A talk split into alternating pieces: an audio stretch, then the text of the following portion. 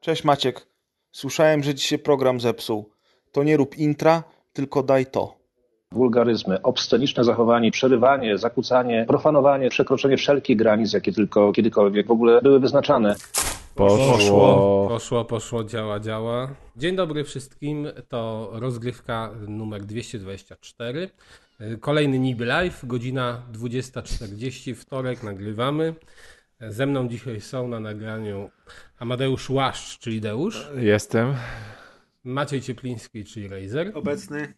Grzegorz Wojewoda, czyli Press, Tutaj. Adrian Kornaś, czyli Jadek, Dajcie mi skończyć.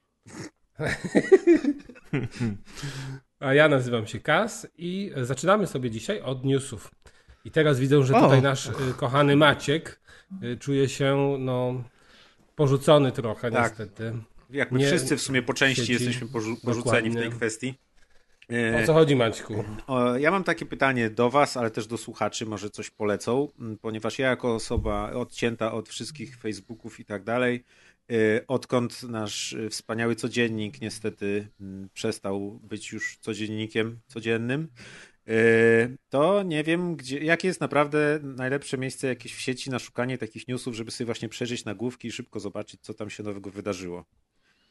I Ale tobie nie chodzi wiem. o taki agregator, tak? Że Coś takiego. i- No, no, no, żebym sobie tylko skoczył na stronę i przeleciał i zobaczył jakieś nagłówki czy coś. No, jest jedno bardzo proste rozwiązanie, Maciek. Zacznij prowadzić dalej codziennika, będziesz wszystko wiedział. Dobra, to, ale to muszę skąd wziąć tą wiedzę do codziennika. A to już ci powiem, gdzie ta wiedza nie- nie przychodzi. kopiował ta z wiedza jednego przychodzi. miejsca.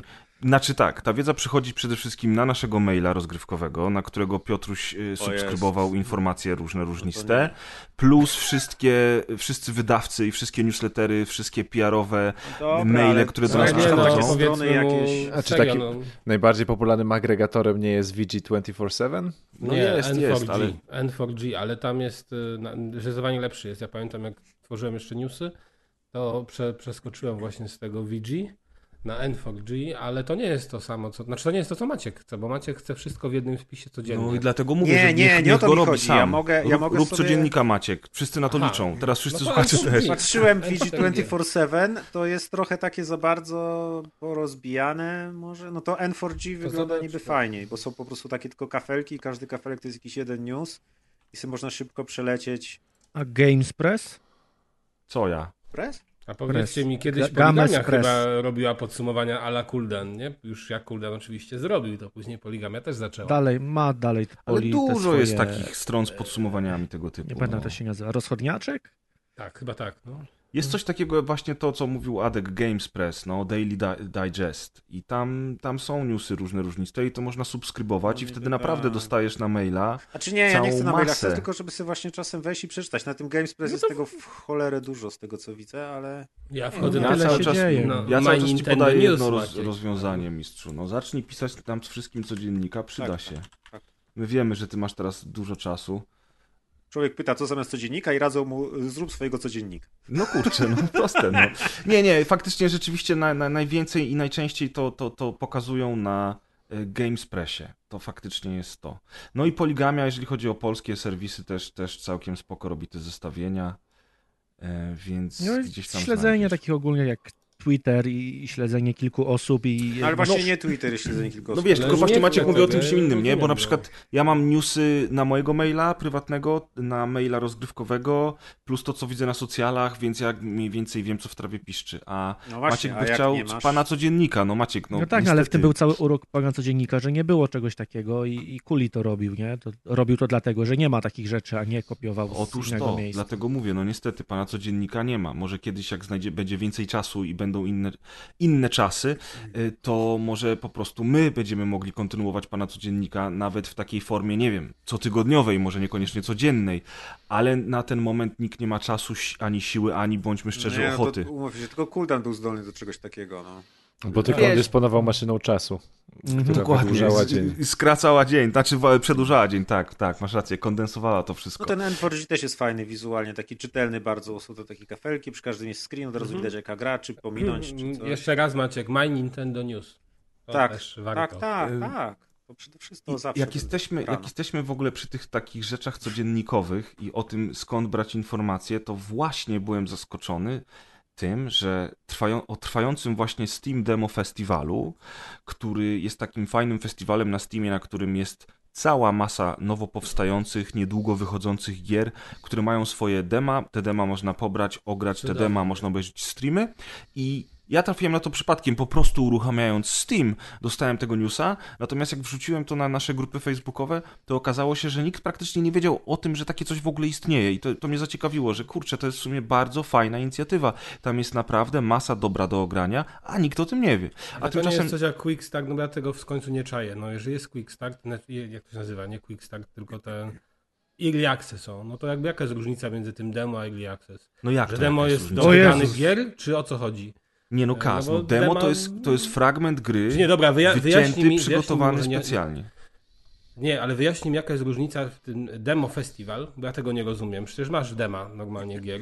Tak, jeżeli że masz są. dema dostępne czasowo przez czas festiwalu. Aha. Tak, one są często specjalnie przygotowane na ten I to festiwal, jest ale fajne, też a nie lepiej zrobić po prostu Czyli demo tym które gorzej. cały czas? tylko kas, bajer polega na to tym, że tym od, od, od dekady dema praktycznie nie były wy, wydawane, bo nikomu się nie opłacało tego robić, dlatego że gry były coraz większe i stworzenie dema było zbyt kosztowne dla twórców bardzo często, Plus zwłaszcza 200 gier dziennie i, i tych dem nikt nie pobiera, a na festiwalu musisz się zapisać, żeby się na nim pojawić. Więc masz jakąś tam dodatkową- Jako twórca musisz się zapisać, Tak, tak, tak. natomiast jako gracz możesz po prostu wejść, przejrzeć te gry. Uwierzcie mi, że ja próbowałem przejrzeć wszystkie, nie dałem rady, ich jest tak dużo. Zainstalowałem chyba 30 różnych dem, z czego większość wyłączyłem po 5 minutach, ale okej, ale sprawdziłem.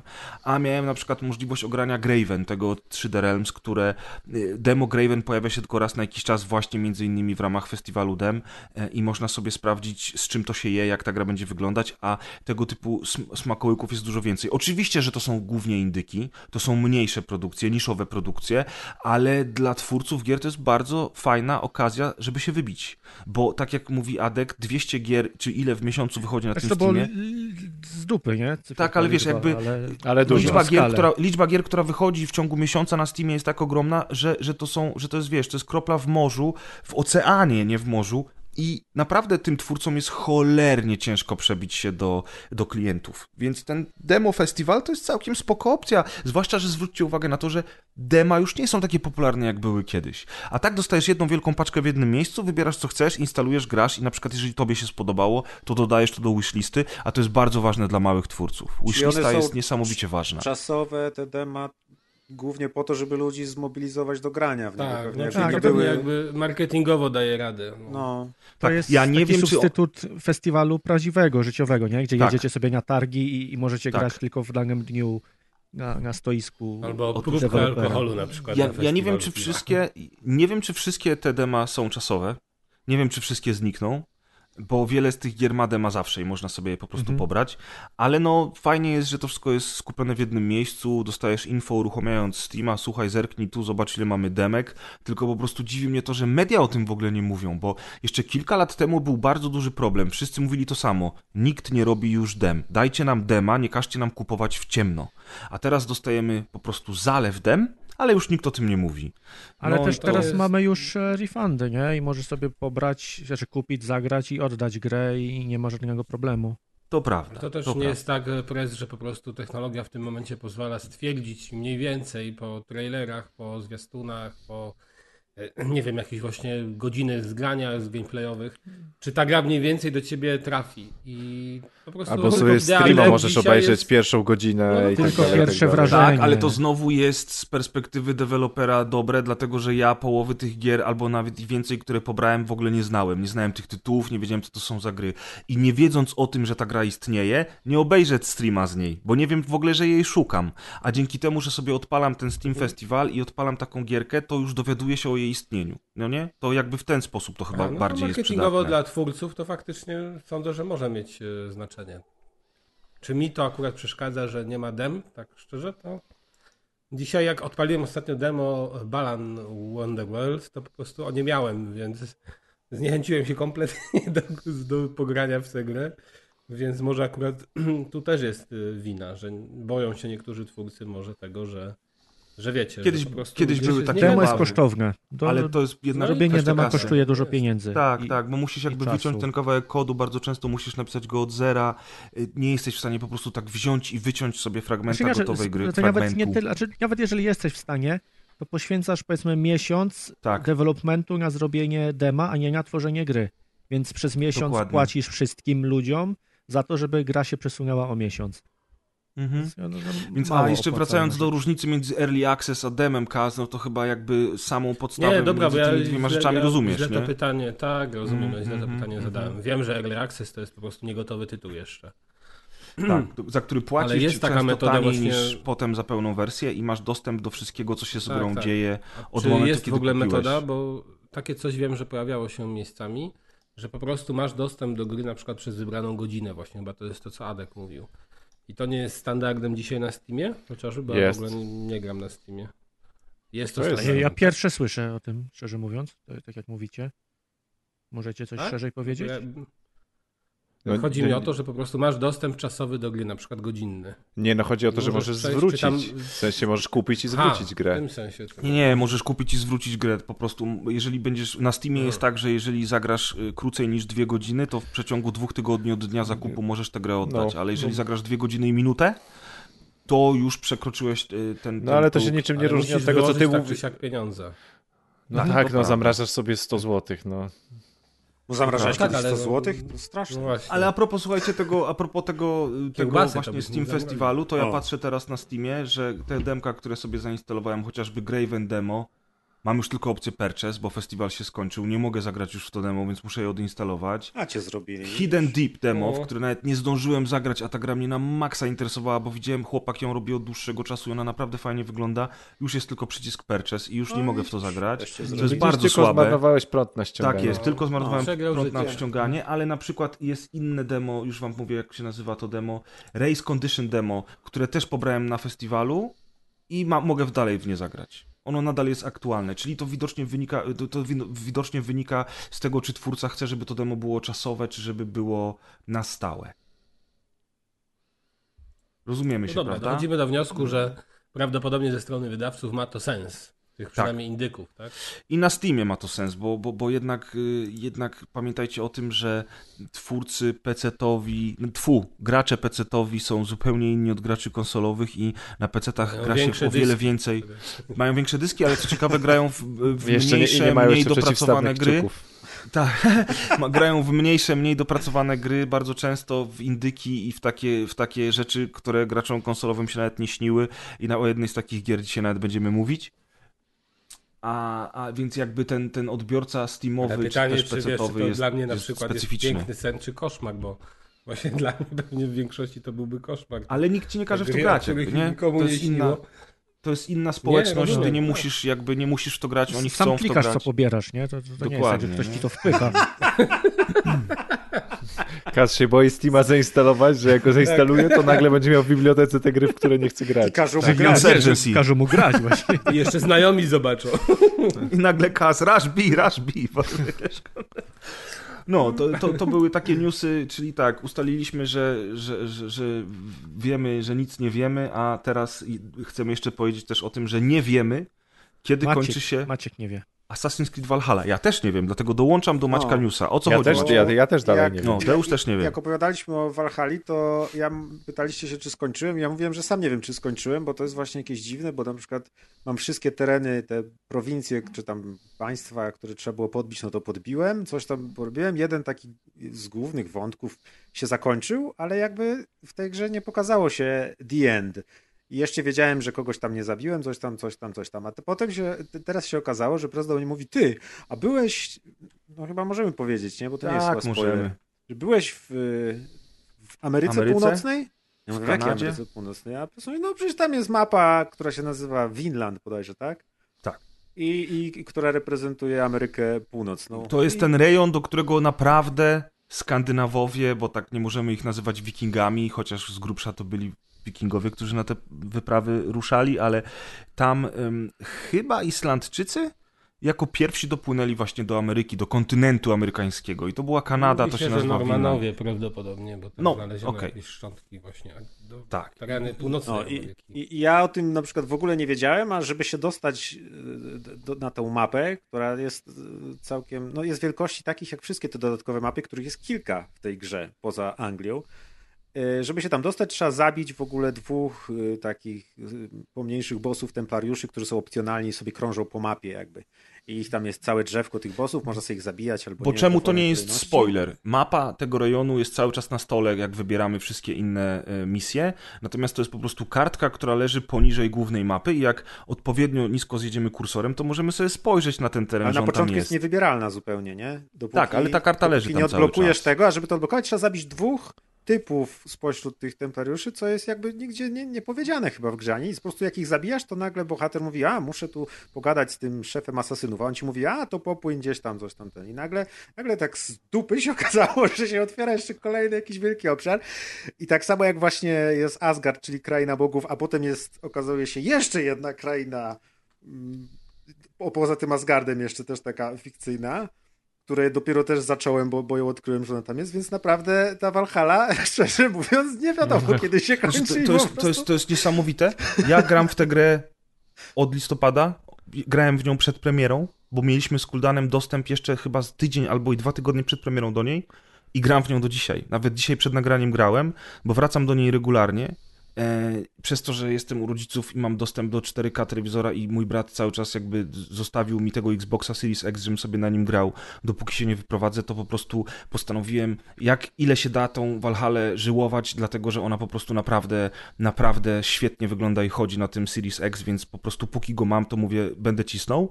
E, robię sobie przerwy i do niej wracam, żeby też nie przegiąć, bo ja wiem, że jeżeli będę grał w nią non-stop, to się po prostu zżygam i odinstaluję, No, tak. bo ta gra jest za duża. Ale to jest to, co zawsze Michał Piwowarczyk z Niezatapialnych powtarzał mi na piwie, że te gry nie są robione dla recenzentów, bo taka Valhalla to jest gra na 200 godzin i jak będziesz grał w nią tydzień czasu od rana do wieczora, żeby zrobić recenzję, to ją znienawidzisz po prostu. To No są znudzi gry... się. Tak, znudzi ci się, po prostu znienawidzisz tą grę ostatecznie. Y, To, to jest to, co ja miałem z pierwszym Doomem. Y, Jedna z, znaczy z Doomem 2016, z pierwszym rebootem. Że, że jakby ja kocham tę grę, uwielbiam ją, ale przyszła do mnie w piątek na płycie, a w poniedziałek miałem mieć tekst y, dla Gamer Magazine napisany. I musiałem przejść całą kampanię, jeszcze ograć multi, a ta kampania była dosyć długa. Ja grałem na wyższych poziomach trudności i w niedzielę wieczorem to już płakałem, że ja muszę dalej w to grać. Wiesz, no, takie życie recenzentów. No, To jest inna sprawa. To jest inna sprawa, ale też e, to bardzo fajnie pokazuje Valhalla, że sandboxy właśnie takie powinny być, że to, są, to jest piaskownica bez końca i, i cały czas możecie odkrywać nowe rzeczy i grać sobie jakieś tam przygody, tak, Maciek których, myślał, że nie już ma koniec, a ma zupełnie nową grę. No właśnie, bo, bo się nie pokazywało jakiś the end na końcu, nie? No tak, tak, no ale ta gra jest tak zrobiona, że część wątków się kończy, część nie. i Jesteś w takim momencie, że takie, powiedzmy, Grasz w jak Minecrafta życiu, nie czy ma w. No Man's Sky'a i, tak. i tam cały czas coś się dzieje, nie? Możesz bez końca sobie, sobie cisnąć No to tak, wydaje mi się, że no to tak Assassin jak też idzie nie w pytaliście y, o tym, żeby, ym, żeby się skupić na głównym wątku i nie robić misji pobocznych, tylko ja, ja tak samo, jak odpalam Valhalla i ktoś do mnie coś mówi i prosi, żebym coś zrobił, no to to robię. No Tam- tak, a tam są całkiem fajne te misje. po Tak, prostu. tak, Tak, tak. no, one czy, są czy to jest wątek fajne, główny, oczywiście. czy wątek poboczny, ja po prostu robię po kolei, co tam jest w tym świecie do A zrobienia, nie to robiąc sobie robię. pobocznych, tak naprawdę nawet nie dojdziesz do tych niektórych etapów z innymi Tak, mapami. tak, tak. ja do tylko się zastanawiam, po co są te dodatkowe mapy. One może są trochę jako odskocznia, bo Valhalla też robi ten błąd, że ona ciśnie główny wątek, coś się dzieje, ja się wkręcam, robię, robię, robię, u, coś się wydarzyło, to chcę zobaczyć, co będzie dalej, a w tym czasie gra mi mówi, no dobra, teraz zwalniamy tempo, ty idź, zdobywaj kolejny rejon, a do tematu głównego wrócimy za godzinę albo dwie. A ja sobie myślę, ale ja nie chcę. Ja naprawdę nie chcę, ale muszę to robić. I może, i może dlatego jest ta Ameryka Północna, może dlatego można sobie wrócić e, Ale do Norwegii, To- to- to albo chyba- właśnie iść do, do, do, do, do, do jak się nazywa, do mm, ta, ta mityczna, do Asgardu, Asgard. żeby troszeczkę była jakaś odskocznia, bo na przykład y, cała ta Kanada, chyba dobrze zakładam, że to, ten rejon to jest obecna Kanada dzisiejsza, to, to, jest, to jest kwestia półtorej godzinki, masz wymaksowaną tę mapę. Więc w ogóle szacun, że im się chciało to zrobić, bo ta mapa jest przepiękna, ale ona jest pusta. Tam prawie nic się nie dzieje, a zadania, które na niej są, są bardzo, ale to bardzo słabe w porównaniu do całej reszty gry. I teraz moje pytanie brzmi, czy co miało być coś więcej, ale ostatecznie z tego zrezygnowali, więc dali to, co jest? Czy to faktycznie jest po to zrobione, żebyś ty miał odskocznie na chwilę od tych wszystkich rzeczy, które robisz w Anglii? Może No tak, nie bo wiem. Asgard też jest zupełnie inny niż normalna Anglia. Mi się akurat tam nie podobały te wszystkie wątki Asgardowe. Mnie to nudziło takie. Za bardzo to było boskie i mityczne. Bo to jest bardzo, tam jest bardzo dużo nawiązań do mitologii nordyckiej w tym Asgardzie. No tak, ale ogólnie to jest, że już się przenosisz kompletnie do bogów i to jest taka gra... No bo to jest wizja narkotyczna Boga, głównego nie? bohatera No. tak naprawdę, a nie prawdziwa fabuła, prawda? Więc takie tutaj popuścili wodze No ale fantazji. rzeczywiście, może to jest to, że, że, żeby to było zró- zróżnicowane, to tak jak Deusz mówił, że on by sobie, chyba nie wiem, czy o Asasynach chyba mówił, żebyś pograł, ale na przykład to nie jest gra, którą możesz odpalić na godzinę na przykład. Tak, tak, tak. No, no wieczorem jak mam godzinę czasu wolnego, to przecież nie odpalę, No. bo pierwsze 40 minut to sobie będę sterowanie przypominał i będę tak. musiał się zorientować, co ja w ogóle robiłem i gdzie jestem na mapie, No, z- tak. dlaczego w tym miejscu w ogóle jestem. Więc ten podział na akty, to, że cię prez wyrywa to z głównego wątku i mówi, a teraz zrób coś innego, to jest właśnie trochę chyba jak właśnie jakieś akty w sztuce, czy tam rozdziały w książce, że masz skondensowaną jedną część historii na kilka godzin grania. Albo to zrobisz w jeden weekend, albo tam po dwie godziny Tak, tak, to jest spoko coś. bardzo. I Dlatego masz już taki jak, właśnie jak... podział, że sobie pograsz, pograsz, pograsz i jak przejdziesz cały akt, to już jest powiedzmy, nie wiem, 8 godzin grania i stwierdzasz, dobra, nasyciłem się, wrócę se za tydzień albo za dwa do tego, nie? Plus masz takie Tak, wrażenie, tak. że przeżyłeś coś, nie? Że Tak, bo nie historie rozkopałeś... są całe zamknięte, one się No. zaczynają, kończą i tak. Tak, tak, dlatego już jak mówiliśmy o grze w listopadzie, to ja mówiłem, że podział na opowiadania w tej fabule jest świetny ze względu na to, że ta gra jest tak cholernie długa, ale minęły 4 miesiące, chłopaki. Ja dalej gram w tę grę i teraz ja rozumiem absolutnie za mało Atka, grasz. No to absolutnie dobrze, że Ja rozumiem tak gra. Atka. 105 godzin wbite. jeżeli chodzi o Minecrafta i o No Man's Sky yy, i to jest spoko opcja, tylko że Assassin's Creed nigdy nie będzie No Man's Skyem, ani, ani nigdy nie będzie Minecraftem, bo w Assassin's Creed ty nie tworzysz niczego sam. No tak, to Ty jest po prostu robisz jedna. zadania, które tam są gotowe, tak, i większość z nich to jest fabuła, więc no troszkę to jest za długie. Ja bym bardzo chciał, żeby w tego typu grach weszła wreszcie opcja wyłączenia wszystkiego poza linią główną. Ja bym wtedy biegł jak szalony przez tą Tylko grę. sami widzicie, że tu nie ma linii głównej, nie? Że to się No przeplata właśnie. między sobą. Znaczy to jest, Valhalla jest wyjątkowa pod tym względem, ale jeżeli weźmiemy jakąkolwiek inną grę, to wszystkie te gry jednak zarzucają cię taką ilością pobocznych rzeczy i wątków. Nawet w Valhalla, Adek, jak jadę do celu i widzę, że po drodze mijam jaskinię, w której są dwie To sztuki zamykasz złota, oczy, mówisz, nie, nie, nie, Właśnie jadę to do celu. bardzo często się zatrzymuje, bo tak, ja uwielbiam te zagadki, uwielbiam tą eksplorację, to są świetne motywy, ale przez to, że tego jest tak dużo, to ja mam wrażenie, że właśnie spędzam czas na niczym, zamiast Tylko iść dalej z nikt, tą fabułą. nikt ciebie nie zmusza do tego, nie? To jest I dlatego ja po prostu bardzo bym psychologicznej chciał- sztuczki. Tak, tak, dlatego ja bym bardzo chciał po prostu, podnieść. żeby dali mi opcję wyłącz wszystko poza wątkiem głównym, nie? Ja wtedy sobie będę jeździł, ja nie będę wiedział, że tam gdzieś pod ziemią coś jest. psychę swoją i być twardy, nie miętki. Być twardy, nie miętki. No wiesz, ale z drugiej strony mi- minęły 4 miesiące, mówisz, że za dużo, no ale dalej chcesz wracać do tej gry, grasz w nią. Nie odsprzedałeś się, ja wiem, że nie możesz, ale gdybyś miał płytkę i by ta gra cię nie wciągnęła, to mógłbyś ją odsprzedać, a... Nie A mógłbym, twoich- bo bym też miał dalej ją do recenzji, ale, ale jakbym kupił, to tak. No tak, ale rozumiesz, nie? Że patrz, nie dodali żadnego DLC, a mimo wszystko cały czas jakoś ciebie to bawi. I- Ja w ogóle to bardzo szanuję, że te gry są takie ogromne, ale też miałem, wiesz co, miałem taką, szanuję to ze względu jakby z perspektywy graczy, takich jak Amadeusz e, i wielu innych graczy, którzy bardzo często właśnie w kontekście Assassin's Creed opowiadają mi o tym, że to jest gra, do której oni wracają miesiącami. I powoli sobie robią, robią, robią i w końcu kiedyś do tych 250 godzin dojdą, wymaksują akurat w sam raz przed premierą kolejnej odsłony. I to jest super, że te gry są takie ogromne, jeżeli ktoś bardzo ch- chce spędzać tyle czasu w jednej grze. Natomiast mi- miałem taką rozkminę na temat tego, że wiele osób niestety przez tego typu produkcje bardzo często mówi, że na przykład nie da 280 zł za grę, która trwa 12 godzin. Bo za 280 to może mieć asasyna, a asasyn jest na 200. I robi się taki problem, że, że wszyscy próbują teraz robić zapychacze i jak największe, jak najbardziej otwarte światy, a to chyba nie jest kierunek, który ja osobiście chciałbym widzieć w branży dalej, bo na przykład ostatnio wybuchła moda przez to, że jest Series e, X i że te gry mają sztuczny HDR dodany we wstecznej z 360. Bardzo dużo osób wróciło do starych gier, przede wszystkim do Dead Space'a. Mikołaj Dusiński ostatnio opowiadał też o tym, że gra, nie on jeden, bardzo dużo osób gra w Dead, Dead Space'a pierwszego nie teraz. opowiadał. Tobie nie opowiadał. No. No. widzisz, no. Może zadzwoń do niego czasem, napisz SMS-a, wiesz. Rozmawialiśmy niedawno i, i nie mówił nic o tym. No, może, może myślał, że będziesz się bał, bo to w końcu Dead Space, a ty nie lubisz takich rzeczy. W każdym razie, Mógł, mógł wspomnieć go. Trochę się znamy, nie? I, i w sumie głupio Ups, wyszło, także dzięki. Kopałem. Mikołaja, no. W każdym razie, o co mi chodzi? Ludzie mówią, wow, mega, mega, super gra, trzyma w ogóle od początku do końca. Dużo ludzi boi się horrorów, ale gra. I też kolejna rzecz, która mnie uderzyła, że brakuje nam dzisiaj skondensowanych gier, które nie będą trwały 30 ani 50 godzin, będą trwały 12 godzin, 10, 8 godzin, ale są tak przemyślane i tak zaprojektowane, że po prostu od Ale początku czy brakuje? do końca. Przecież wychodzą takie nie Zapraszamy że- do Rezydenty. Rezydent przecież Rezydenty to jest, rezydenty to jest wy, wy, wyjątek. Wiesz, Kaz, że Nintendo to, to nie jest moja bajka, bo zwróć uwagę nawet Adek na No, to, że nawet Star Wars Jedi. Fallen Order. Ale, ale nie ma czegoś takiego Kaz w segmencie AAA teraz. ile? Nawet nie Jedi Fallen Order. ile on był? 20 godzin jakieś. No, Okej, to jest trochę więcej. tak był, no. No ale mimo wszystko, te Doomy też Yakuza na trwają. przykład. Nie, Jakuzy no, to są teraz krótkie gry od kiedy? Mówimy o AAA. Nie, no po 40-50 godzin. 40 Kurwa, już jest troszkę zaokrągliłeś. Jezus Maria. To nie jest krótko, Kaz, o to mi właśnie chodzi.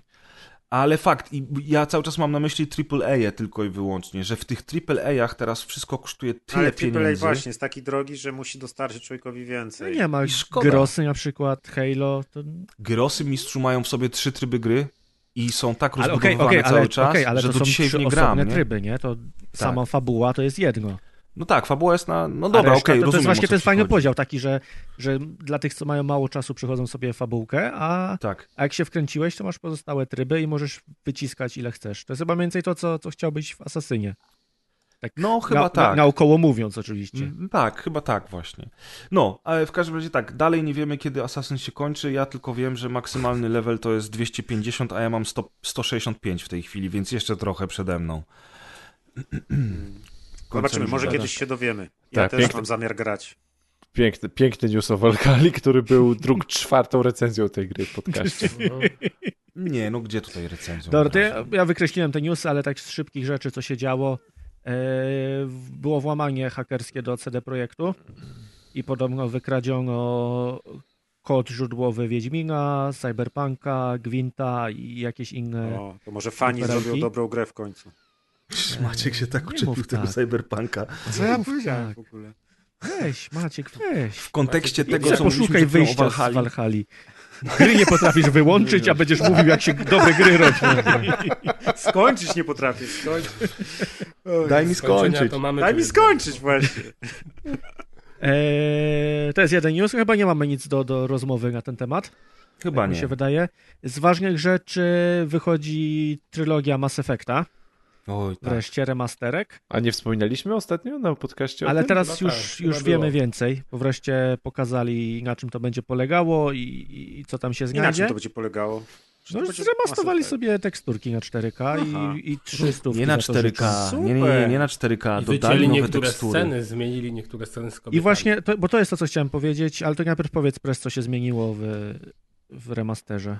Z tego, co czytałem na Eurogamerze... Przepraszam, co jeżeli cię wjebałem teraz i nie nie, wiesz. nie, nie, nie, nie, nie, nie, wiem, wiem, wiem. To jest wszystko Dodali nowe efekty graficzne w stylu, stylu tam Depth of Field i takich rzeczy. Dodali lens flare, z których wszyscy się śmieją, że to jest jedyna zmiana, która jest, a to nie jest, nie jest prawdą, bo przede wszystkim dodali nowe tekstury do wszystkiego i to są tekstury, które są wyższe, wyższej jakości niż najlepsze, najbardziej zaawansowane mody do tekstur na PC, więc to nie będzie taki remaster, wiecie, jak ten Need for Speed, o którym 16. Deusz opowiadał jakiś czas temu.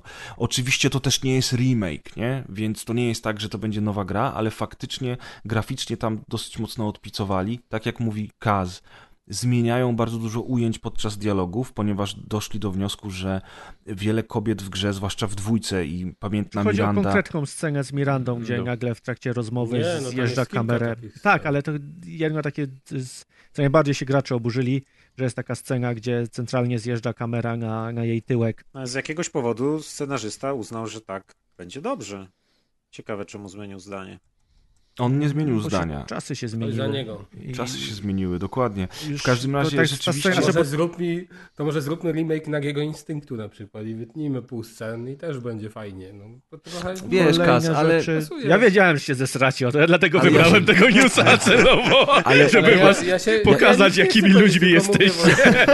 Ale właśnie ja dla uważam, mnie Kaz... to jest ruszanie czegoś, co nie powinno być ruszane. No. A Ale to a jak wychodzą, a jak wychodzą filmy, które są y, Final Cutami i tak dalej, dalej. Przecież e, filmy są przemontowywane w kolejnych edycjach przez reżyserów tych filmów. No ale to zazwyczaj jest tak, że No, albo są tak, naciski ten- ze studia, żeby coś wyciąć, albo jest y, wizja reżysera, który Tak, miał inną Który wizję. chciał coś dodać, a Kas- nie A, Może tutaj reżyser miał inną wizję i nie chciał tego tyłka pokazać. Wcześniej scena, ktoś mówią, mówią o no, smutnej, mówią o takiej dramatycznej scenie, scenie z siostrą i, i zjeżdża kamera na pokazanie tyłka, no proszę was. To... No to No, takim razie... te, te, te, te ujęcia kamer było momentami były No dosyć no było tak czerstwe, i teraz poprawiają więc to, to. no. będzie zmienione dokładnie. No to kto zrobił tak głupio za pierwszym razem?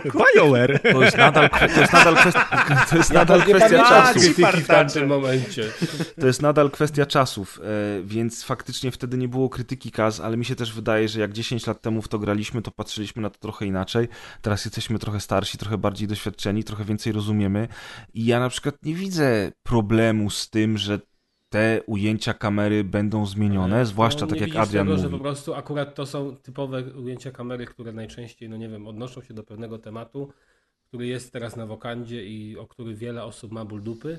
Po No ale a propos tej dupy, bo jesteśmy- ujęcia, jesteśmy Bo są bez sensu te ujęcia, nic ale nie dodają właśnie do o to gry. chodzi. No dobrze, że no, jeżeli możemy jest- tak jest dramatyczna pełno scena- innych ujęć, których nie wycięto, które nic nie dają i to takie, no nie wiem, mi to nie wiem. Znaczy ty Kaz Jest jesteś seksualizacja kobiet jest jednak dość ważnym tematem. Czy to jest dla mnie że... tak? Mężczyzn też, Że to, równouprawnienie. tak, mężczyzn też, oczywiście, No. że tak. Kaz, ty jesteś wychowany na trochę japońskich tak, bajkach. Jak na przykład, no dobrze, Japońskie bajki uprzedmiotawiają bardzo No, mocno kobiety, Słuchaj, nie? no dobrze, no możemy, możemy na przykład usunąć katalogi całe, na przykład disneyowskich filmów z przeszłości, bo mają wiele rzeczy, które do dzisiaj nie pasują do dzisiejszej narracji. Tutaj akurat Możemy je się właśnie... wykasować, zmienić.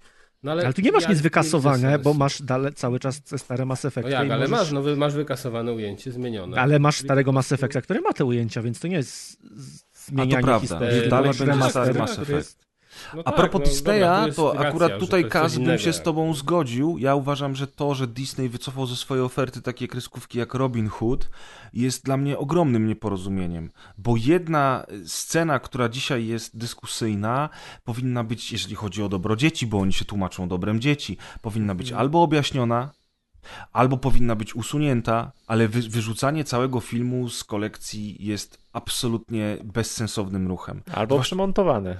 W sensie, Tak. no, przerobione. O, może przemontowane to nie, jeśli chodzi Bo o to są, to są ponadczasowe, przepiękne bajki, przy których pracowały dziesiątki, jak nie setki No, artystów. ale nie pasują do dzisiejszych czasów i je wyrzucają, no co. No i o tym ja mówię, właśnie że to jest dlatego nie głupie. lubię czegoś takiego po prostu. Ale Aczkolwiek rozgraniczam- że to jest jakby y, remaster, czyli to jest coś innego, a nie usunięcie ze starego kodu, nie? No to, Jep, to jest ta różnica. jep, jep. Dobrze, kochani.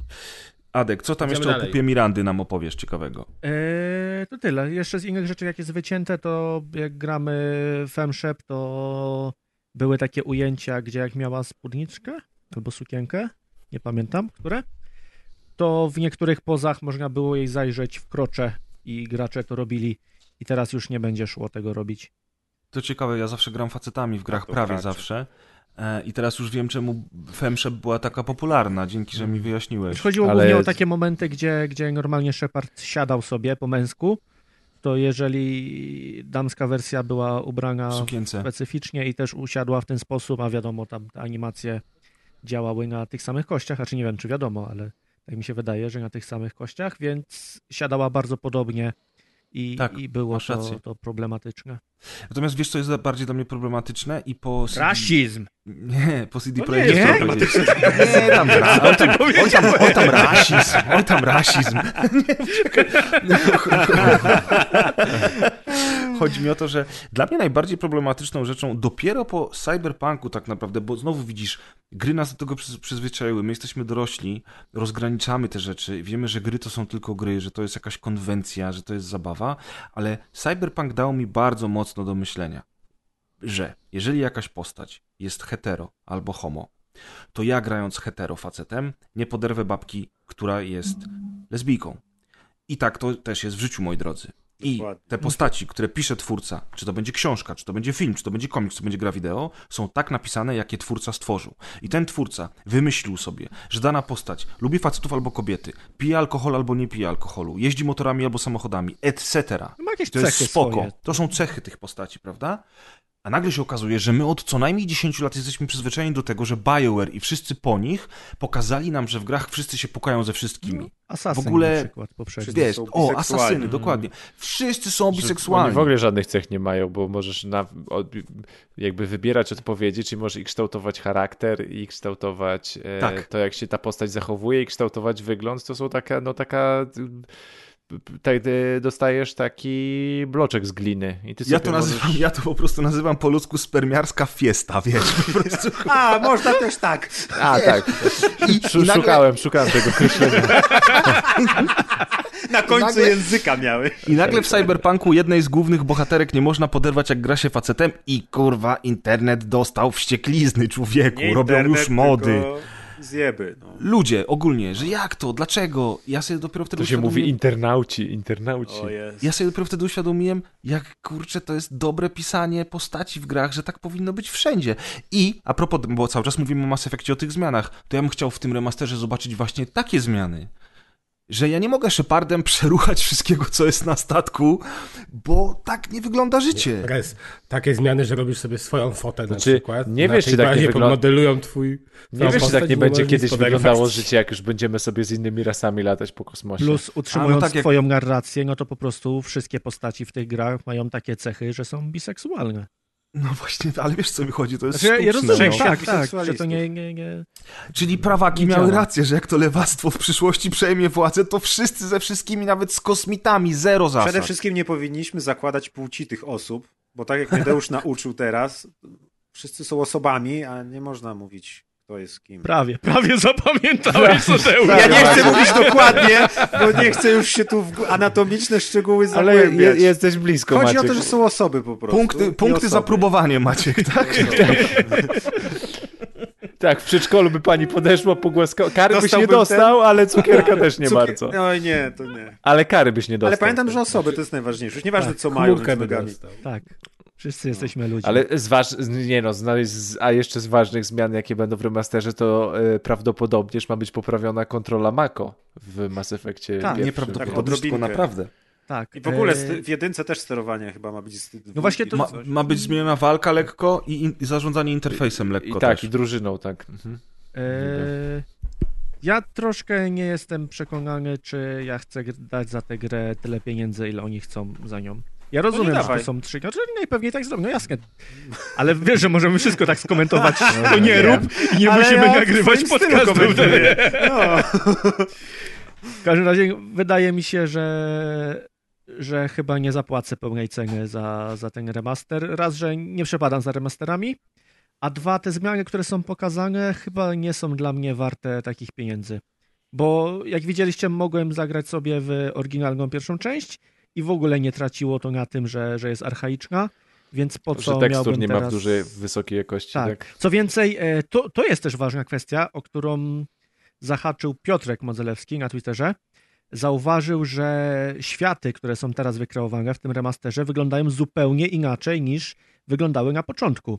I zmienia się zupełnie klimat tych planet. Piotrek jest takim ultra fanboyem Ja Mass. Effecta jak ja Star Warsów. Ja wiem, Jemu jeden, je, jeden obrazek Ale- mu przesuniesz i już jest dramat. Ale nie? rozumiecie, no to jest to, o czym wspomniał Kas, że zostało zmienione pierwotne dzieło. Tak, zostało zmienione. I to tylko, w tych właśnie- istotnych kwestiach, nie? To, to już nie No, jest, że, to że tak, nie widać. Jeżeli chodzi o cenę, jeżeli chodzi o cenę, no to faktycznie naprawdę to jest kwestia dyskusyjna, bo były remastery i były remake'i dużo tańsze. To natomiast tu są trzy gry ze wszystkimi dodatkami. Te dodatki No. były super drogie do, do, do niedawna nawet w dalszym No ciągu. i więc Mass jakby- Effect ma taki fanbase, że oni by mogli dwa razy tyle, mi się wydaje. I tak, ze- to właśnie to- to i się tak. Ja to kupię. kupiły. Na pewno to kupię. y, Wrócę z ogromną przyjemnością, więc ja jestem targetem tej ceny. Y, Tylko, że pamiętajcie o tym, że ta gra za pół roku będzie w y, EA Playu. I będziesz Tak, mógł w nią za, w wtedy- Game Passie zagrać za darmo. Wtedy najpewniej się na nią skuszę. Ale jeżeli chodzi, Adrianku, o, o, o te zmiany w remasterze, to ja akurat uważam, że przy tych wszystkich do newsach, o których oni podali... Broń Boże, przepraszam cię, Adrian, nie chciałem cię obrazić, naprawdę. W każdym razie, w każdym razie chodzi mi o to, że patrząc na te tekstury, oteksturowanie wszystkiego, na nowe efekty, na nowe ujęcia pracy kamery, nie tylko w przypadku tych pup, ale też w innych ujęciach w dialogach, plus Blopsy. pup, pup, pup, plus te wszystkie, plus te wszystkie e, zmiany w jedynce, które na, na razie niestety jeszcze nie są potwierdzone, więc Właśnie nic, należy... nic nie wiemy de facto, jak to, jak to będzie. Wiemy wszystko o szografice na pewno, ale rzeczywiście nic nie wiemy o, o ani o walce, ani o to interfejsie, jest ani o Mako. dość kluczowe, no bo To jest kluczowe, tak, najgorsze w oczywiście, że tak. E, więc zobaczymy. Natomiast faktycznie 300 zł za trzy gry zremasterowane, ale stare gry, to może być trochę za, dłu- za, za dużo, ale z drugiej strony to jest to, co ja powiedziałem. Są Ta gra w przeciągu jednak, nie? To, roku będzie w Game Passie, czy tam w EA Playu, nie? Fanatycy. O. to ja mam jeszcze jedno pytanie do was, jak jesteśmy przy cenach. Oczywiście. Czy uważacie, że gry z czasem powinny być coraz tańsze? Takie W sensie po premierze, czy Tak, ogólnie? po, po premierze. Czy Mm. już rozwijam? E, gra od razu po premierze, a gra, która jest trzy miesiące później, to ta gra, która jest trzy miesiące później, jest de facto lepsza niż była wcześniej. Mhm. No Czemu? niestety, To jest bo poprawiona. łata się dopiero po premierze No ale chyba, że często. ty- by wyszła w ideale, zakładasz, że, w, że No to jeżeli ta, wyszła która wyszła na idealnie, premierę, nie Go- jest gorsza idealna. nie będzie. Okej, ile wyszła idealnie, to trzy miesiące później jest dokładnie taka sama. Nic, nic nie straciła. Więc dlaczego by miała stanieć? Eee, Y, Straciła na tym, że technologia poszła o 3 miesiące do Znaczy, góry. trzy, mi- właśnie No, trzy czyli miesiące i to połowa jest taniej? krótki. To jest krótki okres, tak. Te dziwne przeceny, yy, takie, że po trzech miesiącach nagle gra traci jedną trzecią na wartości, to jest taka trochę dziwna sprawa. Yy, ale wydaje mi się, że głównie tutaj właśnie jakby powodem tego, że, że jakby powinny tanieć, jest to, że stają się przestarzałe Ale- i nie są aż takie No nowoczesne. tak, ale, przynajmniej- ale, ale teraz bierzemy też yy, taką bardzo logiczną miarą, mierzysz rynek, a nie patrzysz po prostu na no, prawo pobytu, popytu i podaży, tak? Czyli y, oprócz tak. gier znajdziesz masę innych e, powiedzmy rynków, e, które działają na podobnej zasadzie, że coś w dniu premiery jest droższe niż, nie wiem, nawet tam tydzień czy miesiąc później. I to, Filmy, i, książki. i, i, i to Ksio- podobnie... Książki w ogóle są przed premierą są tańsze. I, I to w ogóle możesz, nie, Nie, nie, tam... nie, to zależy, Adek. Też są później przeceniane. Wiele książek jest przecenianych po paru miesiącach. No tak, no, ale to tutaj też się to pojawia zalew mnóstwo. innych książek i tutaj to Mm. potrafię sobie wyjaśnić. Ale tak to samo jest z grami. No, ale to bardziej działa na zasadzie właśnie po, popytu Podaży i podaży popytu. niż, Rzeczywiście, bo bardzo tanieją te gry, które się kompletnie nie sprzedają. Wychodzi jakaś gra, jest fiasko finansowe i od razu leci Wiesz, Ale ogromna to to nie tak zawsze jest tak. Bo mamy gry Nintendo tak. na Czasem Które nie No tak właśnie, po, po, po, potem, potem tanieje, jeszcze ale za, często 20, takie. ale za 20 lat znowu zaczyna drożeć, bo wchodzi już w zakres y, białego kruka. Re- Przy czym retro, tak, no, teraz i retro, chodzi mi o, więc- o w tym w krótkim okresie. nie? Ale ty mówisz kategoriami, e, ale ty mówisz kategoriami Deusz teraz wydania e, fizycznego, a te mm, przeceny dotyczą też cyfrowych wydań, gdzie nie ma tej nie ma czegoś takiego, że nagle za 10 lat e, urośnie cena tego wydania cyfrowego, nie? No bo ono będzie tak samo dostępne. Wydanie cyfrowe co będzie najwyżej przestanie dostępne. istnieć, dokładnie. Tak. A natomiast jeżeli chodzi o fizyczne, to ja, jest, ja jestem bardziej ciekaw, jak to, robi, jak to jest u Nintendo, że oni potrafią utrzymać te ceny tak, wys, tak, te ceny tak No wysokie. bo właśnie to, Czy to też to jest po prostu model wyjścia. biznesowy zupełnie inny, czy. Bo Sony na przykład często obniża i rzeczywiście ja powiem szczerze, że od bardzo dawna, no ostatnio był wyjątek, ale to może później powiemy, generalnie nie kupuję już wydań pudełkowych na PS4 i ja na całą konsolę, którą mam, no nie wiem, ponad 5 lat, 6 chyba, kupiłem może z 10 gier, czy z 7 gier w pudełku, z czego jedną na premierę. Bo wiedziałem po jakimś czasie, że one po prostu stanieją i często wolałem poczekać. Natomiast u Nintendo w ogóle nie, zastanawiam się nad tym, że ta gra stanieje, bo wiem, że jak ją dzisiaj kupię, to za rok ją sprzedam po takiej samej cenie. Przy mówię o produkcji Nintendo, tak? I to mnie zastanawia, jakim, jak to jest, że ten model biznesowy, że te modele są tak różne, te gry są, ob, obydwie firmy pro, produkują gry z wysokiego poziomu, one się sprzedają bardzo dobrze i tutaj no, sam jestem ciekaw, jakby co wychodzi lepiej na korzyść firmy. Czy to ten pomysł Nintendo jest po prostu tak archaiczny, że tak naprawdę on tak mocno się nie opłaca, ale oni w to brną, nie wiem. Czy Sony może idzie w ślepą uliczkę, y, czy Microsoft też, że obniżają ceny gier, albo Microsoft dodaje do abonamentu. Znaczy, wydaje mi się, że to jest po prostu To jest. Nintendo jest tym wyjątkiem, a nie tak, że Sony i Microsoft robią coś Ale inaczej. myślisz, że oni jakby zarabiają na tym, no nie wiem, że to się opłaca jakby bardzo, nie Znaczy, wiem, myślę, no, bardziej to się opłaca niż Myśl- te myśl- my- myślę, że mądrzejsi No ludzie nad tym się ciekawe. głowią i No. opracowują te modele sprzedaży niż my. A to, co chciałem obronić, to to, no, Nie że umniejszając oczywiście. że wszyscy wydawcy Nie, ale wiesz, ale chodzi o to, że to Japończycy też tacy że to ja, Nintendo to jest wyjątkowa firma, jeżeli chodzi o taki stan umysłu pewnie. Więc u Tak. nich to może być taki kaprys nawet. Jeżeli, jeżeli jakoś to się sprzedaje, sprzęt schodzi. No, ale to też tego, że No to to- są tylko gry od Nintendo, nie? A nie inne produkcje na Switcha, Tak, bo tak, one zdecydowanie. normalnie. A, tak, tak. I one też y, no nie wyjdą, ni- nie wychodzą też na inne platformy, nie wychodzą Właśnie, na to PC-ta, eksy, więc, to więc to, są jest taki ex, tytuły, ex no. w, tej, w, w czystej Mhm. definicji tego słowa znaczeniu. Czy oni więc... mogą dyktować warunki jak chcą w zasadzie. Tak. Tak. No i wypracowali już sobie taką markę, że nikt nie ma z tym problemu. To po prostu No właśnie, wiesz, że gra ja Nintendo powiem, że dla mnie to jest zaleta, to jest duża zaleta, bo wtedy zakup tak, no naprawdę. No właśnie, dla bo te gry to nie tanieją. To co Adek mówi, a kupiłbyś grę na innej konsoli i ona po pół roku będzie już... Tak, Nie, jak na przykład- pół roku bo to nie ma- kupisz i sprzedasz i od razu jest dużo tańsza. Ale właśnie o to chodzi, że jak sprzedajesz grę, to jakby nie ma takiego znaczenia, bo jeżeli kupię grę na premierę na Nintendo Switch, przepraszam, jeżeli nie sprzedam, to nie ma znaczenia. Kupię ją na Switchu na premierę i będę ją miał za 200, tam nie wiem, 20 czy 250 zł. Kupię ją na PS4, powiedzmy PS5 jeszcze nie wliczając, bo są droższe, ale PS5, PS4 za 250, 220 i jakby taka sama kwota, czy podobna kwota. Ale problem się pojawia na przykład w przypadku takich graczy jak ja, którzy po przejściu gry często decydują się na sprzedaż. Ja dobrze wiem, że kupując grę na premierze od Nintendo, e, mogę liczyć się z tym, że nie stracę praktycznie nic. Albo stracę kilkadziesiąt złotych, no może 20, może 30. A kupując grę od Sony, e, wiem, że za dwa miesiące jak jej nie ogram, albo za trzy mogę stracić stówę, albo 150 złotych. I, to strony u też patrząc na to- blokuje chęć zakupu nowych gier, gier na, te, na ten sprzęt. Patrząc na to, to, to, że ty tracisz stówę, no ale oni zyskują stówę, nie? A, a Nintendo nie zyskuje na tym nic, czy zyskuje jakieś tam grosze, więc tu też mnie zastanawia, czy fani Nintendo nie Ale sprzedają jak, gier. jak nie zyskuje. No jeżeli ty kupisz Nie, no- grę i odsprzedasz ją dalej, no to ty wyszedłeś na zero, czyli deweloper dostał tylko za jedną kopię, a grają kolejni ludzie. No tak, ale na Sony też odsprzedają na, no tak, no ale odsprzedajesz, ale tam powiedzmy 100 zł straciłeś na tym i to jest 100 zł, które już zostaje u Sony z tej, z tej pierwszej kopii. Nie wiem, czy, czy rozumiesz. No tak, ale u Nintendo, znaczy... No, a u Nintendo nie, zostawisz zysk- 20 zł tak naprawdę. No bo No, wiesz, to jest. być może tak, ale no tutaj chodzi właśnie o tych ludzi, którzy, no, no wiesz, no... y, Ja rozumiem twój, to, to, jakby to. Że bo, mnie zastanawia, wiesz, gdzie, gdzie jest się, zysk to- w tym, nie? Gdzie, tak jak przed chwilą zapytałeś, jak bardzo się to No, no, opłaca. no tak, tak, tak. No Z drugiej strony jest też tak, że wiele osób na przykład jak chce, chce kupić grę na Switcha, to nie myśli o tym, żeby kupić używkę.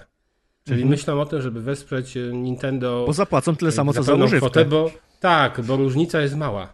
No. w tych y, kwotach, więc to też z drugiej strony mogą jakby na tym zyskiwać, nie? No, nie wiem, no, jest zastanawiające, ale powiem szczerze, do mnie ten model trafia właśnie ze względu na to, że ja wiem, że na premierze kupię tę grę, wiem, że nawet jak jej nie ogram przez miesiąc, dwa, niestety tak mi się dzieje często, że kupuję i nie ogrywam od razu. Ja w Valhalla No dalej to- nie przyszedłem kupionej na premierę. No właśnie, to wiem, Nie że odpaliłem, znaczy mogę sobie za rok nawet ograć.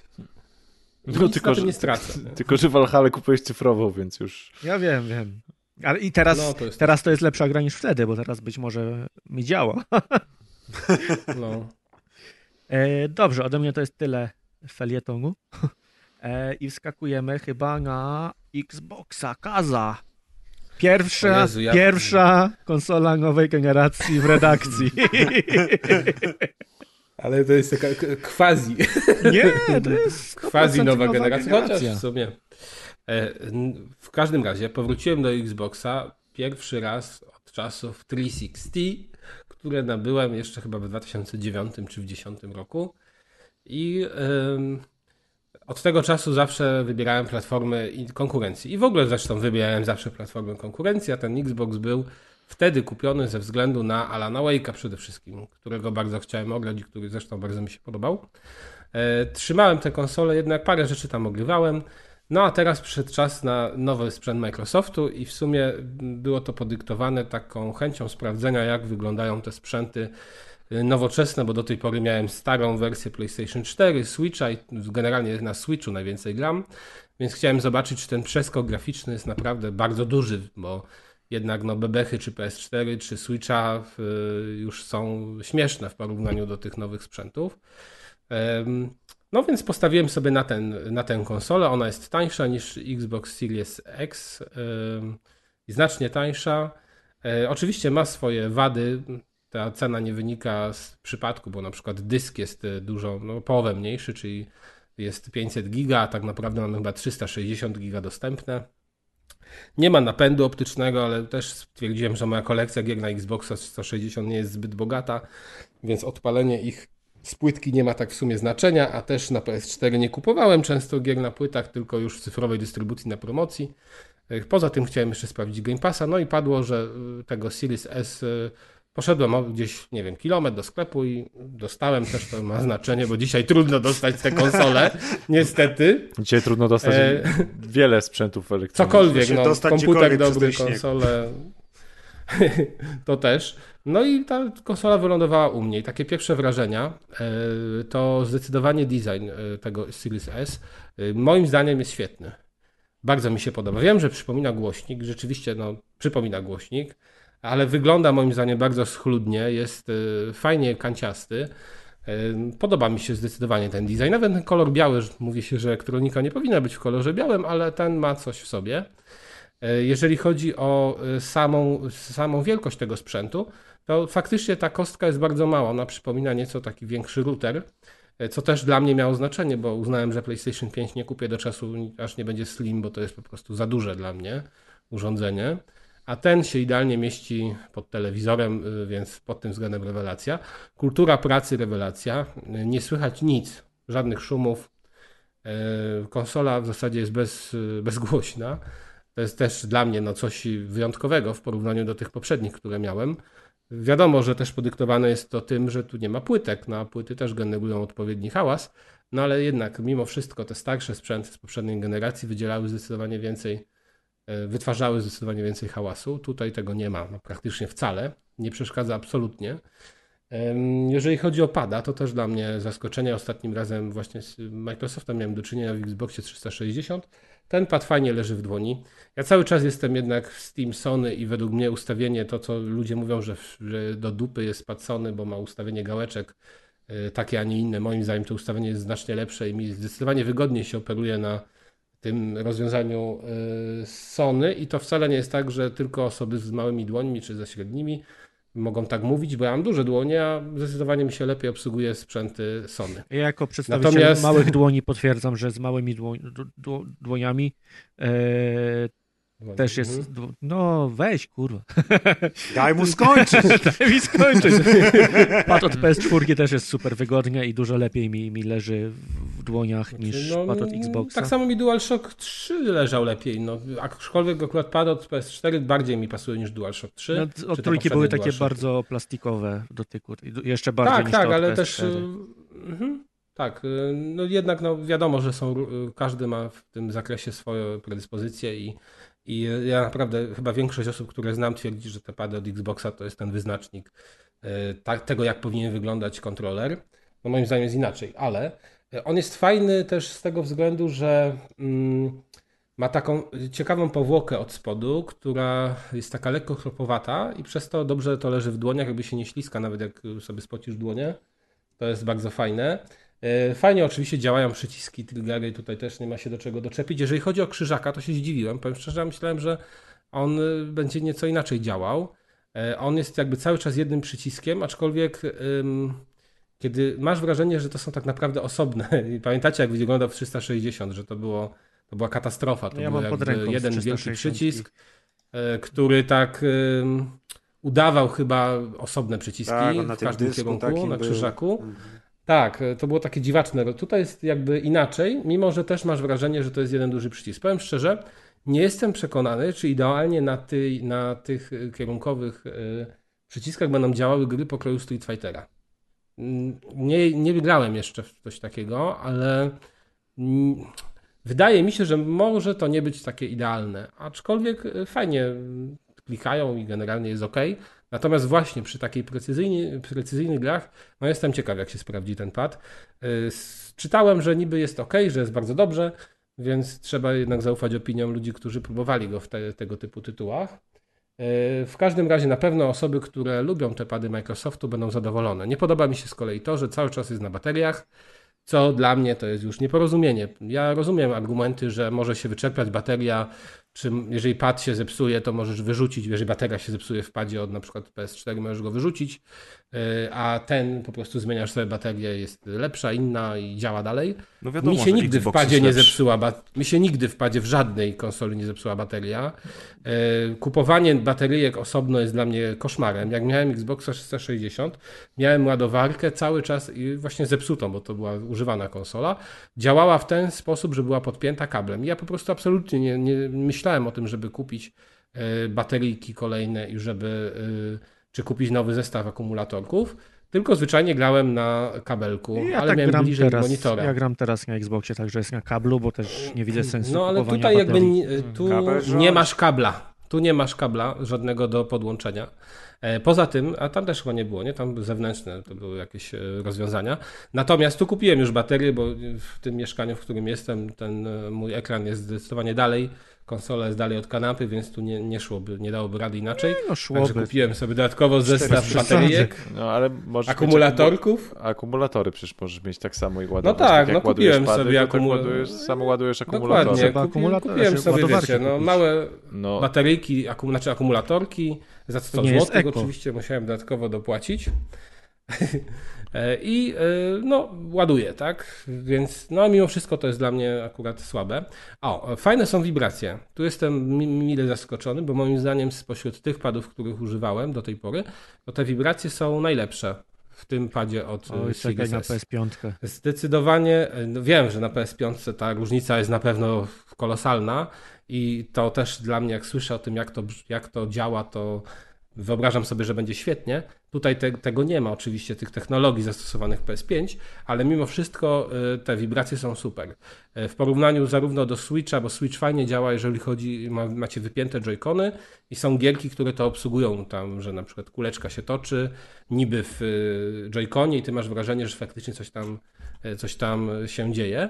Natomiast w zwykłych, takich standardowych grach te wibracje na mm, joyconach, kiedy one są w tym piesku włączone, w tym takim zewnętrznym plastiku, który imituje kontroler normalny, no to nie są za ciekawe i to raczej wkurza niż, y, niż pomaga w y, odczuwaniu gier.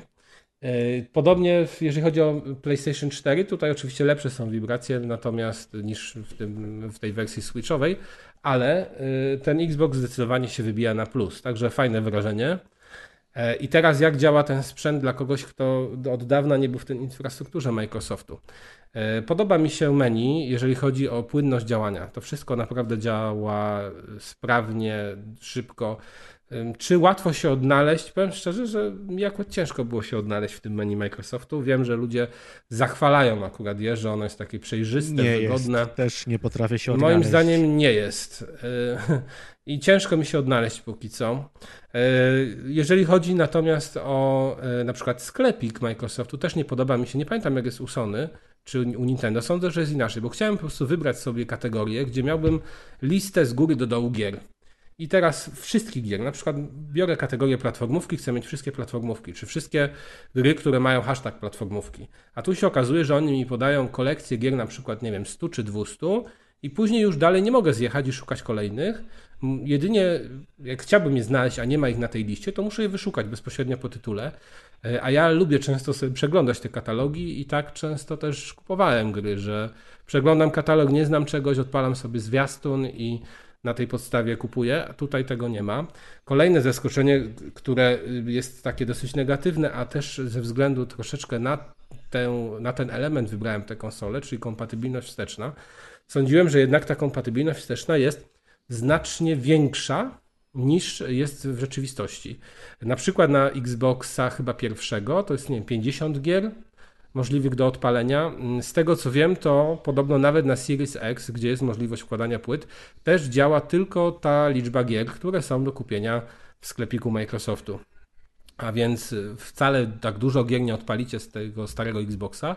Jeżeli chodzi o 360, to również y, tych gier, znaczy tych gier jest więcej, zdecydowanie, ale też wielu mi brakuje. Ja, ja mam tę kolekcję, mówiłem, dosyć ograniczoną, pewnie około 10 gier pudełkowych, może z 12, 15. I większość z tych, które mam, nie ma ich w tym sklepiku akurat, więc bym nawet nie mógł w nie pograć jeszcze raz, bo po prostu one nie są dostępne. E, No ale mimo wszystko liczba tych gier no, jest zdecydowanie większa niż u konkurencji, no bo wiadomo, że PS5 nie obsłuży e, gier na przykład z PlayStation 3, a z tą kompatybilnością chociażby z PS4 już jest e, też nie tak różowo jak w przypadku Xboxa. No więc pod tym względem trochę się zawiodłem. Oczywiście te gry z Xboxa One już działają. Niektóre z nich mają łatki, które, są, które dopasowują te gry do, do tych nowych konsol i to jest też fajne. Jeżeli już zaś chodzi o taką, o ten fajny feature, który reklamowało, który reklamował Microsoft, czyli Quick Resume, czyli to przechodzenie z gry jednej do drugiej praktycznie bez żadnej straty czasowej. E, możemy bodaj z tego, co czytałem, nie sprawdziłem dokładnie, pięć gier chyba odpalić w ten sposób, czyli jeżeli odpalicie pięć tytułów, to możecie między nimi szybko przeskakiwać. Jak będzie sześć, to prawdopodobnie jeden z tych się już zamknie, z tych wcześniejszych. Natomiast ta funkcja działa bardzo fajnie, bo rzeczywiście to przełączanie się między grami jest szybkie, jest łatwe i, i działa. Niestety zdarzały mi się takie sytuacje, nie wiem z czego to wynikało, że przeglądałem trochę dłużej menu, przy, przeglądałem sobie bibliotekę i zdarzało mi się, że kiedy odpalałem Medium e, w tym Quick Zoom, nagle nawet nie wyskakiwał błąd, po prostu chciałem włączyć grę, odpaliłem i nagle mi wychodziło do menu. Czyli, Czyli są problemy jakby, z, tą, z tą funkcjonalnością cały czas. Tak. Gra jakby po prostu no, robiła crasha i wychodziło do menu i trzeba było odpalać ją ponownie. Samo włączanie gier, ciężko mi porównać, czy rzeczywiście ta różnica jest taka duża, jeżeli chodzi o wczytywanie się. Natomiast zdecydowanie jest to szybkie wczytywanie i podoba mi się, że te gry tak działają, jak to działają. To ja ci powiem, różnica jest tak? ogromna. Między XOX a Aha, XSX ty... i XSS jest ogromna różnica wczytywania się leveli, ale to wynika z tego, że tutaj już są dyski SSD. Tak, no oczywiście. Znaczy ja mówię, nie, nie umiem tego, nie mogę tego porównać, bo nie mam akurat dwóch takich samych gier na dwóch różnych konsolach, e, ale wydaje mi się, że to działa naprawdę sprawnie i rzeczywiście te czasy ładowania są są y, krótkie. Y, jeżeli chodzi o same, y, same gry, te co odpalałem, to miałem niestety wrażenie, że w pewnych momentach cały czas gdzieś te gry przycinały. To nie były oczywiście stałe przycięcia, na przykład na jakimś, dzisiaj odpaliłem Forza Horizon, Horizon 4 i tam od razu, ja zaczyna, zacząłem tę grę, Y, jest ta pierwsza misja, gdzie często są różne ujęcia kamery, y, ona tam opada na ten samochód, wznosi się, jest dosyć szybka i rzeczywiście takie chrupnięcia miały miejsce. A to gra też nie jest najnowsza i to jest przecież gra ze starego sprzętu, teoretycznie. W D-Medium również miały miejsca takie chwilowe chrupnięcia i było widać, że, tych, że ten klatkarz nie jest idealnie stały. I to był problem. Natomiast jak odpaliłem y, Fallen Order, to mi się strasznie podobało, bo tutaj widziałem zdecydowanie, że to jest jakby nowa jakość rozgrywki względem starych sprzętów, e, gdzie mm, no, mm, ta płynność ruchu w postaci jest naprawdę super. Jeżeli by tak wszystkie gry działały, przynajmniej jak jestem też na początku tej, tej produkcji, ona działa dobrze, no to byłbym bardzo zadowolony, bo ja w sumie na to liczyłem, kupując też sprzęt. Fallen Graficznie... Order dostał tą łatkę dla nowych konsol, dlatego widzisz mhm. różnicę w działaniu tej gry. Ale Forza też dostała łatkę dla nowych konsol, a Medium jest grą na nowe konsole. Owszem, tylko Więc pamiętaj no... o tym, że ty grasz na Series S, w związku z czym to znaczy inaczej, no Forza, ja teraz nie chcę kłamać, no ale chyba Forza Horizon 4 ma 60 klatek u ciebie na Full HD, prawda? Ale mi nie o to chodzi, że ma czy nie ma, tylko o to mi chodzi, że mówię, były takie sytuacje, że miałem wrażenie, że jest zacięcie. Że na przykład podczas najazdów kamery, to w przerywniku filmowym, to nie była gra, y, że trochę chrupie, tak? No, to samo miałem w, w Medium. ładuje dane albo coś, no to się może zdarzyć. No ale rozumiecie, że takie coś, no myślałem, że tego nie będzie po prostu. W Fallen Order tego nie, nie zauważyłem. Będzie. A... Tylko wiesz, pamiętaj znowu Aha, no Series, będzie, no Series okay. S i 1300 zł za całą konsolę to Ale nie, jest i tak nie... dobre osiągnięcie, nie? Nie, nie, nie, bo cały czas były zapewnienia, że SK działa tak jak, jak X, a po prostu jest niższa rozdzielczość. Tylko nie w 4K, tak. A okazuje się, no, że nie jednak, nie, nie, tak? Nie, no nie wiadomo, ale... mamy tylko SK w redakcji. Możemy tylko, możemy tylko ja wierzyć Kazuowi. Wierzyć E, Kazowi Nie, no wiesz, wiesz, ale teraz jakość, i, znaczy różnica jest duża. Ja nie spodziewałem się wielkiego skoku graficznego. Dla mnie niestety skoki graficzne, takie spektakularne się już skończyły i e, naprawdę dlatego między innymi zdecydowałem się na Series S, bo wiedziałem, że to 4K może będzie fajne, ale jakoś mech dla mnie. Dlatego liczyłem przede wszystkim na tę płynność i faktycznie to, jak te gry działają jest fajne, aczkolwiek mówię, spodziewałem się, że no może no, bez, nie, niepotrzebnie, że to będzie zupełnie tak już działać jak powinno, a się zdarzają pewne błędy, pewne niedociągnięcia, być może też kolejne gry to z, zniwelują. Największą wadą tej konsoli, moim zdaniem, jest jednak ten dysk. Te gry, które są obecnie produkowane, już dzisiaj zajmują olbrzymie przestrzenie. Yy, Chyba spojrzałem sobie w internet, ile ten najnowszy Call of Duty zajmuje na Xboxa. O, Nawet nie patrzyłem w sklepiku Microsoftu, on chyba zajmuje 180 giga. Ale na przykład chciałem sobie y, odpalić Quantum Breaka, no i się okazało, że pościągałem parę giereczek, które chciałem ograć i nagle już Quantum Breaka nie mogłem pobrać, bo Quantum Break też powyżej 100 giga. Gearsy też około 100 giga. Czyli tak de facto byśmy mieli nawet trzech gier, nie, byśmy, jeżeli byśmy wybrali te trzy tytuły, to nawet ich byśmy mogli nie zainstalować na tym sprzęcie, bo po prostu się nie zmieszczą. Ale mam szpilę, bo. Nintendo ze Switchem zrobiło to samo. No. Dokładnie, ja zgadzam się, ale jeżeli chodzi o Switcha, to mogłeś wykorzystać dostępne powszechnie metody rozszerzania pamięci w postaci kart. No to Xboxa Po drugie- kartę, tylko Po drugie, wie... No, tylko że ta ichniejsza karta, która obsługuje nowe gry, kosztuje 1000 zł za No. 1 tera. I to jest problem. Ale jeszcze u Nintendo jest jedna znacząca różnica. To znaczy taka, że przede wszystkim te ich gry, bo to jeżeli chodzi o gry tam zewnętrznych słów, na przykład Telltale jest po prostu genialny, tam Batmana Telltale, tak, robił tego takiego y, w odcinkach, dobrze Tak, mówię? tak. No, no to oni są po prostu geniusze, bo tam na przykład ten Batman zajmuje, nie wiem, 7 czy nie, 10 giga, co na tle na przykład Nintendo gier, które zajmują po giga albo po półtora giga, to jest duża, duża różnica. Naprawdę gry Nintendo, często te największe, zajmują niewielkie przestrzenie. No I zresztą dużo gier na no. Switchu Oni się na kartach z N64 Ale nie jest- nauczyli. nie jest wcale takich, takich dużych. I to jest duża zaleta akurat u Nintendo. No i to, że te karty pamięci jednak są dostępne. A tutaj mamy dwie możliwości. Albo podpięcie karty dedykowanej do tego slotu specjalnego, który jest z tyłu konsoli. Niestety ta karta w tym momencie jest tylko jednej firmy dostępna w jednym chyba rozmiarze i kosztuje 1000 zł. A kolejną opcją jest podłączenie dysku zewnętrznego pod USB, ale niestety on obsłuży tylko gry z poprzedniej generacji. Nie wiem jak to działa z grami, które dostały tę łatkę E, na przykład właśnie Forza, która dostała łatkę dopasowującą ją do nowych sprzętów. Czy one bezproblemowo działają z tego dysku zwykłego SSD podpiętego pod USB, nie wiem.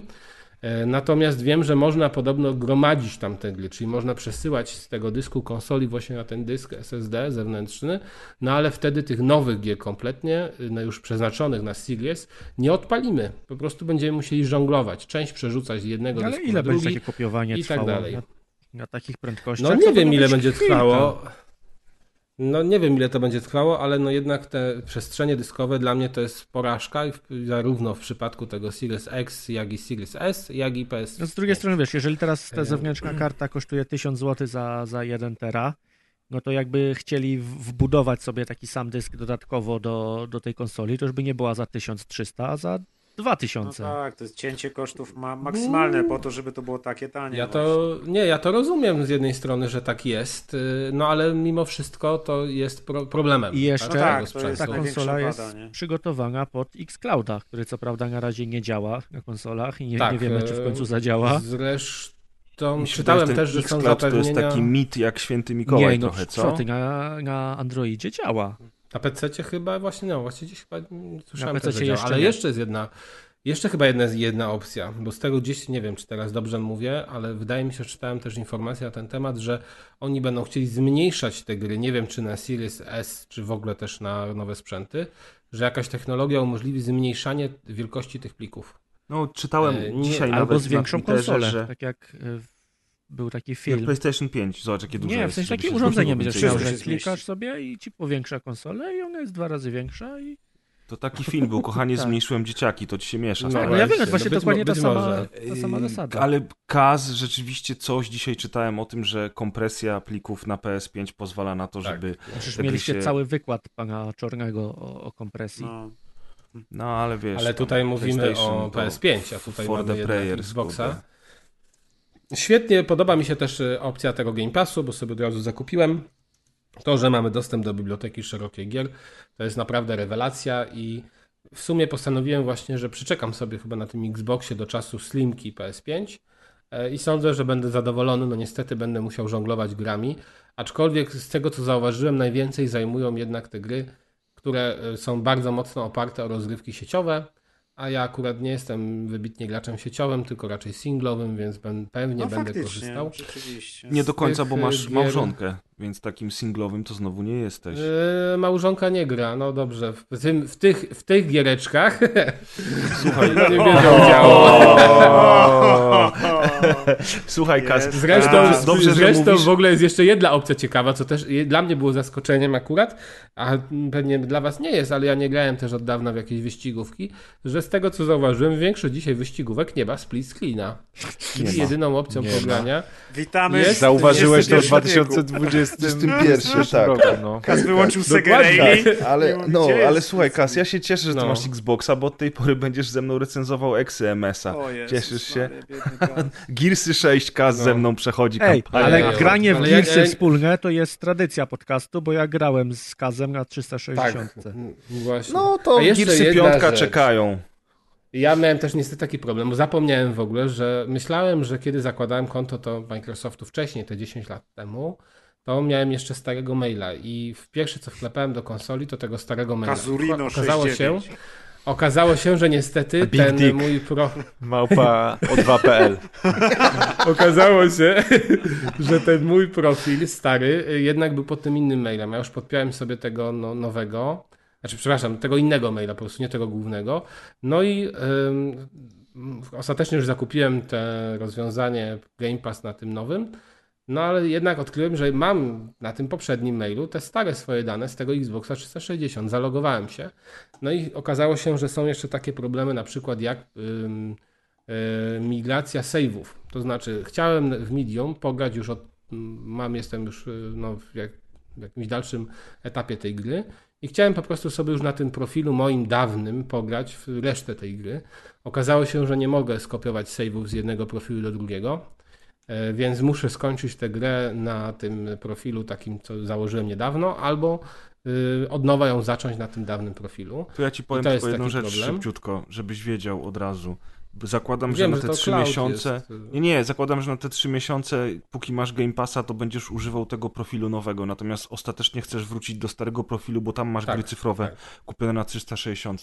Ustaw sobie w opcjach nowy profil, jako to jest moja konsola domowa i graj tylko i wyłącznie na swoim profilu starym. Nawet ustaw sobie, żeby konsola uruchamiała się od razu ze starym profilem, a ponieważ nowy profil będzie ustawiony jako, jako konto domowe, to wszystko, co na nim jest, czyli Game Pass, będzie dostępny również dla ciebie. Ale działa, tak. Ja już sprawdziłem, że. Znaczy Game Passa, w sensie gry online jeszcze nie sprawdziłem, to jest Wszystko, live. wszystko Tak? ci zadziała. Natomiast Game Pass działa y, na tym koncie. I, i sobie kupisz sobie teraz znowu pro, promocyjnie nowe konto. Tak, Tak, i kupisz na, sobie- na stare konto, nie? Bez kitu. Tak, I tak, cebula ale- człowieku na pół roku, bęk. No Sony tak, osrane. ale no mówię, że jest problem, jeżeli macie na przykład dwa konta i ktoś chce te wasze save'y pobrać. Ale no to jest chyba normalne, że nie da się save'ów na konsoli tak przenosić między profilami. A to jest akurat No. szkoda wielka, wiesz, Adek? To ja jest chciał, chyba, żeby się to dało chyba jednak. zależy od tego właśnie, że no, mi się wydaje, że to jest kwestia tego Game Passa. Nie, w no sensie, ale czy na którejkolwiek że to- konsoli da się tak zrobić? Chyba no nie. przecież jak, nie da się na przykład na, na starych konsolach, na, no na starych się dało, ale od czasów PS3 nie dało? Na przykład przenosić można było przecież na USB te save'y, no to dlaczego miałbyś nie przenieść ich na inne konto? No wydaje mi się, że na inne Chyba nie konto nie, tym że możesz przenieść na Dlatego inną, Kaz, inną że teraz konsolę. nasze konta łączą się z chmurą. konto. I A mi się one wydaje, z- wydaje, nie jestem na pewien. to samo ale konto no, muszą może, działać. No. Wydaje mi się, że może tak, tak, tak było, się nie da. no. A szkoda, bo na przykład w sytuacji, w której ja bym stracił savey z Asasyna i chciał na przykład wziąć savey od Maćka, dlatego że jest stosunkowo niedaleko, to nie mam takiej możliwości. Ja się obawiam, możesz, żeby to tak. nie były problemy z odblokowaniem trofeów wtedy, że wiesz, na, na tym koncie nie masz trofeów, pobierasz nowego No, save'a. Może mówię, że przez chmurę się nie da już tych saveów przenosić właśnie, bo jest ta Ale ja sądzę, że to też jest, y, to ma chyba znaczenie też biznesowe takie w tym modelu Game Passa, że ludzie sądzę, że mogliby kombinować z tymi kontami, nie wiem, tak mi się wydaje. Nie, bo właśnie o się te nie, nie, płatności, nie da tego, tych Bo na przykład byś mógł zakładać sobie nowe konta i byś przenosił savey i no nie wiem, ciągle płacił 4 zł. Polacy Oj, tak to robią. To... cebulują, dokładnie tak cebulują człowieku, że... No dobrze, ale mówię, ale saveów nie przeniesiesz wtedy. No nie, no, przykład, ale jeżeli ty byś kupuje za takie 4 coś na miesiąc, przechodzi jedną grę i później kupuje Dokładnie. znowu za czwórkę na miesiąc i przychodzi E, kolejną Być grę. może, no. Tylko, że Na nie wiem, ile też jaka jest liczba kont.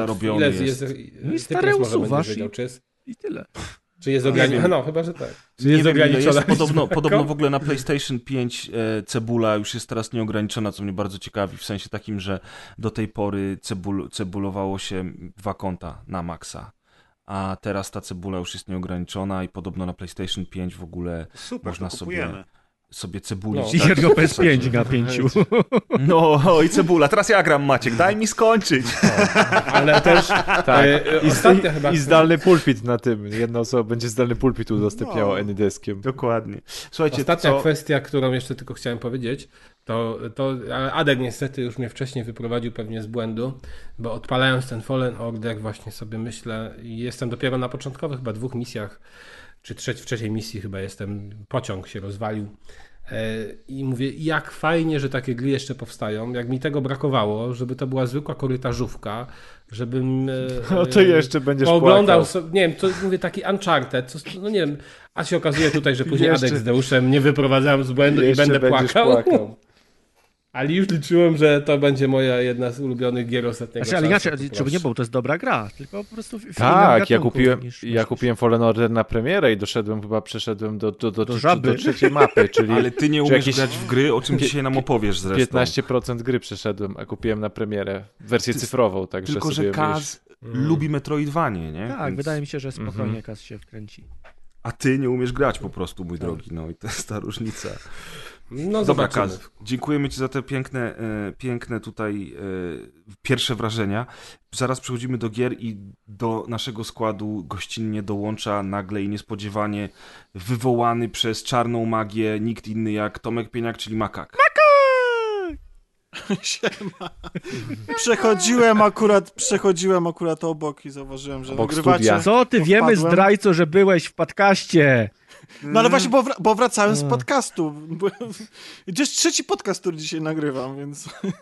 Ale Ja, chciałem powiedzieć, że słuchałem już kilku minut tutaj wywodu Kaza na temat tego, na temat e, Xboxa, jak rozumiem, i tutaj, że konta, że sklepik, że savey, że wsteczna kompatybilność, ale przecież Xbox nie ma gier, to o co chodzi?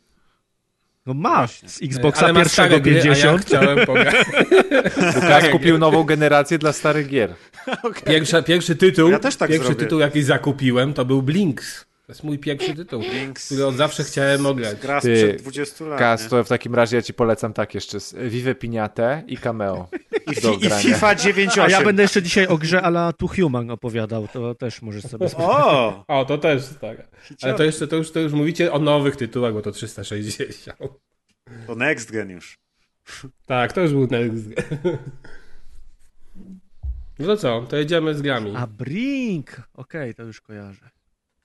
Ej, Brink był, miał fajną grafikę. No. Brink to jest w ogóle ekipa, która zrobiła Enemy Territory i Quake Enemy Territory przecież. No. Ale to kompletnie nie za, za, załapał ten Brink. biedny. Niestety Brink się nie przyjął, a szkoda. Mi się to kojarzy z, dzi- dziwnymi Blink. postaciami, że tam No. były dziwne proporcje. Tak, tak, fajne te twarze. Tak, oni byli takie przez... Wiesz, stylizowane. Kaz, my mówimy o zupełnie innej grze niż ta, którą ty kupiłeś. Blinks!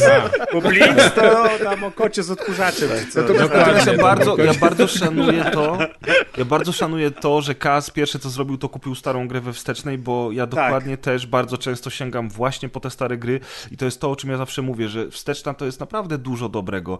Na PC przecież tak samo. Jak jesteś starym człowiekiem. Ej, dobrze zgadłem, to jest o kocie z odkurzaczem. starym no. człowiekiem, no. Tak, ale wiesz, dobrze. No. Nikt, nikt tutaj nie udaje młodzieniaszków już niestety, no może poza tobą. Ja nie Nawet muszę Adek udawać. już nie jest taki młody. No właśnie. Weź, daj mi skończyć. Kończ se, Jadek, nie przejmuj. No dobra, y, to Adek kończy i No Maciek nara. mówi nam teraz o tych wszystkich newsach i reklamach, które mamy dotyczące podcastu, Chyba a nie żartujesz. mamy chyba żadnych. E, A nie nagrywaliście No, czegoś ostatnio? Nie, nie nagrywaliśmy niczego. Ostatnio była rozgrywka, teraz znowu jest rozgrywkę rozgrywka. 223 polecamy. Więc polecamy temu. 223, zwłaszcza intro i outro. Mm, Jest też y, dokładka, na której był zresztą Tomek e, który z nami jest teraz e, na rozgrywce i w sumie to nie ma niczego więcej. Streamy Adek coś streamował. Są cały czas i cały czas tam sobie gramy. Eee, No jak już mamy Tomka, to u Tomka występujemy w różnych konfiguracjach. Opowiedz Tomku. Tak. No tak, można usłyszeć na podcaście Kolaudacja zarówno Atka, który opowiada o Nie mów. rzeczach wszelakich... Dobra, to nie będę mówił, okej, dobra. Nie mów, bo wstyd. Nie kompromituj go przed słuchaczami. Chciałem zareklamować cię. Dzięki za zapro w ogóle, tak swoją drogą. Yy, kto? Że ty? No przecież jesteś No. na liście, przecież cię zapraszałem. Przecież powiedziałem ci, żeby, żebyś wpadł. No Dzięki co za ty? No, przyjście. no, to, no to mówię dzięki za zapro przecież, o co ci chodzi. I Ale prezes więc- to miał kilka zapro od innych Więc, osób. e, więc jest, jest Adek, który opowiada naprawdę mega ciekawe rzeczy o muzyce. E, Jest też, O, to e, na pewno nieprawda. jest też Deusz, który z kolei opowiada mega ciekawe rzeczy o serialach e, i Netflixowych i z Canal Plus, czyli na przykład w, e, opowiadał o serialu Król. O polskich serialach. O Polsku. król. Tak, tak. No, no Lupę nie jest, ale generalnie, e, generalnie tak. Także zapraszam na kolaudację, jeśli Codziennie. ktoś ma niedo, niedosyt y, członków rozgrywki. Codziennie z kolaudacja? O, A, fuck. tak, codziennie. Tak, Nieźle. codzie, codziennie około 8 rano jest nowy odcinek. Fuck. Elegancko. No, a Maciek montuje tydzień jeden odcinek. Dokładnie. A go nagrywacie 8 godzin. Maciek, Maciek nie montuje tydzień, tylko Maciek montuje Godzinę. tego dnia, kiedy jest publikacja. piątek o 19. Mm, A teraz przechodzimy oczywiście do gier. Newsy mamy już za sobą. Giereczki. Jesteśmy gotowi i Maciek opowie nam o Early Access Everspace 2.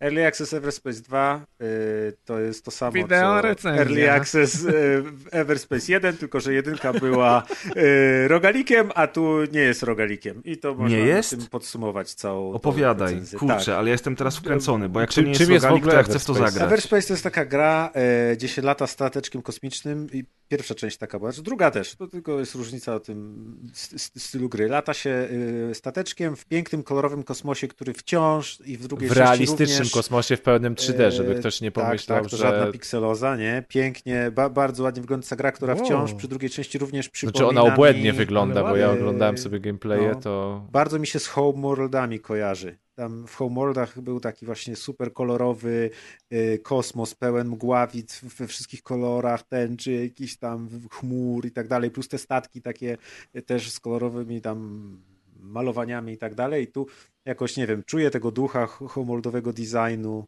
y, w, w, w tym Everspace. I to ma kokpit, ma kokpity. Ma widok z kokpitu, tak. Y, Jedynka ma, działa też na VR-ze, nie wiem jak dwójka, bo w sumie nie, nie sprawdzałem, nawet nie wiem. Może jeszcze nie działa, bo do jedynki chyba później dodali VR. No i y, tym stateczkiem w jedynce się latało. Polegało to na tym, że przes- przeskakiwaliśmy sobie po mapie z takiego systemu do systemu. Każdy system to była taka mapka, na której mieliśmy, mieliśmy tam kilka rzeczy do, y, do zrobienia i tam nas gonił przeciwnik, więc rogalikowatość polegała na tym, że trzeba było się spieszyć, szybko swoje rzeczy załatwić, skakać dalej, dalej. Im dalej, tym było trudniej. No i jak ginęliśmy, to tam część y, odkrytych y, rzeczy się nam przenosiła do, do, do nowej gry, czyli to był taki roguelite.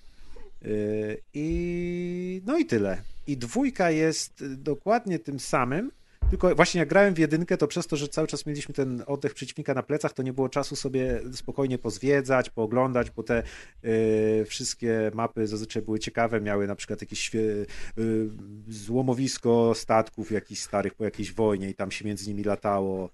Y, Albo jakieś tam planety zniszczone, albo pasy asteroid i wszystko było niebieskie, albo coś tam. Były z czarną dziurą, która cię wciągała i tam fizyka działała i na przykład mogłeś przeciwników zwabić w tą czarną dziurę i ich tam wciągało czy coś. I mapki były bardzo ciekawe, tylko zawsze mieliśmy właśnie ten oddech wroga na plecach, który zaraz przelatywał i trzeba było stamtąd uciekać. I grając w jedynkę sobie zawsze myślałem, ale by było fajnie, jakby zrobili taką normalną grę z tego, a nie grę rogalika, bo ja akurat za rogalikami nie przypadam, a tu Everspace mnie przyciągnął swoim stylem i, i, i, i gameplayem.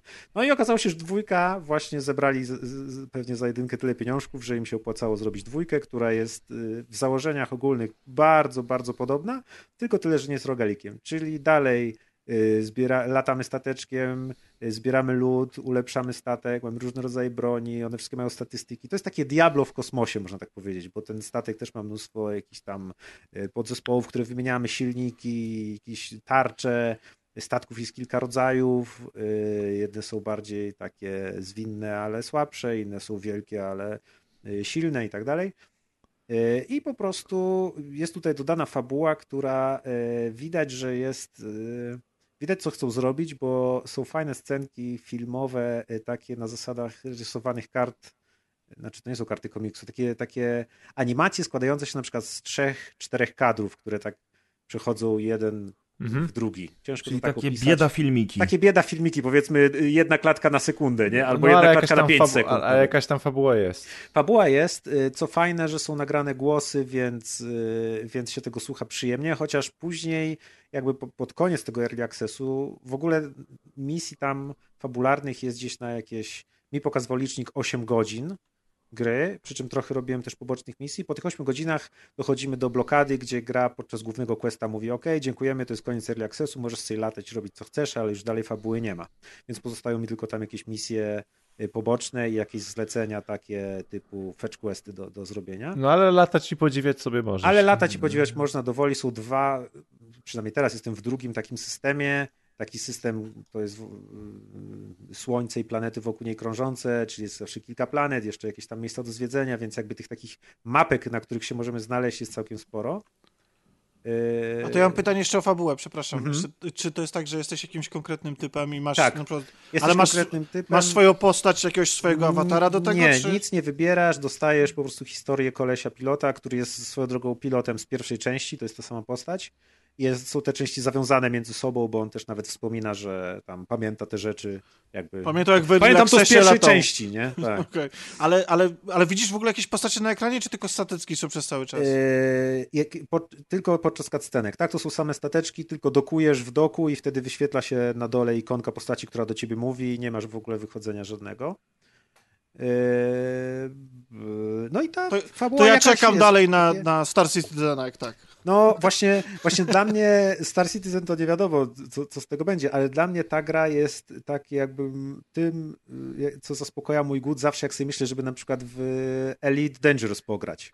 Ale potem patrzę, że to Elite Dangerous to jest tyle latania i tam się tak jakby powiedzmy no niewiele dzieje, jest to taka gra, w którą trzeba mnóstwo czasu inwestować, a Everspace jest dla mnie właśnie taką kosmiczną strzelęczką skondensowaną, y, arcade'ową, ale ona jest super taka tight, w sensie widać, że to jest dobrze dopracowane. Ta, ta fizyka, bezwładność przedmiotów, bo tu można chwytać przedmioty, ciskać nimi.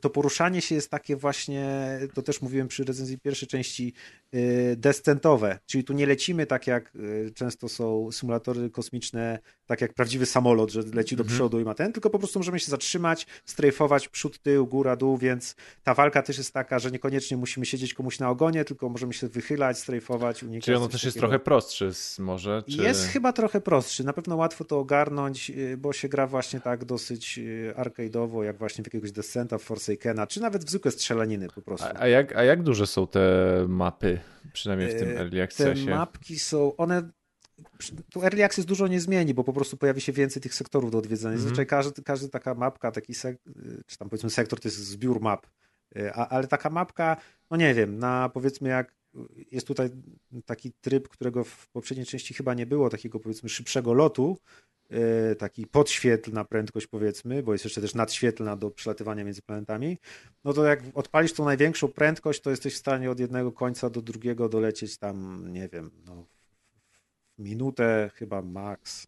Tak pira z oko. One, one są one są fajnie zrobione, bo wizualnie nie widzisz, gdzie jest koniec mapy. Pojawia ci się tylko komunikat, że do, dolatujesz do końca i cię sa, samoczynnie zawraca z powrotem. Mhm. E, ale wizualnie masz wrażenie, że to jest y, ogrom. Nie wiesz, wiesz, nie wiesz, że, że jesteś w zamkniętej małej, małej przestrzeni, a z drugiej strony w tej przestrzeni jest umieszczone tyle ciekawych punktów, że jakby od razu wiesz, co zrobić, bo po prostu powiedzmy, że wyskakujesz z nadświetlnej na taką mapę i od razu widzisz, że tu po lewej są pola minerałów, tam jest jakaś stara baza, tam jeszcze coś błyska w oddali, to sobie tam potem polecę.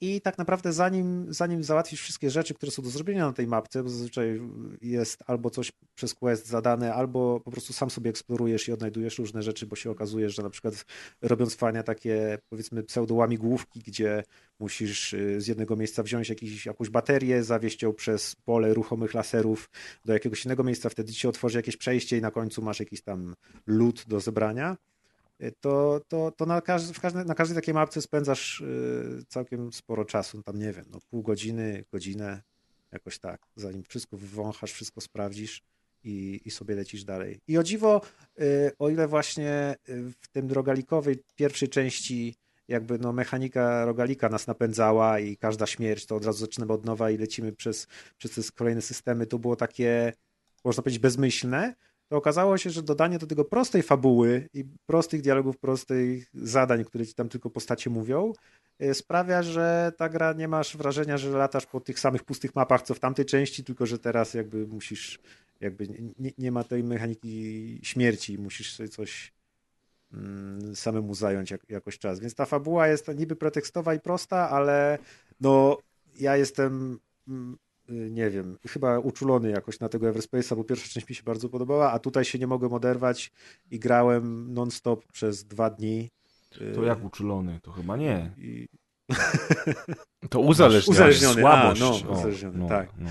Więc mnie mega Uczulony, wciągnęło, mam uzależniony. po prostu syndrom, jeszcze tu sprawdzę, jeszcze tu polecę, jeszcze chwilę, jeszcze chwilę. Ostatnio tak było, że była druga w nocy, myślę, idę spać, tylko jeszcze chwilę pogram i potem patrzę, jest piąta, nie? Ale znając twoje zamiłowanie do e, analizowania e, grafiki i wszelakich efektów graficznych e, w grach, to jak patrzę na to, jak to Znaczy- wygląda w ruchu, to mi się wydaje, że ty latałeś i, i patrzyłeś, Tu- jak się światło odbija, jak się... Ale jak, jest jak... mało nie tyle- ścian do lizania. Nie tyle właśnie, tu się nie tyle liże ścian, bo jak podlecisz to jest bliżej kosmos, do tych Ja rzeczy, wiem, to w tym był żart. To, to nie ma Wiem. jakichś tam super Dzięki tekstu za i tak dalej, ale po prostu są takie momenty, kiedy nagle się obracasz i jest widok niczym z Bespin z Gwiezdnych Wojen, że masz takie y, waniliowe chmury, za których widzisz, że wystaje połowicznie y, jakaś stacja kosmiczna, tam jest te wolumetryczne efekty, głębia, jakieś światło przybijające, coś, że są takie momenty, kiedy właśnie przestaniesz i o Jezu, jak to jest pięknie. Nareszcie to będzie gra w kosmosie, w którą ja też chętnie zagram. Bo To pierwszy wychodzi tylko na PC, czy jest zapowiedziane? Nie, wiesz co, internet konsolowa? mówi, że konsole, że jest PS4 i A, Xbox okej, One. No, Insurgency też miało wyjść na konsolę i co? Nie pamiętam, czy jedynka była na konsolę.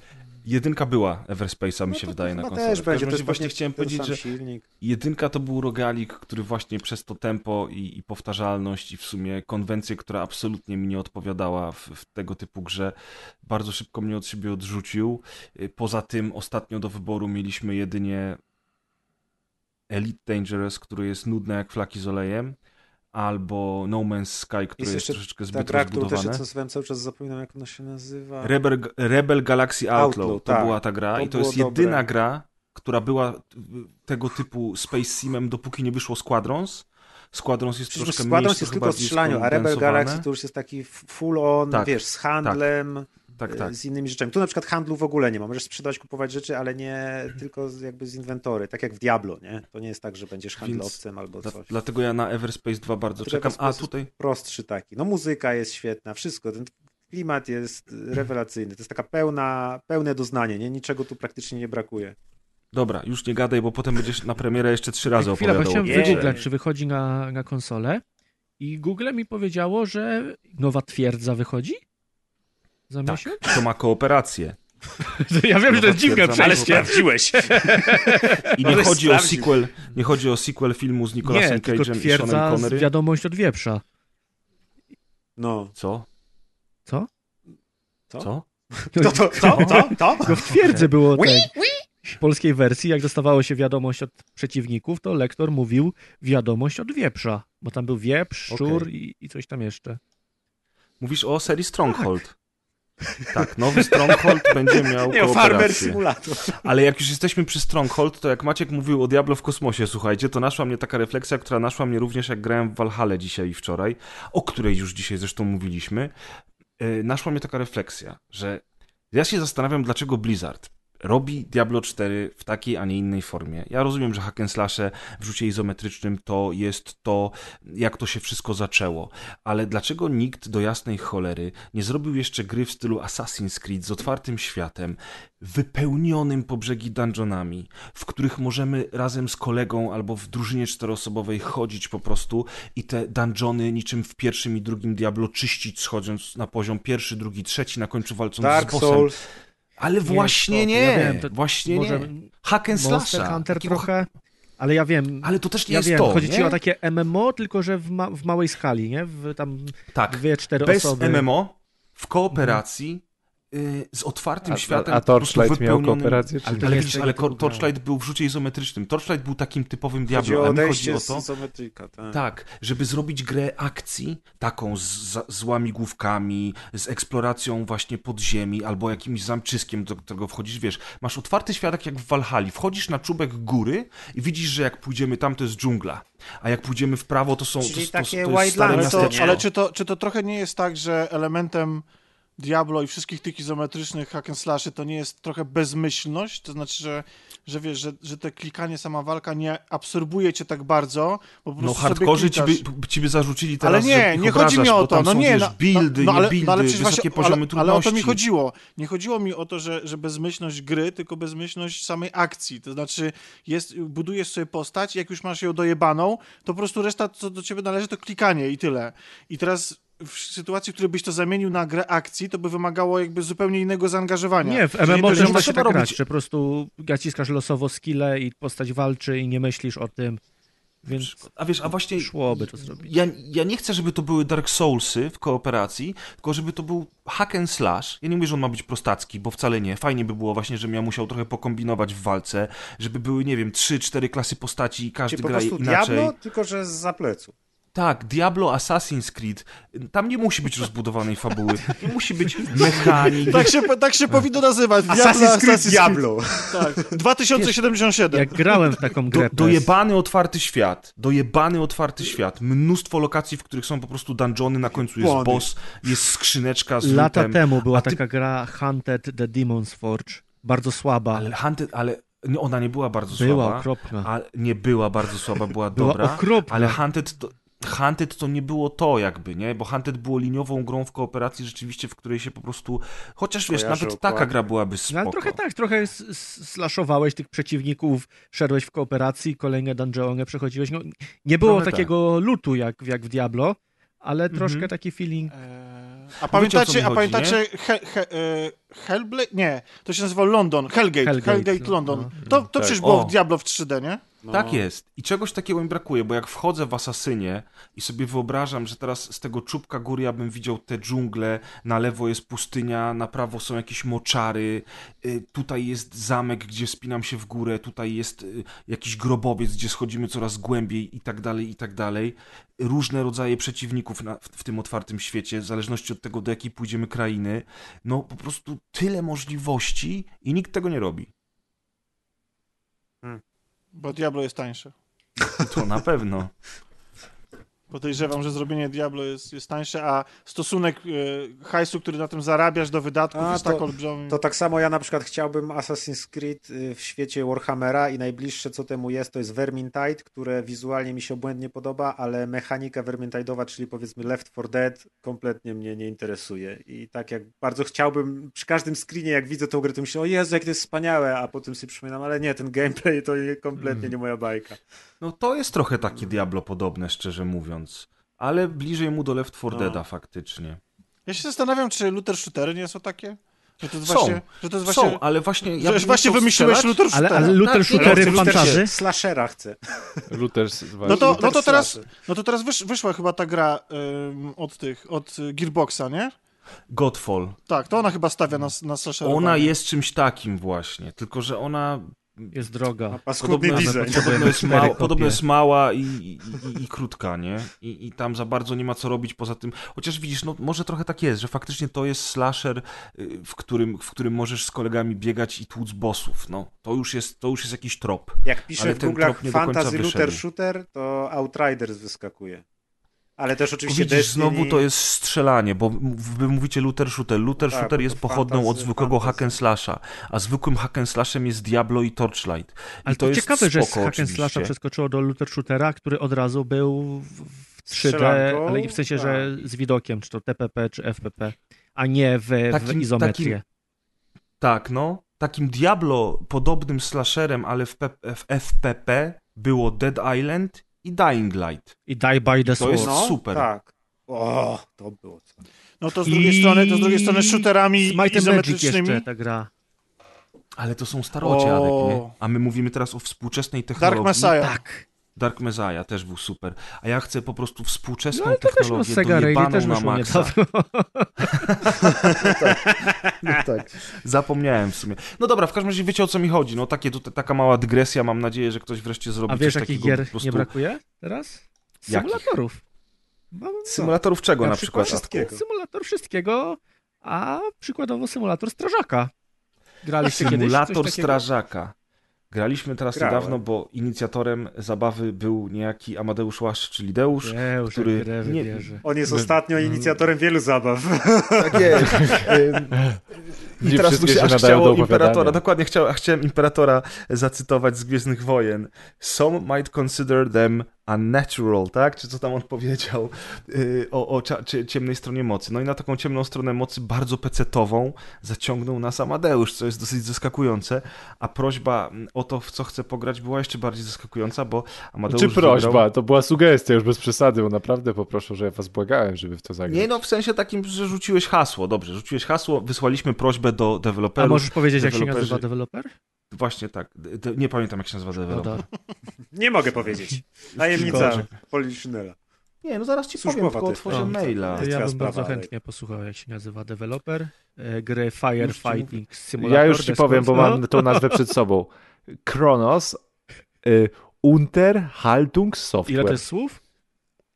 Jedno, dwa, przepraszam. Kronos to jest jedno i Unterhaltung Software to jest Unterhaltung drugie. Software. Ja. Ja. I wydawcą Zebul. jest Astragon ale- Entertainment. developer. Ale Karsten Hoch, który wysłał nam kluczyki, jest z Astragona, dokładnie.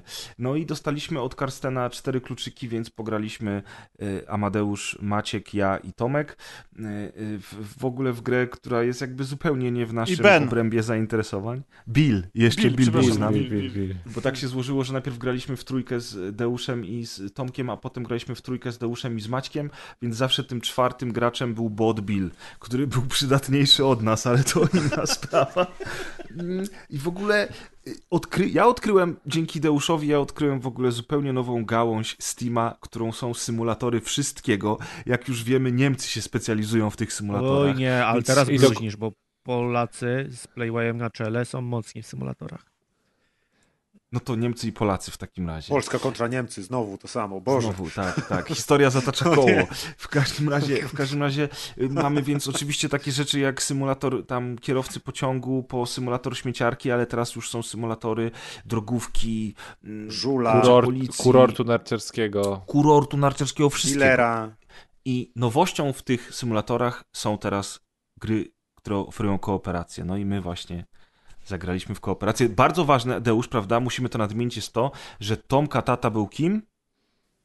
Strażakiem z wykształcenia. A strażakiem z wykształcenia, dokładnie, w związku z czym byliśmy Mamy eksperta. bezpieczni, mieliśmy eksperta ze sobą, zrobiliśmy Bo tutorial oczywiście najpierw. wiedza mojego ojca na mnie spływa, nie? Tak, tak tak, działa. To jest tak jak w Assassin's Creed, po prostu wszystko jest w genach. Tak, na wszelki wypadek zrobiliśmy jeszcze tutorial, Ale jedną misję. ale Tomek był z nami, więc słuchajcie, byliśmy bezpieczni. E, Kto pamięta pierwszą misję? No, pi- pierwsza misja zaczyna się od gaszenia. Yy, mówisz o misji tutorialowej. Zaczyna się Tak. od gaszenia domu oraz yy, uratowania osób, które są zamknięte w, w płonącym domu. U mnie jeszcze trochę y, ta misja polegała na gaszeniu oczekiwań wobec tej gry. Miałeś oczekiwania O. jakieś? Tak, bo, bo, z- zacznijmy od tego, że jeśli chodzi o symulacyjność e, Firefighter symulatora, to, to, to gra się składa z e, takich aspektów, jak przede wszystkim dzieje się w otwartym świecie, e, więc e, pierwszą czynnością, którą robimy, to jest e, dojazd do pożaru, tudzież na miejsce jakiegoś zdarzenia. Czyli, czyli, czyli, czyli, czyli pierwszą symulacją to jest po prostu prawidłowe przejechanie przez otwarte miasto jak najszybsze do pożaru. To jest pierwsza kwestia. No i druga kwestia to już jest samo gaszenie pożarów, które oczywiście składa się z takich czynności jak e, oprócz oczywiście samego gaszenia pożaru, który możemy gasić e, wodą, ale to wymaga od nas najpierw e, e, wybrania, od, podpięcia odpowiedniego typu węża do hydranta, następnie podpięcia odpowiedniego typu węża do naszego wozu strażackiego, następnie podpięcia odpowiedniego typu Końcówki. końcówki gaszącej do Ale jest odpowiedniego jeden typu typ Końcówka Końcówka jedna. prądownica, to się nazywa. Hmm? O kurna. Czemu prądownicę, skoro tam nie leci prąd? Nie wiem, ale... Pytaj strażaka. A nie jak, no prąd wodny, Prądnica? no come on. Czekaj, a No, a ty się, a ty się nie Prądownica, nie znam, przepraszam. prądownica to była w Quake'u, moi drodzy. No. W każdym razie, w każdym razie oprócz, e, oprócz, oczywiście można to też gasić różnego typu gaśnicami w zależności od typu Nie pożaru. można klepać ręką na przykład ani szmatą, niestety. I nie ma kocy, i się nie rzuca Kocy również nie kocy. No i, no i na miejscu oczywiście możemy też, możemy, musimy też ratować e, osobę. Możemy! Czy, czyli, czyli, czy, czyli e, w- wchodzimy do budynków, które się palą, tak, musimy Tam leżą sobie, ludzie. Musimy wyważać drzwi, e, rozbijać okna, jeśli jest taka potrzeba. No ściany i, niektóre. no i nieprzytomne osoby musimy wynosić, a przytomne osoby musimy kierować do wyjścia Co ciekawe, strażak z nieprzytomną osobą na plecach nie potrafi biegać. Tak, strażak sobą nie potrafi biegać. No i w sumie na tych elementach kończy się, jeśli chodzi o sam, e, samą symulacyjność i samą, e, samo to, co my możemy robić fizycznie w tej grze, no to na tym się kończy. I każda misja się tak naprawdę składa z kombinacji tych elementów oraz z tego, co się pali. Bo palić się może od... E, powiedzmy w najbardziej wariackiej wersji magazynu, w którym się pali jakiś olej, po pojedyncze drzewo w parku. Czyli są misje, które mogą trwać powiedzmy 14, 15, 20 minut i, i, i gdzie przez 10 minut próbujemy stłamsić ogień, Dojechać Ale- jeszcze. ale są misje, które trwają 40 sekund, jeśli cztery osoby wezmą gaśnicę i zaczną gasić jedno drzewo albo budkę z Albo gazetami. samochód. Tak, to misja się może również zakończyć dosłownie naprawdę po, e, po minucie. Tomek faktycznie miał rację, że to są prądownice, także zwracamy honor. Właśnie Tomek tutaj nic nie mówiąc podesłał. Jezus, jakie drogie, to 1000 zł. Zwracamy Tak. honor tacie Tomka. Warto, Chciałeś sobie kupić? Wa- jak już powiedziałeś o prądownicy, to warto nadmienić, że zarówno wozy strażackie, jak i e, łomy, piły i cały nasz osprzęt strażacki jest e, prawidłowym. Licencjonowany, mm, tak? Licencjonowanym, tak. Prawidłowy.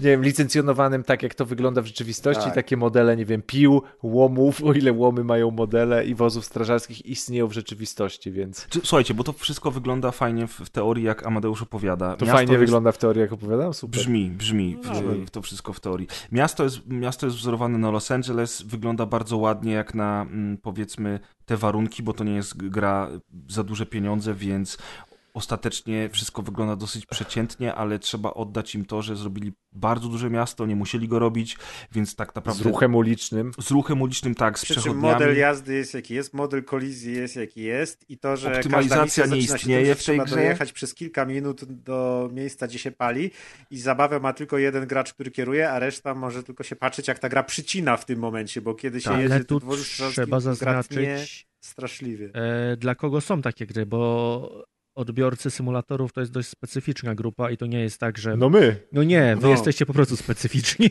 a nie... Albo specjalni. osobami. Jesteście specjalnymi osobami.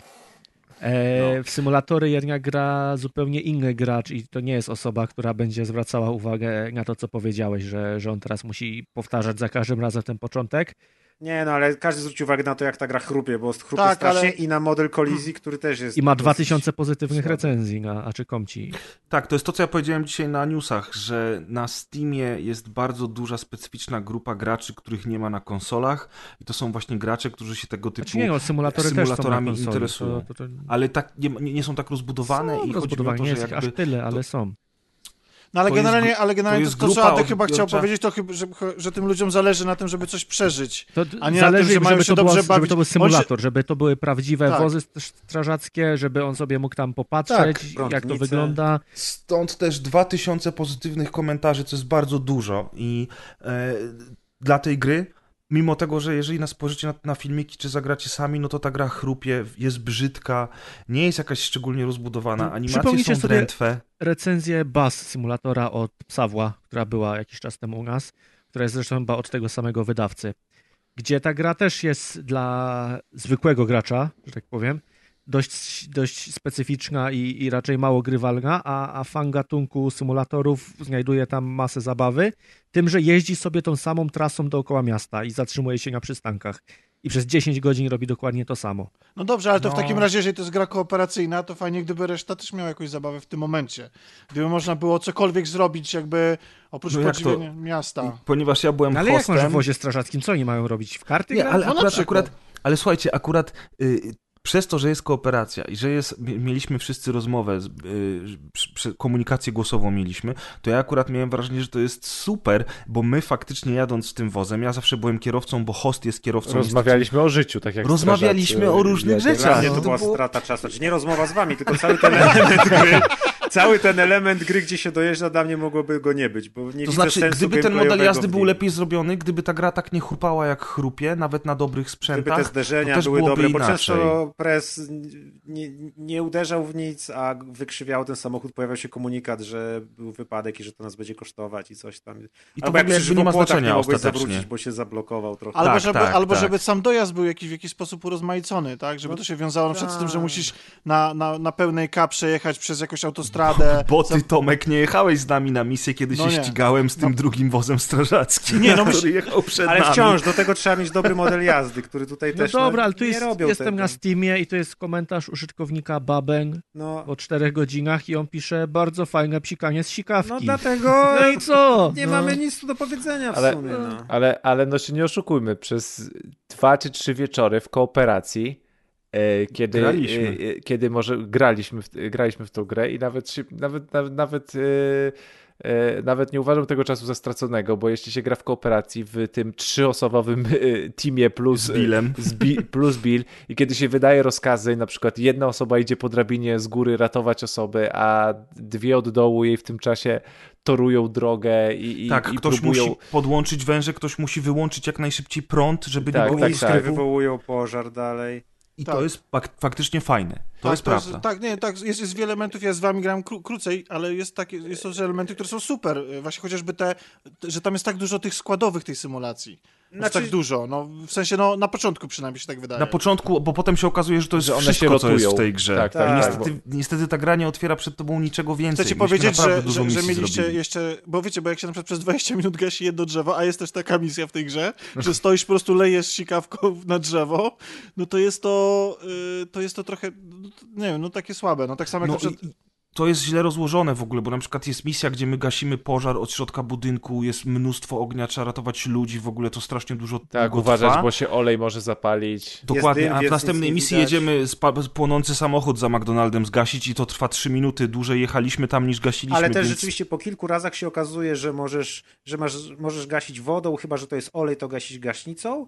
Yy, możesz otwierać drzwi łomem albo siekierą, chyba że są zamknięte na klucz bramy, to tniesz piłą. pi- piłą. I to jest koniec mechanik tak naprawdę. I ewentualnie musisz uważać na olej, no i na prąd beczki wyłączyć, i wyłączyć bo, prąd. Bo prąd no i, i w zależności, i pożary różnią się tylko tym, że coś innego się pali Tak. i, jest, i są składowe tych poszczególnych rzeczy. Czy To jest znaczy- prąd, czy jest My generalnie olej. grając tą grę, wymyślaliśmy na bieżąco, co by tam usprawnić i wymyśliliśmy już całkiem fajną grę strażacką.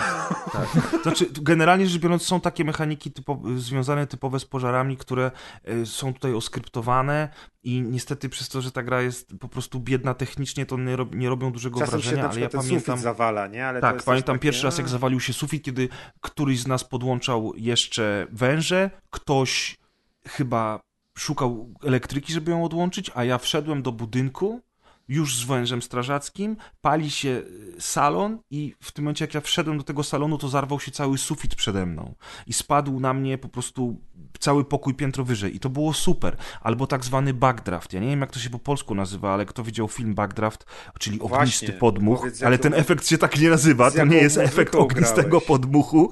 Tak, ja w ogóle grałem z, Wsteczny z ciąg muzy- płomieni. Dziękuję, dokładnie. Wsteczny ciąg płomieni. I widzę, że tyli się ogień pod drzwiami. I mówię do chłopaków, ja pierdolę, chłopaki, będzie backdraft. Patrzcie, Jesteśmy patrzcie. Kurt Russell. Otwieram, słuchajcie. I faktycznie, i faktycznie e, otwieram te drzwi. Przycisk do screenshotów. Tak, tak, tak. Tylko nałóż, czap, tylko Człowiek nałóż czapkę. pochodnia. I mówię, I mówię, spierdolka z tego pokoju, bo zaraz buchnie i słychać taki fajny syk, jak był na filmie, że tam to powietrze się zastało i rzeczywiście buch, wybuchło to, zapalił się ten korytarz. y, z, od łazienki, do której otworzyłem drzwi.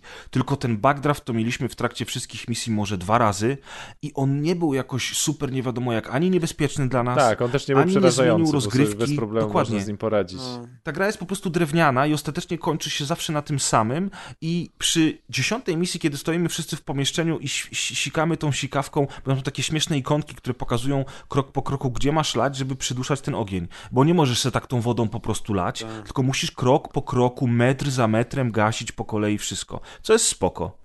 Tylko, że przy za dziesiątym i za piętnastym razem myśmy chyba połowę misji w tej grze w ogóle zrobili. Tak? Tak, na, na minimapie jak patrzyłem, to już zrobiliśmy dobre, dobrze połowę To gry. pierwsze miasto dopiero. Nie, Nie, to, nie, to bo jest jedno miasto. Bo to ono, ono jest podzielone na dzielnice, bo to jest takie duże Los Angeles z podziałem na dzielnice na głównej mapie. I tak lejesz tą wodę i lejesz tą wodę.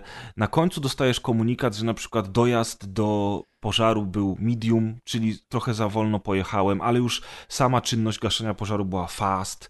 I I, ile dostajesz- zużyliśmy wody, ile rozbiliśmy drzwi i tak dalej, i tak dalej. Czy są Tak. całe statystyki.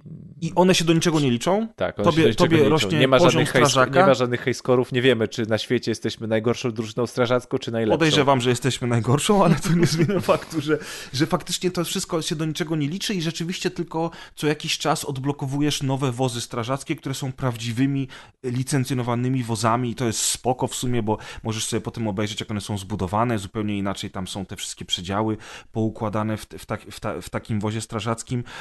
I faktycznie ta gra na początku jest duży fan, bo rzeczywiście uczymy się jej, zaczynamy Ja rozkminiać. nie wiem, czy wygraliście w próbujemy- jakieś inne gry strażackie, bo ja na przykład w żadne nie grałem, nawet takie z 100 góry. lat temu w Emergency, ale to była no, ale, strategia. Ale, no ale to strategia była właśnie. No, więc to też, no, jakby najfajniejsze jest to, że jesteś strażakiem, bo Ja nie grałem. byłeś strażakiem, ale potem jak już trochę Nie będziesz tym strażakiem, to to jest takie już mm, właśnie szybko się nudzi. Ale ten pierwszy grałeś, był fajny, Adek? no bo fajna, No gra o straży pożarnej może być fajna. Indyka ala Overcooked. A, okej, to się nie liczy, Adrian. Ale, nie, ale chciałem powiedzieć, wydaje mi się i na tyle, na ile mam wiedzę o, o tworzeniu symulatorów, to takie gry tworzy się trochę na zasadzie wypuszczasz coś i patrzysz, czy chwyci, i jak chwyci, to dopiero dodajesz resztę kontentu. I, I być może w przypadku tej gry tak będzie, że dopiero z czasem będą dodawane nowe rzeczy i, i faktycznie wtedy ta gra będzie bardziej rozbudowana, no bo ta gra wyszła w listopadzie. No to mamy 4-5 miesięcy. 2, 3. Tak, ale Kurwa. to nie jest early access. Matematyka, cyfry. Między Ale to 1 nie a jest 4. To nie jest early access. Ja wiem, że to nie jest early access. Okej, wersja. to okej, zgodzę się i to tym bardziej pasuje, bo early access dajesz jakąś tam gwarancję, że dodasz content, A tu nie da. a, a tutaj nie dajesz. No ale to Moim jest, zdaniem- czy, czy, ale to jest coś jak, jak z tymi farm y, symulatorami, że one zaczynały od jakichś takich troszeczkę wykpiwanych y, gierek, a Mhm. teraz urosły do prężnej gatunku prężnego, tak? Dokładnie Który, tak. Są mis- mistrzostwa świata, są czy coś takiego nawet. No, to... no i tak jak mówię, jak, jeśli jest ekipa, żeby sobie pobyć Wojtkiem Strażakiem y, w kilka osób i, i, i pograć w tą kooperację, to to są naprawdę... Można się te dwa, trzy wieczory przy tej grze, przy tej, tej grze pobawić. Ale jeśli miałbym y, tą grę zrecenzować albo jakimś cudem miałbym w nią grać nie do recenzji, tylko, ty, tylko ktoś by mnie do tego, do, tego, do tego bardzo mocno namówił, żebym zagrał w nią w singlu, no to nie wiem, czy bym 15 minut przetrwał ze sztuczną inteligencją w tej grze, mm, grając samemu jakby i nie mając tej zabawy, tego takiego całego teamu strażackiego. Tylko mówię, nie, nie jesteśmy targetami takich gier. Tak. Tak, Ja się ale mi się trochę- wydaje... Mhm, sorry, mów. Nie, bo jeszcze tylko chciałem na sekundę, bo jak się tutaj opowiadaliście, co, co byśmy chcieli od takich gier i w ogóle, to ja się troszeczkę rozmarzyłem i pomyślałem sobie, że gdybym ja miał robić, oczywiście ja się nie znam na robieniu gier, więc, ale gdybym miał robić tego typu symulator strażaka, to bym zaczął od robienia zajebistej fizyki, fizyki po prostu. Ognia, rea- reakcji, e, Dokładnie. Na, na, na rozmaite materiały Tak. e, i, i tak dalej. I zrobił coś, nie wiem, na zasadzie, no, Bo to nawet Tak- może być prosta grafika, taka, taka właśnie jak Overcooked, coś. Nie? Ale żebyś miał poczucie, ale żeby... ale żebyś miał poczucie, że faktycznie Walki gasisz pożar, a nie celujesz w znaczek, bo, bo, bo jeszcze Tak. tego nie powiedzieliśmy. No. Gaszenie pożaru opiera się na celowaniu swoją prądownicą w y, strumieniem wody w, w ikonkę. To nie jest w ogóle w żaden sposób, Bo- wiecie, bo- takie bo organiczne, jakby nie? Tam, gdzie jest ogień, to jak zaczynamy sikać, pojawiają się takie ikonki kółka z symbolem płomienia i trzeba w niej sikać. I Żeby w dobrej kolejności tła, zmniejszają, tła, zmniejszają i tła, znikają, dławić ten Więc nawet nie patrzysz Tak. się na ten ogień za bardzo, tylko szukasz tych ikonek i lejesz po nich i ta detekcja I to jest takie bezmyślne, taka, no. Taka Tak. raz działa, Plus, raz nie działa. plus do tego ognia możesz podejść na 20 centymetrów, póki w niego nie wejdziesz tak naprawdę. To No nie jest tak, że jak wejdziesz do płonącego garażu, ale na środku się nie pali, to nie jest tak, że jak wchodzisz, to nie wiem, zaczyna ci spadać życie, bo tam jest po prostu piekło, bo no, przy normalnym pożarze podejrzewam, że jak stoisz w centrum pożaru, No, będzie nawet w miejscu, się nie palisz, to ani nie ma tam tlenu, ani Dlatego nie ma... strażacy i nasze, nasi strażacy w grze również mieli butle z tlenem na plecach, a w ogóle tej mechaniki nie ma w grze. Możesz stać sobie w tym ogniu ile chcesz i tak długo jak kolega nie wiem. polewał, wiesz, po, będziecie Tak. polewał psikawką, to No nie, ten ogień nie jest przerażający nawet jak jesteś w centrum pożaru, o. na początku był. Dopóki nie skumaliśmy się tej mechaniki, to on Że nie jest, dopóki się był- skumaliśmy, że nie jest. Bo, bo faktycznie on nie, jest, on nie jest organiczny, to jest to, co wy mówicie, że tam brakuje tej fizyki, że ten, te elementy budynku się zapalają, jeżeli ty na przykład nie będziesz sikał tam, albo nie, nie wyłączysz prądu, to nawet jak trochę polejesz sobie wodą, za chwilę ten ogień znowu wybuchnie, ale to nie jest taki żywioł, gdzie ty czujesz, że naprawdę walczysz z żywiołem, tam w ogóle brakuje tego całego wietrzenia budynku, myślenia właśnie o tym, jakie otworzyć drzwi, czy właśnie powinniśmy lać tę wodę z zewnątrz i w ogóle nie wchodzić do środka. Ja w ogóle też zauważyłem, że bardzo często lanie z zewnątrz nie nie daje pożądanego efektu, więc musimy wszyscy wejść do budynku i gasić ten salon od środka, punkt za punktem, a przecież do jasnej cholery rzadko kiedy tak się No gasi Przede pożary. wszystkim brakuje nam trybu multi y, PvP, gdzie ktoś jest podpalaczem, ktoś jest byłby policjantem, który Adek. goni podpalacza, y, my sikamy tu w każdego sikawkami, jest zabawa. Ja wam powiem tak, to, to co wyście powiedzieli w trakcie grania, gdyby to była kamera FPP i gdyby fizyka i grafika były dokręcone i dodaliby do tego naprawdę O, FPP. elementy oskryptowane rodem, rodem z Call of Duty, to to by mógł być mega hit. Ale to by była mega gra, hit. gdyby to by była gra. A ja No sobie tak, jakoś ale dzisiaj... wiesz co, No, czy no. teraz to nie jest mega hit? Dobra, jak na tą skalę, to faktycznie Znaczy, masz mówię, rację, to jest hit. Nie jesteście kompletnie targetem takich gier. Sam nie i- takie targetem. gry tworzy się dla... Ty dla... mówił, graliśmy czego my trzy jesteśmy wieczory, targetem. kurna, no. No a ty ile grałeś w tę grę, Adek, cwaniaku? Ty nie Co? jesteś targetem. A ile symulatorów stworzyliście? O, A to, nie, to nie jest od tworzenia, tylko od grania. Tak, że No. zacznijmy od pierwszego symulatora, który stworzyliśmy. Przystojnego, elokwentnego młodego człowieka, to jest raz. To Ja jest symulacja A to rozumiem, że nie. Maciek. Ja, ja jeszcze Ja chciałem pamiętam. powiedzieć, jak już dzisiaj sobie tak marzę o różnych gatunkach gier i grach, to jak graliśmy właśnie z chłopakami, to ja sobie wymarzyłem, żeby ktoś wreszcie stworzył grę z otwartym światem, światem w stylu GTA, ale nie o gangsterach, ani o ostrzelaniu, chociaż Mm. dobra, tam by było strzelanie, tylko żeby O ktoś sprzedawaniu stworzył... w warzywniaku, nie? Nie, Że nie, oni nie. się strzelają, a ty Nie, sprzedajesz ale właśnie, ale właśnie te, ale właśnie te Nie. że zarządzasz właśnie tymi wszystkimi, którzy muszą jeździć, jak ty zabijesz jako gracz, e, wiesz, e, te... Nie, słuchaj, trzy- Kogoś na ulicy, to przyjeżdżają przecież policja, przyjeżdża karetka i tak dalej. Tak, trzy postaci niezależne, policjant, ratownik medyczny i strażak, splatająca się historia wydarzeń, które mogą prowadzić do jakiejś kryminalnej zagadki. Na przykład może być seryjny morderca, seryjny podpalacz, whatever.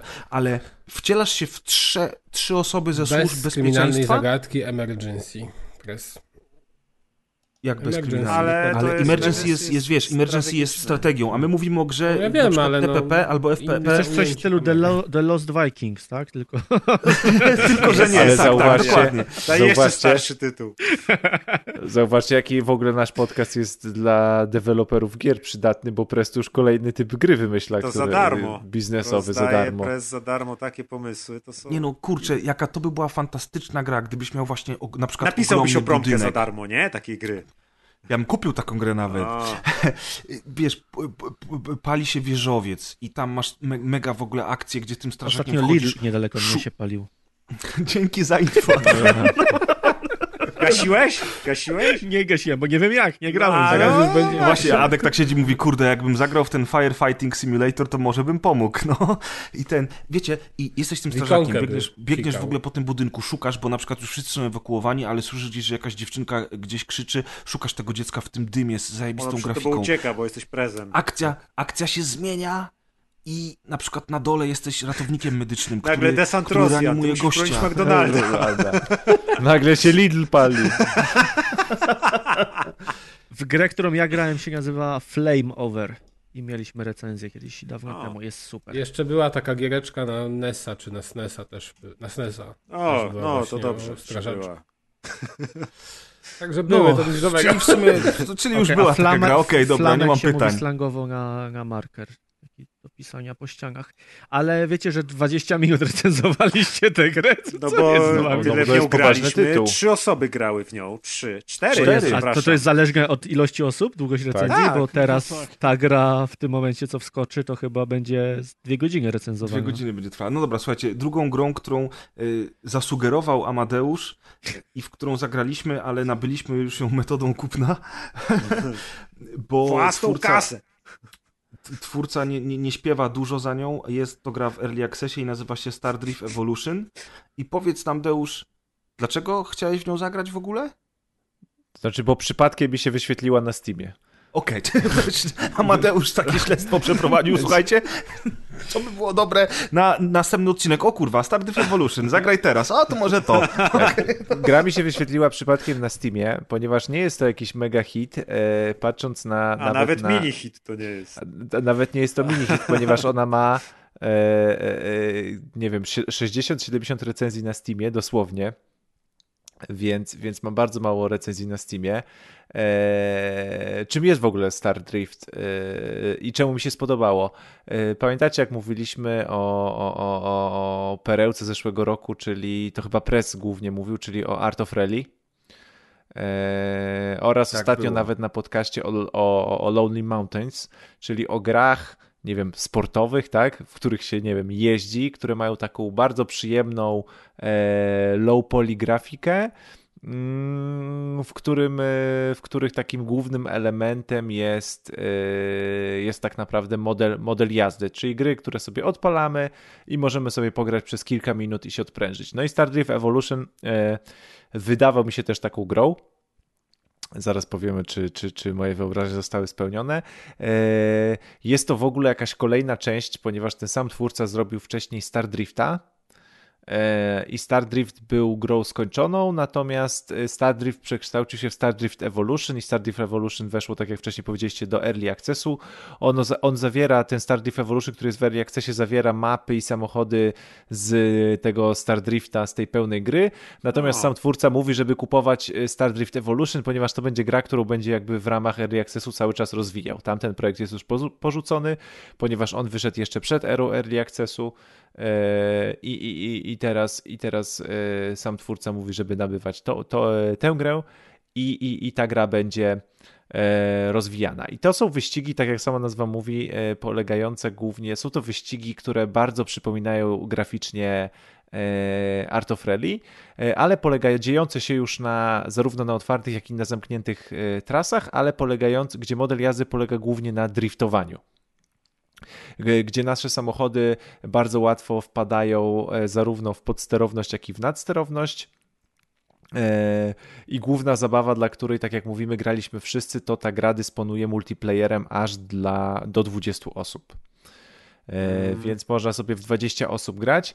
E, Myśmy oczywiście zasugerowali na naszej grupie e, rozgrywkowej na Facebooku, e, że, że, że możemy za, ze względu na to, że multi jest aż dla 20 osób, A to gra możemy droga zagrać, nie jest. A gra droga nie jest, bo kosztuje 32 zł zaledwie na Steamie. To zasugerowaliśmy graczom, że możemy sobie pograć z nimi. No i zebrała się całkiem spora liczba graczy na, na nasze pierwsze granie w Stardew Evolution. Nie pamiętam ile osób. Nie wiem, czy pamię- 11 osób to tyle, co ekipa na boisku futbolowym. Tak, 11 osób kupiło, kupiło, kupiło tę grę. W ogóle myślę, że w statystykach kupna tej gry twórca musiał się, musiał się nieźle śmialiśmy, zdziwić. że on po prostu stał się bogaczem w jeden wieczór, jak nagle tyle Tak, bo patrząc ile osób, ile jest sesji multi jednocześnie, a zwykle oprócz naszej była jeszcze jedna, tak naprawdę jakaś otwarta sesja multi w trakcie grania, no to, no to twórca gry się musiał mocno, e, mocno A zdziwić. wystawiliście recenzję na Steamie? Jeszcze nie. Jeszcze Jeszcze nie. To. I to Jeszcze będziemy w to grali Jeżeli regularnie. chcecie wspierać twórców, to wystawiajcie recenzje i oceniajcie gry.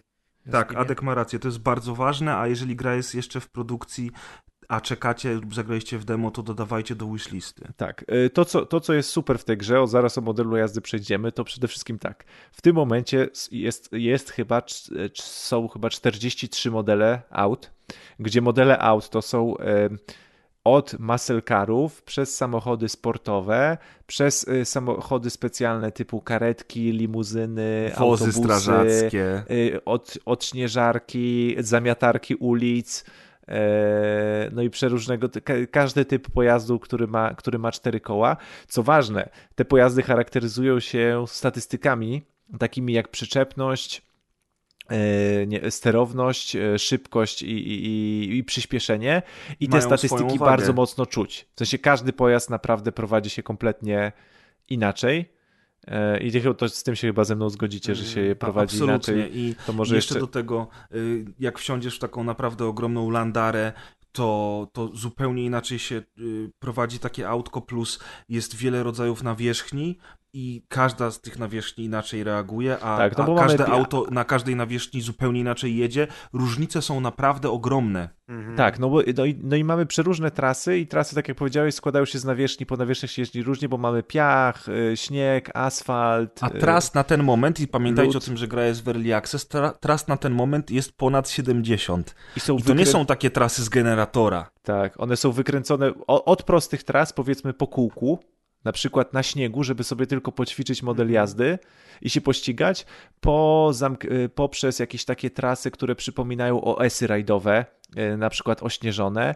Są E, nawet takie, takie wzorowane na prawdziwych trasach. Jest między innymi odcinek specjalny z rajdów w Polsce, jest odcinek specjalny z rajdów Tak, w Monako każdy jest bodajże. podpisany kraj i te kraje też wyglądają odpowiednio jakby klimatycznie. Tak, jest paleta barw, jest paleta Tak. barw, czyli zimowe Polska trasy jest są szara, takie jakbyście zimne i białe, wiedzieć. Polska jest szara, tak. Więc, więc, więc te trasy są bardzo klimatyczne i nawet mówię, mają tą paletę kolorów dobrane, ale są trasy, które się dzieją, że się ścigamy na przykład w dół, y, w dół kamieniołomu po okręgu oraz w, potem w górę kamieniołomu po takim ślimaku. I Czyli ba- w, często- w jednym wielkim zakręcie. Albo na przykład są trasy, gdzie się ścigamy jak, jak wyścigi typu hill climb, czyli Tak. się ścigamy cały czas pod górę po zakrętach 180 stopni. Albo są totalnie w ogóle wykręcone trasy, trochę jak z fantazy, które się dzieją, nie wiem, w jakimś takim czyśćcu, Kurczę, nie wiem jak to określić. Walhalli prawie, W że, Walhalli, co nie? tak, w Walhalli, Tak. Czyli, czyli ilość tych tras i to jak wyglądają, to jest, to, to te trasy są naprawdę, naprawdę pokręcone. Naprawdę, jeżeli to robi wszystko jeden koleś, to ilość pracy, którą on wsadził w zachowanie samochodów, w rodzaje nawierzchni i w każdą trasę, naprawdę jest imponująca. Przy czym Tak, też... bo, bo, bo każda nawierzchnia, trasa i samochód to jest zupełnie inny styl prowadzenia. No. I też y, są y, dwa różne widoki y, z kamer, nawet trzy, bo jest Nie, taki, jest... jest- jeden widok taki, gdzie trasa się nie zmienia, a ty tylko sterujesz samochodem, taki z góry, Tak. y, taki Tak. a la Micro Machines. Jest taki widok też z góry, ale TPP, że samochód cały czas jedzie jakby w, górę ekranu, po ludzku. Że kamera jest przy, przyczepiona do twojego auta Tak, po tak. prostu. Plus Tak. jest widok y, taki niski za samochodu, totalnie jak z jakichś starych, jak, Jak Sega Sega Rally. Cars. Dokładnie. I jest jeszcze też możliwość ustawienia nawet y, customowych kamer własnych, czy tych TPP, Tak, pod różnymi z góry, kątami. Gdzie można zoom, Tak, i w ogóle kąty te kamery są jeszcze lepsze niż były w Art of Rally. Już w Art of Rally kamery były bardzo fajne, ale niestety brakowało tej kamery nisko za samochodu, No. takiej właśnie Sega Rally trochę kamery, przeszkadzało. a tutaj jest. Poza tym ta, jest ta gra też bardzo jest fajne. y, bardziej arcade'owa niż Art of Rally mi się wydaje. Art of Rally jest trudniejsze, to jest taki Colin McRae bardziej, a tutaj jest jednak to bardziej arcade'owe, chociaż wciąż jednak właśnie ta waga, też to, że parametry naprawdę czuć, kiedy się weźmie auto z dużym przyspieszeniem, to czuć, że ono się rwie do przodu, pędzi i też zupełnie się inaczej nim driftuje, bo można wchodzić ciaśniej w zakręty i ono tak nie wypada, niż na ja przykład mam- ciężarówka, która się tam ledwo toczy. Tak, bo w ogóle. ja mam- Bo, mhm. Nie, no to proszę, bo ja chciałem tylko zapytać o sterowanie, ale to może później.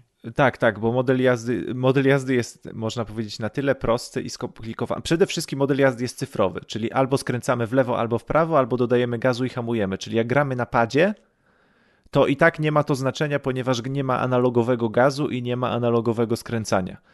Czyli e, w wielu przypadkach, wielu osobom, e, nawet e, które grały od, od nas z grupy, lepiej się grało na klawiaturze. Tak? Czyli w momencie, kiedy, kiedy rzeczywiście było to sterowanie cyfrowe, mi się również grało lepiej na klawiaturze, ponieważ jak chwytamy pad, to niestety odruchowo po latach grania w ścigałki, w gry wyścigowe, które mają sterowanie analogowe, to automatycznie ten, ten, ten palec wykonywał pulsacyjne, nie wiem, dodawanie gazu albo delikatne skręcanie, które w tej grze e, no nie ma, nie ma racji bytu, to jest raz. A po drugie, tak jak mówiłem, pojazdy są opisane różnymi statystykami i e, to, co y, ostatnio rozmawialiśmy, czyli między innymi dwie statystyki pojazdu. Jedna ze statystyk to jest downforce, czyli jakby siła docisku, a druga to jest grip. I e, sprawdziłem nawet, jak twórca e, rozdziela te dwie statystyki, to downforce jest statystyką docisk, to jest statystyką, która mówi o tym, jak e, downforce jakby zmienia naszą przyczepność w zależności od prędkości pojazdu, czyli w zależności od prędkości pojazdu mamy różną przyczepność, natomiast grip e, e, zmienia jakby naszą przyczepność w zależności od kąta wychylenia naszego pojazdu. Czyli tu mamy w ogóle statystyki, które nie dość, że się, jakby liczy się prędkość, liczy się kąt wychylenia i to, i to jakim pojazdem prowadzimy bo te pojazdy, e, ten sam pojazd na asfalcie wchodzi w zupełnie inny poślizg niż ten sam pojazd, który wjeżdża na lód. E, e, I to są dwa różne, różne typy poślizgów, no i gra zdecydowanie premiuje jeżdżenie poślizgami, tak? Jak, jak, mhm. jak, jak, jak jest, jest w tytule. Graliśmy, graliśmy z jakimś randomem, który nam się tam do party władował. Miał oczywiście level 100 razy wyższy niż my i gdy my wzięliśmy sobie do wyścigu jakieś rajdowe samochody, on wziął limuzynę, takiego strecza. Yy, czyli taką limuzynę, to taką bardzo długą. Wszyscy się z niego śmiali. Wszyscy się z niego śmialiśmy, a on tym streczem zaczął po prostu bokiem jeździć. Chyba w ogóle przodem nie jechał, tylko cały czas driftował bokiem, bo tutaj też tak jest, że ręczny y, hamulec bardzo szybko nas odwraca i można nawet sunąć prawym bokiem, ręcznym się szybko odwrócić na lewy bok i dalej sunąć. Więc tą grę tak naprawdę można od bidy całą przejechać w drifcie, jeśli ktoś potrafi. I on tak potrafił i właśnie wąskimi jakimiś tam w kamieniołomie ścieżkami po prostu bokiem nas wyprzedzał. Tak, bym powiedział, że nawet tak, że, że twój samochód jest bardziej sterowny w drifcie niż w takim normalnym skręcaniu. No bo... tak, przy czym też na przykład y, y, opłaca się w tej grze nie, nie gazować na maksa, tylko czuć też, że właśnie ja na początku jechałem na pałę kompletnie, nie puszczałem nogi z gazu, a się okazało, że kiedy się trochę przyhamuje, to zupełnie można wyczuć tą fizykę i szybciej ściąć zakręt czy coś, więc to jest, to jest niesamowite, że jak, jak dobry model jazdy jest w tak prost, prosto wyglądającej grze który jest idealnie tak. połączeniem y, arcade'owego, arcade'owej przystępności z jednak wszystkimi podstawowymi zasadami fizyki, jakie w świecie są trochę przegiętymi, tak, wiadomo tak, tak, jednak, ale... Taki, taka perełka, jeśli chodzi o model jazdy, wygrzebana gdzieś z, końców, z końca Steama trochę. Tak. Ostatecznie ta gra, mimo tego, że powiedzmy, że jest prosta, to jest jednak wymagająca i to jest fajne i trzeba się nieźle spinać, żeby wyścig wygrać. Jest problem tylko z kolizjami, kolizje no działają tak. paskudnie, mm. można je wyłączyć i wtedy samochody się ze sobą nie zderzają, ale wtedy nie mielibyśmy takich cudownych cytatów, jak chociażby pierwszy Polak w kosmosie, bo zdarzyło nam się, że po prostu ktoś momenty, kogoś wjechał tak. i samochód kap, kapol, kap, Katapultował się w powietrze Katapultował się w powietrze. To piękne, śmieszne i zabawne, zwłaszcza jak jest 11 samochodów na to, że ja bym chciał zagrać kiedyś w pełnym 20-osobowym wyścigu, bo mogą być no. niezłe jaja. Kiedy się gra samemu, to y, kolizje działają na naszą korzyść. To znaczy, jak my w kogoś wjeżdżamy, to bardziej jego odpycha i jak ktoś w nas wjeżdża, to nas bardzo delikatnie odpycha, więc jest jakby... Najgorzej jest, jak ktoś się resetuje ale, i spada na drugi ale samochód, gramy który właśnie multi, pod nim tak, przejeżdża. To, to jest masakra, bo po prostu... To są flipery trochę. No, nie da się nawet kogoś zepchnąć, bo to bardzo są... Widać, że to jest jednak nie, nie zaprogramowane. No aczkolwiek jeśli nie gramy o Mistrzostwo Świata, to też ma swój no tak. Ma to swój urok można oczywiście, też, ale można to wyłączyć. Tak, bo... W ogóle można ustawić, że wszyscy jadą tą samą klasą Właśnie, samochodu, no, trybów... znaczy tym samym dokładnie samochodem, albo że zbliżonymi klasami, albo że jest dowol, dowolna y, w ogóle Jest kolejka. nawet tryb drużynowy, gdzie gramy drużynami tak naprawdę, czyli tak, powiedzmy 20 zawodników jest podzielony na cztery drużyny po, po, po pięć osób i liczony jest Oczywiście sum, suma wszyscy startują naraz, miejsca. niektórzy z tak, pobocza tak, jak nie ma miejsca i się wszyscy rozpychają i... I najważniejsza zasada całej rozgrywki brzmi wolniej nie znaczy szybciej. Tego się już nauczyliśmy właśnie podczas grania. I ten fan niesamowity płynący z tego, że mogliśmy zagrać ze słuchaczami, e, ze sobą i z tej, z tej po prostu fajnej, prostej rozgrywki, która pozwala wpuścić masę ludzi na trasę i dobrze się bawić po prostu. No i kurczę, naprawdę 70 tras i 43 samochody w Early Access. Te samochody też są fajne, bo one kontentu. mają nazwy oczywiście zmyślone, ale od razu widać, czy to jest jest y, na, na czym był bazowany Mercedes, ten model. tak, czy tam tak. Nissan znany, to są klasyczne modele samochodów, które mimo, że są low poly, to każdy od razu pozna po linii, który to jest samochód. Tak, i mówię, są dwie rzeczy, żeby nie zapo- Przede wszystkim dużo osób wejdzie do multi, to jest raz, przede wszystkim, no tak jak mówisz, jest super duża gra, jest normalny tryb kariery, także to nie jest tak, że to się tylko gra w multi. Mhm. Normalnie sobie można wziąć karierę i się uczyć po kolei wyścigów od tych najbardziej prostych tras, bo kariera przebiega tak, że mamy najpierw zwykłe owale i dopiero po kolei, potem jakieś ósemki, dopiero na samym końcu mamy te najbardziej skomplikowane trasy, więc powoli tak samo w można... multi można też, przepraszam Deusz, sobie tak wybrać, że, że wybieramy tylko z pierwszych 15 tras, z pierwszych 30, tak, z tak, tak. Czyli w zależności od sposobu zaawansowania mm, graczy, graczy tak? Hmm. Więc, więc mówię, więc można sobie się uczyć, jak nie ma nikogo do multi w aktualnym czasie, to można spokojnie sobie w karierze po kolei się uczyć tego modelu jazdy i te, te, te, te, te poszczególne trasy jeździć. Tak jak mówię, gra kosztuje 32 zł. Yy, Muzyka i... jest fajowa. Muzyka I... jest jak z Amigi. Kojarzy mi się z grami z Amigi, bo jest taka, takie plumkanie, nie wiem ile tam bitowe, ale takie ni to MIDI, ni to coś. I Tam też może też jest synthwave'u, część... troszkę Amigi właśnie. Może ważnym też elementem jest, że jak mamy znajomych, że ta gra ma jakby niskie wymagania element, przez swoją grafikę, tak? Hmm. Czyli bez problemu nasz znajomy z laptopem może sobie z nami zagrać, bo nie potrzebuje pada, bo bez problemu można w to, może w to zagrać na klawiaturze. Ciekawostka, można też grać na klawiaturze, na kierownicy. No, też ma a nie, to sprawdzaliśmy w strażakach, że można też na kierownicę. A tak, a tu jest wiem. dopisane na stronie no, Steamowej, że, że testerzy Ale zgłosili... no to ciekawe w takim razie, skoro ona ma to takie cyfrowe sterowanie, nie? Że trzeba manualnie zmapować przyciski. To jest, to jest naprawdę bardzo miłe zaskoczenie, ten Star Drift Evolution, bo Dawno się tak dobrze nie bawiłem. Tak, no jakby ktoś chciał grze. zagrać, to chyba na pewno jeszcze będziemy grali ze słuchaczami. Na pewno będziemy grali, zapraszamy na grupę, na grupie możemy się umawiać na jakieś konkretne rzeczy. Ja mam też do słuchaczy prośbę, kochani. Po dwie dyszki jakbyście mogli rzucić. Żeby się trochę zwróciło mieszkanie, mieszkanie do wykończenia. Kuchnia została do zrobienia, słuchajcie.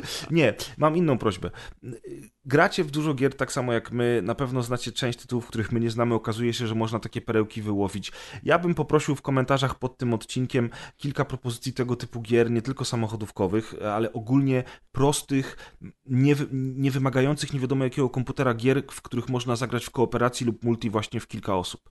Takie, takie właśnie ciekawostki jak to Star Drift Evolution, no to jest coś, co jest super, bo można usiąść do tego nawet na pół godziny, jak wszyscy mają tylko pół godziny, pograć dwie, trzy sesje, nie, skończyć. Nie trzeba mieć gamingowego, e, tego, gamingowego peceta, nie Przede wszystkim nie trzeba tak mieć dalej, nawet tak skilla, ponieważ nauczyliśmy się, że tak, po pierwsze, Deusz przyjeżdża zawsze na końcu, prawie, ale też y, czasami Deusz przyjeżdża pierwszy. Nikt nie rozumie, jakim bo ja nigdy, to się dzieje. Bo ja nigdy nie przyjeżdżam w środku stawki. Tak, Deusz ma też bardzo sobą psychikę, kiedy mu się siedzi na ogonie, to on, on jak nas wyprzedził, jechał pierwszy i my z prezem razem bijąc się o drugie i trzecie miejsce goni, to ja się go. ze stresu. To Deusz po prostu w panice mówił, weźcie mnie już, wyprzedźcie, już błagam. Tak. Jak Maciek mu siedział na dupie, to Deusz wtedy mówił, dobra Maciek, weź już mnie wyprzedź, bo ja już nie chcę, ja już nie chcę tego, dokładnie kończ już, tak. Nie, daj mi skończyć. Daj Starszy przestań, ustąpi. E, tak, no, prze, prześmieszne, ale najważniejsza w tej grze jest jednak ta mnogość tras i ich skomplikowanie plus te samochody, bo... Tak, i te trasy są w ogóle super pomyślane, są te zakręty. Tak, no. Tak. Bo one są bardzo przemyślane yy, jeśli chodzi o Z przyjemnością się przez nie przejeżdża, nie? Widać, tak, że tak, to tak. jest nie, nie Właśnie chciałem powiedzieć, że po screenshotach ja bym się nigdy nie spodziewał, że to będzie tak rozbudowana i tak przemyślana gra. A tutaj wszystko ze sobą przy czym, pasuje. Przy czym widać, że to jest jednak budżetowe podejście, bo na przykład cała grafika jest taka low poly bez tekstur, ale na przykład y, niektóre elementy, jak niektóre drzewa, krzaki, czy y, tak. na jednej trasie były te jakieś barany czy owce, były w pełnych teksturach fotorealistycznych, więc widać po prostu, że... kupiona jakaś paczka. Tak, że on kupił paczkę i że to jest nawet no, nie jest wszystko no, spójne no, tak, tak super. W menu gry jest link do Discorda i na Discordzie w ogóle twórca odpowie na każde pytanie i się pytał wszystko, więc to jest w ogóle taka gra, taki, tak jakby wasz sąsiad robił i byście mogli z nim pogadać, więc jak ktoś się super wkręci, to może też wejść na Discorda i zobaczyć, że zgłosić uwagę i w ogóle na pewno twórca odpowie na tą uwagę, także... No. Także widać, że chce wspierać ten projekt już e, pod, pod Jezu, sugestie Jak teraz graczy. mi się przypomina, jak mieliśmy ten zimowy wyścig i nagle wjechaliśmy na jezioro i taki mega długi, mega szeroki drift robiliśmy tylko wow! Tak, jak ujęcie, jak ujęcie z Bonda, Wszyscy jak nagle, tak, tak, tak. No, to jest... Jeszcze raz, jak się nazywa gra? Star, Star Drift, Drift Evolution. I będziemy się dalej umawiać, więc jeśli ktoś będzie chciał z nami zagrać, to na pewno jeszcze będziemy grali. Póki co gra roku. Tak Tak, póki co w sekcji multiplayer na pewno. Dobra, dzisiaj A na drugim miejscu strażacy. była pierwsza nowa generacja w konsoli, znaczy jest w redakcji. Konsola nowej generacji w redakcji. A teraz pierwsza gra z nowej generacji w redakcji. Sekcji na konsoli nowej generacji, pierwszej Tak jest. redakcji. I również nasz recenzent, pierwszy tego podcastu. Pierwszy w redakcji rozgrywki. drugi tego Z imienia. pierwszej generacji, pierwszej redakcji. pierwszej generacji. Trzeci od końca, jeżeli jest tylko trzech. Kas. Y, tak, to jest. Demedium. Obudziłem się. A faktycznie te samochodziki y, moim zdaniem wyglądają super i chętnie bym pograł. Szkoda, że nie ma na, na, na nowej Na generacji. twoim PC na pewno pójdzie. No, być może. e, no, ale ty Maciek też grałeś, tak? Na PC-cie. Yy, w Medium, No, czy... czy w, Mhm. w Medium. W Medium grałem na PC godzinę, od razu mówię, żeby nie było, więc recenzuję. A Tomek? Tomek też grał chyba. Tak. Tomek też się A, obudził właśnie. to, Tomek? Czy, Tomek czy rzuca tak głupie my, nie? obrazki na czacie. Nie, ja y, widziałem, czy... Y, Na jakim czacie? Nie ma, mnie, nie ma mnie na tym czacie, zaraz. Przepraszam, głupie obrazki są głupie. Generalnie tak, grałem, grałem kilka godzin, nie wiem, to chyba około czterech czy coś takiego, e, więc trochę więcej niż godzinę i grałem na, w Game Passie na Xboxie e, SX. Mhm, no dobrze, no właśnie. Piątka siadaj! Ale żeście go, żeście wspomogli. Kaza w recenzji, także Nikt nie skończył. teraz to tylko zam, zamknij, zamknij tą recenzję. Kaz, jesteśmy Tak, e, no, ale nie, generalnie to tak, powiem e, szczerze, że ja spodziewałem się, nie wiem dlaczego, nie czytałem o tej grze za dużo, Oho. ale wiedziałem, że powstaje. E, Z, pierwsze, co mi się, co pamiętam z takiego etapu, kiedy oni o tym zaczęli mówić, to właśnie Akira Yamaoka, czyli twórca z Silent Hill. E, dobrze mówię, nie? Z muzyki Silent Hilla między innymi. Tak. E, Też nawet jest ta, mm, jak ona się nazywa, McGlynn, Mary Elizabeth, nie pamiętam. Piosenkarka, która też często śpiewała właśnie w Silent Hillach. E, Podobno jest akurat na końcu w ostatniej piosence, jeszcze nie, nie miałem okazji skończyć gry, więc usłyszałem ją tylko na YouTubie. E, Natomiast e, spodziewałem się, e, że to będzie właśnie coś takiego ala Silent Hill. Spodziewałem się też, że będzie więcej Krakowa w tej grze. Nie wiem dlaczego, a tak mi się wydawało po ujęciach, że trochę tego miasta jednak uda nam się zwiedzić. I faktycznie ta gra się zaczyna w Krakowie. Ona zaczyna się w domu pogrzebowym. Nasza bohaterka jest, no właśnie, powiedzmy, że chwilę przed pogrzebem swojego opiekuna. E, I dostaje tajemniczy telefon, który jakby ją zaprasza do odwiedzenia ośrodka e, wypoczynkowego pod Krakowem, od dawna zamkniętego. No i my, naszym głównym zadaniem jest jakby zgłębić tajemnicę tego ośrodka. E, No i mówię, ja myślałem, że będzie trochę więcej Krakowa, no chyba, że jest później pod koniec gry, ale na razie tego nie doświadczyłem i A- widziałem też recenzję, nie widziałem za bardzo. Ale ten początek jest niezły, bo, bo, bo ten zakład Tak. pogrzebowy jest przy Placu Matejki. Plac Matejki to jest y, praktycznie ścisłe centrum Krakowa, dosłownie na trasie między kampusem całym Politechniki Krakowskiej, a rynkiem głównym.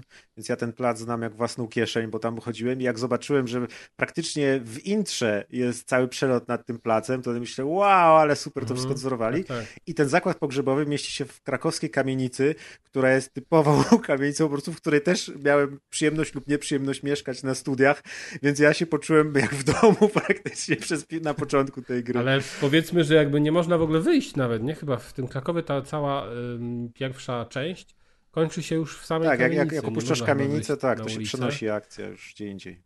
Y, Tak, ale w ogóle samo sam wygląd tego, tych, tych pierwszych lokacji jest super, bo rzeczywiście przypomina nam nasze czasy, y, lata 90. i wygląd tych y, budynków, wygląd na przykład meblościanek y, Tak. w pokojach.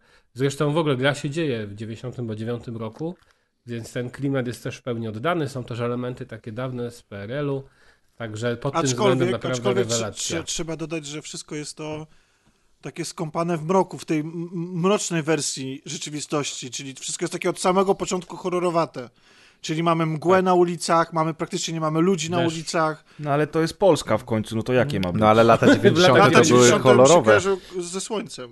No to wam się źle kojarzą. Odpalcie sobie teledysk Kazika, coście Nie, skurwysyny wystarczy- uczynili z tą to nie krainą i zobaczcie jak wyglądali ludzie w latach 90., a potem No. To sobie jest jednak powiedzcie, no. Spójrzcie No, na natomiast faktycznie, ja grałem, Nie, ja no, grałem sam początek. automatycznie ma Ale to nie ma jest ponurą atmosferę. Tak, tak, to, to wiem, nie jest nie zarzut, zarzut, tylko, tak, tylko ja chodzi No o to, tak, żeby, to nie te lata 90. tu żeby sobie od razu wyobrazić, że to wszystko jest jakby wykorzystane po to, żeby stworzyć tą taką mroczną, tajemniczą atmosferę od samego początku. Tak. Czy ja gra, grałem sam początek, zanim się zorientowałem, jak archaiczna i nudna jest to gra i od, ją wyłączyłem, ale Nie, ona nie jest nudna.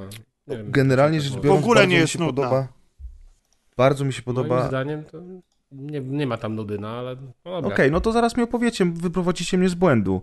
Mm, Natomiast y, mi się bardzo podoba ta praca, którą oni włożyli, to jak wygląda ta kamienica, to podwórko Wizualnie całe, zresztą na jest... PC ta grafika Tak. świetnie wygląda. Na Xboxie Series X też to wygląda bardzo dobrze. Gorzej z y, wydajnością tej gry. No trochę szkoda, że pierwszy X, który jest stricte na nową generację i niestety chodzi tak Mhm. jak chodzi. A on chodzi, E- znaczy słabo chodzi cały czas? Bo, No tyle, ile ja Nie, grałem tam ale- godzinę czy dwie.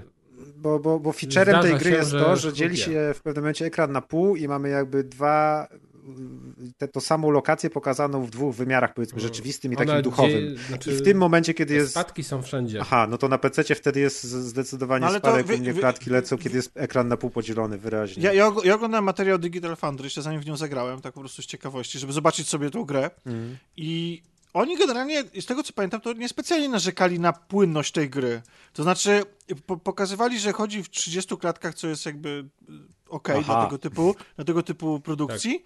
Natomiast zwrócili uwagę, nie wiem jak to jest teraz, bo może były jakieś patche, może cokolwiek, ale zwrócili uwagę, że występuje jakiś błąd związany z, jakby z zamienieniem kolejności klatek, co, więc to powoduje takie dziwne jakby rywanie. Aha. I to Tak, takie szarpanie, I- to może tak. o to chodzi właśnie. i to, no. I to nie jest kwestia płynności, że nie, wydaje, nie wydala system, tylko jest coś nie halo z samym, nie wiem, silnikiem czy cokolwiek. Generalnie polecam tym, którzy są zainteresowani materiał em, na Digital Foundry, ale że to jest do naprawienia i że to wcale nie dotyczy tej gry, jakby ona była jakaś w jakiśkolwiek sposób wyjątkowa. Mhm. Że, że, jest, że jest wiele gier, które ten problem y, dotyka. A też wyda Może, wydaje ale... mi się, to może być słabe usprawiedliwienie, ale to chyba nie jest gra, w której jest wymagana zręczność. Tam chyba nie ma jakichś sekwencji takich. Nie, nie ma, nie ma. Ale, ogóle, ale to więc- No ty prez grałeś 3 są minuty, to... troszeczkę. Nie, no Znaczy ja się grałem, Kaza dwie, ja grałem dwie godziny. Znaczy, nie, no natomiast- są takie elementy, na przykład ucieczki przed bossem, powiedzmy bossem. No i w tym momencie ty też musisz no, odpowiednio reagować, no ale nie Ale no, to one- ale Dajcie mi się jeszcze przyczepić. One Dajcie trwają, jeszcze one trwają ze i się 30 zamykam. sekund. Ja wiem, dlaczego może, wam Tak, się, tak, tak. dlaczego może wam się wydawać, że ta gra nie chodzi zbyt dobrze, ponieważ Ponieważ nie chodzi zbyt dobrze. Nie, ponieważ, no. ponieważ Ona jest je- je- powolna. taka, je- jeżeli jest bardzo powolna, postaci. ale też animacje nie są może tak dobre, jakbyśmy sobie tego życzyli. No właśnie chciałem powiedzieć, że No, przy tym jak wyglądają wyglądają tła, to po, postacie, animacja postaci i mimika twarzy to jest jakieś Tak. nieporozumienie. Mimika, nawet Mhm. dopasowanie do tego, co mówią. Jest ogromny dysonans. Jest Jakby to było z dwóch gier wycięte tak, no. różnych. Zwłaszcza Tak, jak, to się, jest- jak to ja się przysiadłem po z Cyberpunka, jak się przysiadłem. No, Oj to tak, tak, ja miałem dokładnie to samo, bo to akurat faktycznie był ten moment, że z Cyberpunka przyszedłem się na to i jak ja zobaczyłem tą, tą, tą mimikę twarzy, no to byłem, byłem nieco ja nawet smutny. z tego Fallen Order spojrzałem, to zupełnie jest zdecydowanie lepiej, a gra jest starsza Tak. o dwa lata. No. Bo jakby, No, ale, jeżeli ale chodzi, to, jeżeli... ale to Fallen Order? Czy, a, bo ty jesteś, dobra, jesteś w tej pierwszej, dobra. Nie, bo chodzi o to, Jezus, czekaj, aż Czubakę zobaczysz. Tylko że, tylko, że Fallen Order jest grą studia AAA z wielkim budżetem wydawcy tak. i przede wszystkim na licencji Electronic Arts. Na samym początku trzeba sobie powiedzieć, że gry Blob Blobera to są gry, nie wiem, AA plus ewentualnie, to są dużo mniejsze gry robione przez zespół 50 osób i one są, to ich w ogóle nie można w żaden sposób porównywać do tych, wiecie, wysokobudżetowych No tak. tytułów. No. Nie, no ale Tak, wiesz, ale ale i tak jest niesamowite, jak wygląda otoczenie wygląda. Tła, tak, Tak, i okej, dysonans jest tła wyglądają duży pięknie, między ale jak oni, jak tym- oni reklamują to jako EXA, który jest tylko na XS, który ma łatkę do XS i który jest grą na nową generację, a potem widzisz tą mimikę i te animacje, to jednak to, to nie jest Dobra, wytłumaczenie, ale- że to nie jest gra od Electronic Arts, prawda? Chociaż z drugiej No strony, dobrze, jak ja czasami ale no popatrzę na gry, które mają problem, łatkę no XS, tego? To ja się zastanawiam w ogóle po co im taka łatka, bo one wyglądają jak ze SNESa. Ale zobacz, jaki kas ma podejście fajne. No i co z tego? Nie, no No oczywiście, no No, ja się, dobra, ja no bo jakby to jest y, problem, jest to i faktycznie zauważalne i rzeczywiście nie można powiedzieć, że to jest gra, która y, nie wiem, wyznacza nowe trendy, jeżeli chodzi o grafikę w tej generacji, która nastała. Y, Są, jest to gra zawieszona jakby między generacjami pewnie. Jeżeli chodzi o wygląd lokacji, one są często, nie zawsze, ale wyglądają bardzo dobrze. Mm. Natomiast jeżeli chodzi o wygląd postaci, no to wyglądają no przeciętnie słabo, no. powiedzmy w tych No kategoriach. bardziej, bardziej nawet mnie bardziej ten kontrast boli niż sam fakt, że to jest słabo wykonane, bo gdyby Tak, otoczenie było słabsze, to okej, między- bo ten, a tu to się wybija, bo otoczenie jest naprawdę według mnie No rewelacyjnie mówimy, że to nie jest, wiesz, to nie jest duże studio, ale tak, ale otoczenie jest znakomite i w ogóle sam e, nawet nie chodzi mi o grafikę, chociaż też ona jest super, ale chodzi mi też o jakby design tych, Mhm. szczególnie tych momentów. Bo ta gra jest mrocznych, ciemna, brudna, te lokacje są zniszczone, to jest wszystko takie właśnie trochę przesiąknięte tym Silent Hillowym takim decayem, zepsuciem. To jest też przesiąknięte niestety Polską, poperelowskimi zakładami pracy, które, stały, Znaczy, które w latach 90. zostały w jakiś sposób, e, wiecie, zapomniane, zniszczone albo sprzedane No. za bezcen i one po prostu niszcz, Są niszcza, ruinami e, e, takimi, Tak, tak. są ruinami i, i, i, i ja widziałem takie zakłady. Ja mieszkam, jakby pochodzę z miasta, w którym było dużo zakładów pracy, które po prostu miały różny los ich, ich spotkał. I wiele jest takich miejsc, które po prostu tak wyglądały. No może nie w 99 roku, może w 2005, ale wiemy też, że to miejsce, do którego trafiamy, tam się wydarzyła jakaś tragedia, więc ten postępujące zniszczenie ma, jest jakoś bardziej umotywowane. Mhm. No i też minęło ileś lat od tego zniszczenia, nie? Bo to chyba 70 lata są. A, no to już w ogóle, tak, to tak. jest Koniec tak, 60. porośnięte. Tak. E, tak, ale w ogóle, w ogóle pierwsza lokacja jest super. y, Znaczy zaraz pierwsza lokacja po wyjściu z miasta, czyli to jak trafiamy, jakby idziemy tą leśną ścieżką i tam naprawdę moim zdaniem sam, samo otoczenie wygląda bardzo dobrze. No. Jest dużo detali, przynajmniej na tym Xboxie i e, nie ma się do czego przyczepić. I teraz właśnie, co to jest za gra? Bo to jest gra, w której sterujemy postacią mm, e, jest, nie wiem, to nie jest nawet rzut e, TPP, to jest coś na kształt dawnych rezydentów, gdzie mamy zawieszoną sztywno kamerę i poruszamy postacią e, przy Znaczy, ta kamera też gałki. podąża za tą postacią. To właśnie jest bardzo takie Tak, Silent ona- że ona czasami masz taka- trzeciej osoby, czasem z boku Tak, obserwujesz tak, akcję, tak. czasem gdzieś z góry jest ujęcie i chodzisz. Takie Ale generalnie ty nie masz trochę. wpływu na to i to jest Tak, też, to kamerą. wygląda bardzo dobrze. Jak pamiętacie, y, na przykład właśnie Rezydenty często słynęły z tego, że miały świetną grafikę, bo twórcy mogli właśnie no, pokombinować trochę dzięki tym rzutom kamery, chociażby jeżeli chodzi o y, tam grafikę tła. E, I tutaj to wszystko też wygląda dobrze, ale są też z tego powodu problemy. No, często właśnie nie widzimy tego, co nas czeka po przejściu gdzieś w dany róg pokoju. Czasami nie wiadomo, czy możemy gdzieś wejść, czy nie, bo idę w głąb ekranu i się okazuje nagle, że jest jakby e, ściana e, niewidoczna, e, albo po prostu na prawdziwą ścianę gdzieś tam się trafi. Ale to też jest element ta- narracji, bo w ten sposób buduje się No napięcie. właśnie, w taki sposób. tak samo taka, Tak, taki tak, rodzaj oczywiście. kamery Mhm. zupełnie zmienia takie reżyserskie, reżyserskie podejście do gry, bo jest mnóstwo ujęć, w których ta kamera płynie niesamowicie, kiedy na przykład jest, postać wchodzi po schodach i jest takie ujęcie z dołu właśnie na ten cały ośrodek opuszczony. To jest takie mega frontalne, masywne, monumentalne ujęcie i takie to jest właśnie, to jest coś, czego ja ja, od dawna w grach właśnie. nie widziałem, bo kojarzy mi się to właśnie Mhm. z czasami PS2 i tych wszystkich, odkąd Dokładnie. powstały rezydenty i się rozwinęły i ta cała seria podobnych, podobnie wyglądających gier na, na PS2 wybuchła wtedy. Właśnie głównie survival horrorów można powiedzieć Mhm. nawet. Tak, Tak. w sumie E, tak. Ja myśl- ja myślałem, że w ogóle- nie jest survival. Ja, ja, ja, przepraszam, ale że się tak wpierdalam, ale e, generalnie e, ja myślałem, że czegoś takiego mi brak, nie brakuje, że w ogóle nie tęsknię za takimi rzeczami, ale jak odpaliłem tą grę, to właśnie to, to, te ustawione kadry No. totalnie mnie kupiły, zwłaszcza, że moim zdaniem, bo dużo ludzi narzeka na sterowanie, a moim zdaniem sterowanie jest, do, jest super do tych kadr, bo, bo chyba ktoś nie grał po prostu w stare rezydenty, bo jak się, bo dla mnie, Nie, nie, przede wszystkim, postacią jest naprawdę okej. tak, Nie i, Znaczy, i też jakby dużo, dużo zaletą Okej, też... to było 30 lat temu, panowie. No Mówmy nie, się, ale nie, że 30 lat temu to było no- sterowanie czołgiem, jest wiesz, to trochę- było... To jest trochę tak, jak po prostu wiesz, dobre. Chodzi o to, że Ja na rozumiem kiedy zmienia się zamysł. nagle kadr, to ta postać nie skręca gdzieś indziej, tylko dalej idzie dobrą Tak. ścieżką coś. To są takie rzeczy. tak, no. No tak, no trudno, żeby to jeszcze było tak skopane jak oczywista 30 w lat temu. Nie, ale to Nie, no nie jest to ale natomiast y, y, nie jest to skopane, ale ja na przykład miałem cały czas problem, jak y, mamy przycisk akcji, który określa, że coś chwytamy, czy co, coś, nie wiem, wykonujemy, no to on jest w tym normalnym świecie przypisany pod Oj, nie wiem, jak zawsze zapominam to oznaczenie na Xboxie, ale przypisany pod jakby kwadrat na padzie od PlayStation, co tam jest X? Tak. Chyba X. I X to mi tak lewej, tak? Ja ciągle, ciągle miałem tam e, problem z tym, bo wciskałem na przykład ten przycisk A na Xboxie, czyli ten dolny. Mhm. E, I no, kompletnie tak by to było dziwne, ale okazało się, że to jest też e, specjalnie tak zrobione. dlatego że gra jest podzielona jakby na dwie, dwa elementy, na świat rzeczywisty i na świat taki duchów, jak to powiedzieć, taki Inny piekiełko. wymiar taki jakby. Inny tego wymiar, samego tak, miejsca, nasza postać, tak, nasza postać potrafi się przenosić między tymi wymiarami, co ciekawe to nawet nie jest przenoszenie, tylko to jest ym, Istnienie jednoczesne w obu tak, ich. Tak. tak, tak, tak. Że ona jest. I często wtedy jest podzielony ekran. Co ciekawe, ten ekran nie jest czasami podzielony w ten sposób, że jest jeden do jeden, tylko na przykład ten świat duchowy zajmuje dwie trzecie ekranu, a jedną trzecią ten zwykły świat. Widzimy te postacie, one się jednocześnie poruszają w tym samym momencie. E, No i wykonują różne czynności. Na przykład w świecie duchów jest jakaś, e, jak jest, powiedzmy, jest jakieś przejście w inny rejon. W świecie rzeczywistym jest, e, tam, są tam drzwi. No więc otwieramy powiedzmy drzwi w świecie rzeczywistym i dopiero możemy przejść. Tu nie ma tej sytuacji, że poruszamy postacią i nasza postać jedna, wiecie, utknie na ścianie, ta w świecie rzeczywistym, a ta w świecie duchowym gdzieś tam będzie biegać dalej.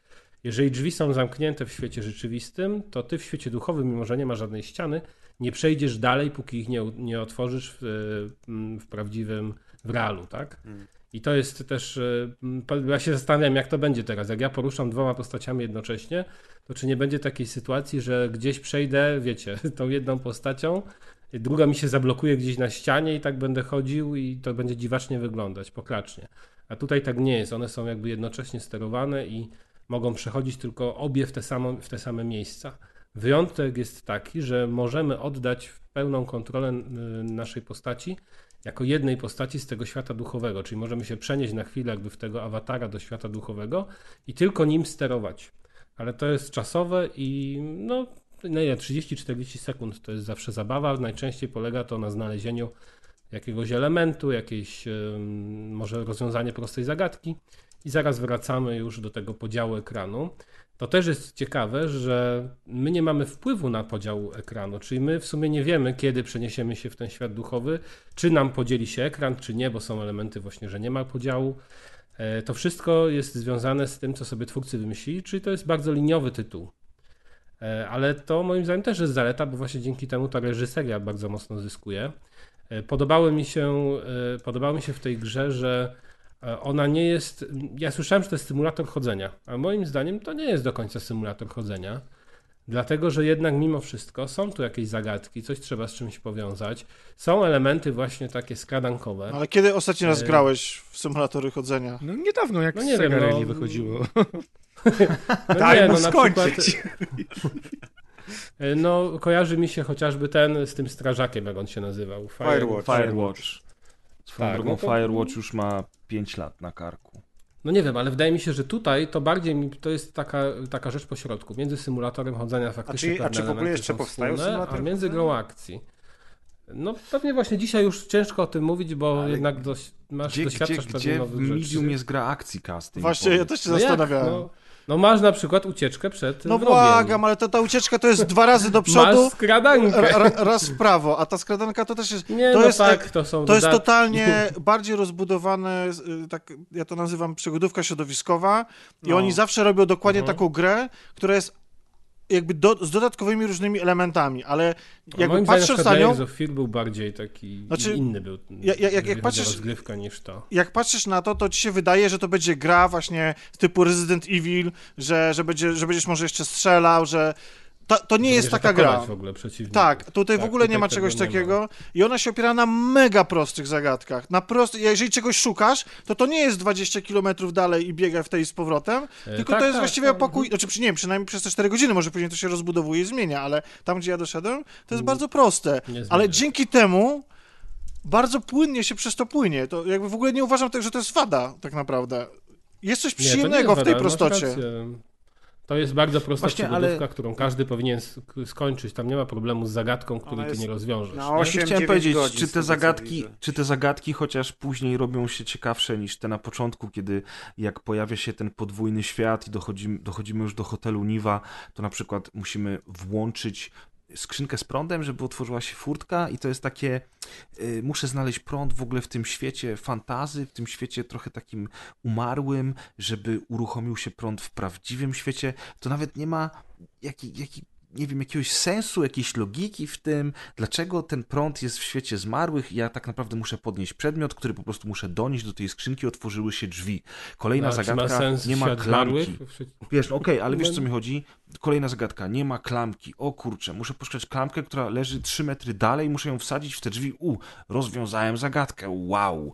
To, czy No to, dalej się no jakoś ale to, rozkręca no ale w ogóle, jakby, czy... jakby, to tak samo w rezydencie. O, jest, y, jest totalnie absurdalna y, zamknięcie jakiegoś archiwum za, za to, posągiem, który wymaga trzech emblematów w ogóle, bo to jest oczywiście mega praktyczna rzecz, żeby tak właśnie Nie, robić. oczywiście, ale te emblematy będziesz szukał na dwóch piętrach. y, No tak, ale to- ale to nie jest policji, A nie, skomplikow- nie będą leżały 3 metry obok. Ale to nie jest skomplikowanie tej zagadki, tylko fakt, że musisz poleść w 10 y, miejsc i, i stracić 3 godziny czasu.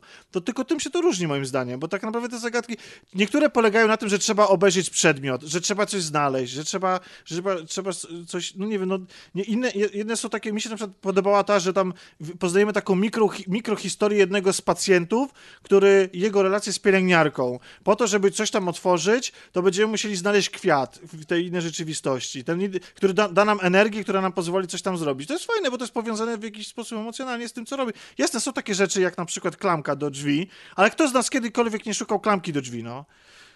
Grze przynajmniej. Okej. Ale aczkolwiek to, żeby e, nie było, bo to nie jest też, że to jest coś wybitnego, tylko po prostu mm, to nie jest takie złe, jak się wydaje, kiedy ty o tym mówisz.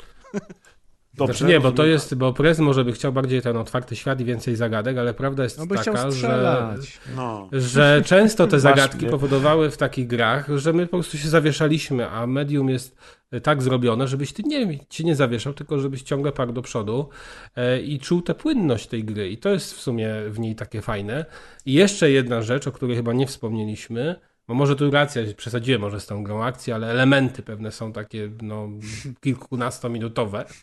Natomiast ta gra nie jest oparta w dużej mierze na jumpscarach.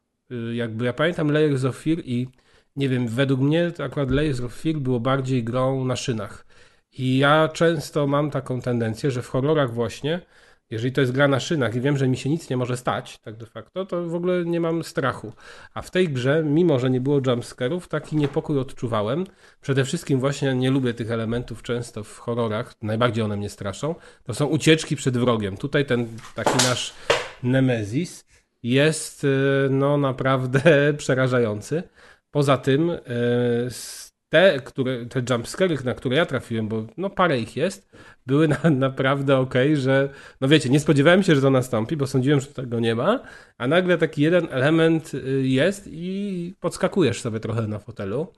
y, Co jest zupełnie inne niż w grze, w której jest tego pełno, bo ty zawsze się spodziewasz, że za każdym rogiem coś cię może czekać, a tutaj oni fajnie te tendencje wyważyli i moim zdaniem pod względem gameplayowym, y, pod względem takiego napięcia, ta gra jest naprawdę dobra.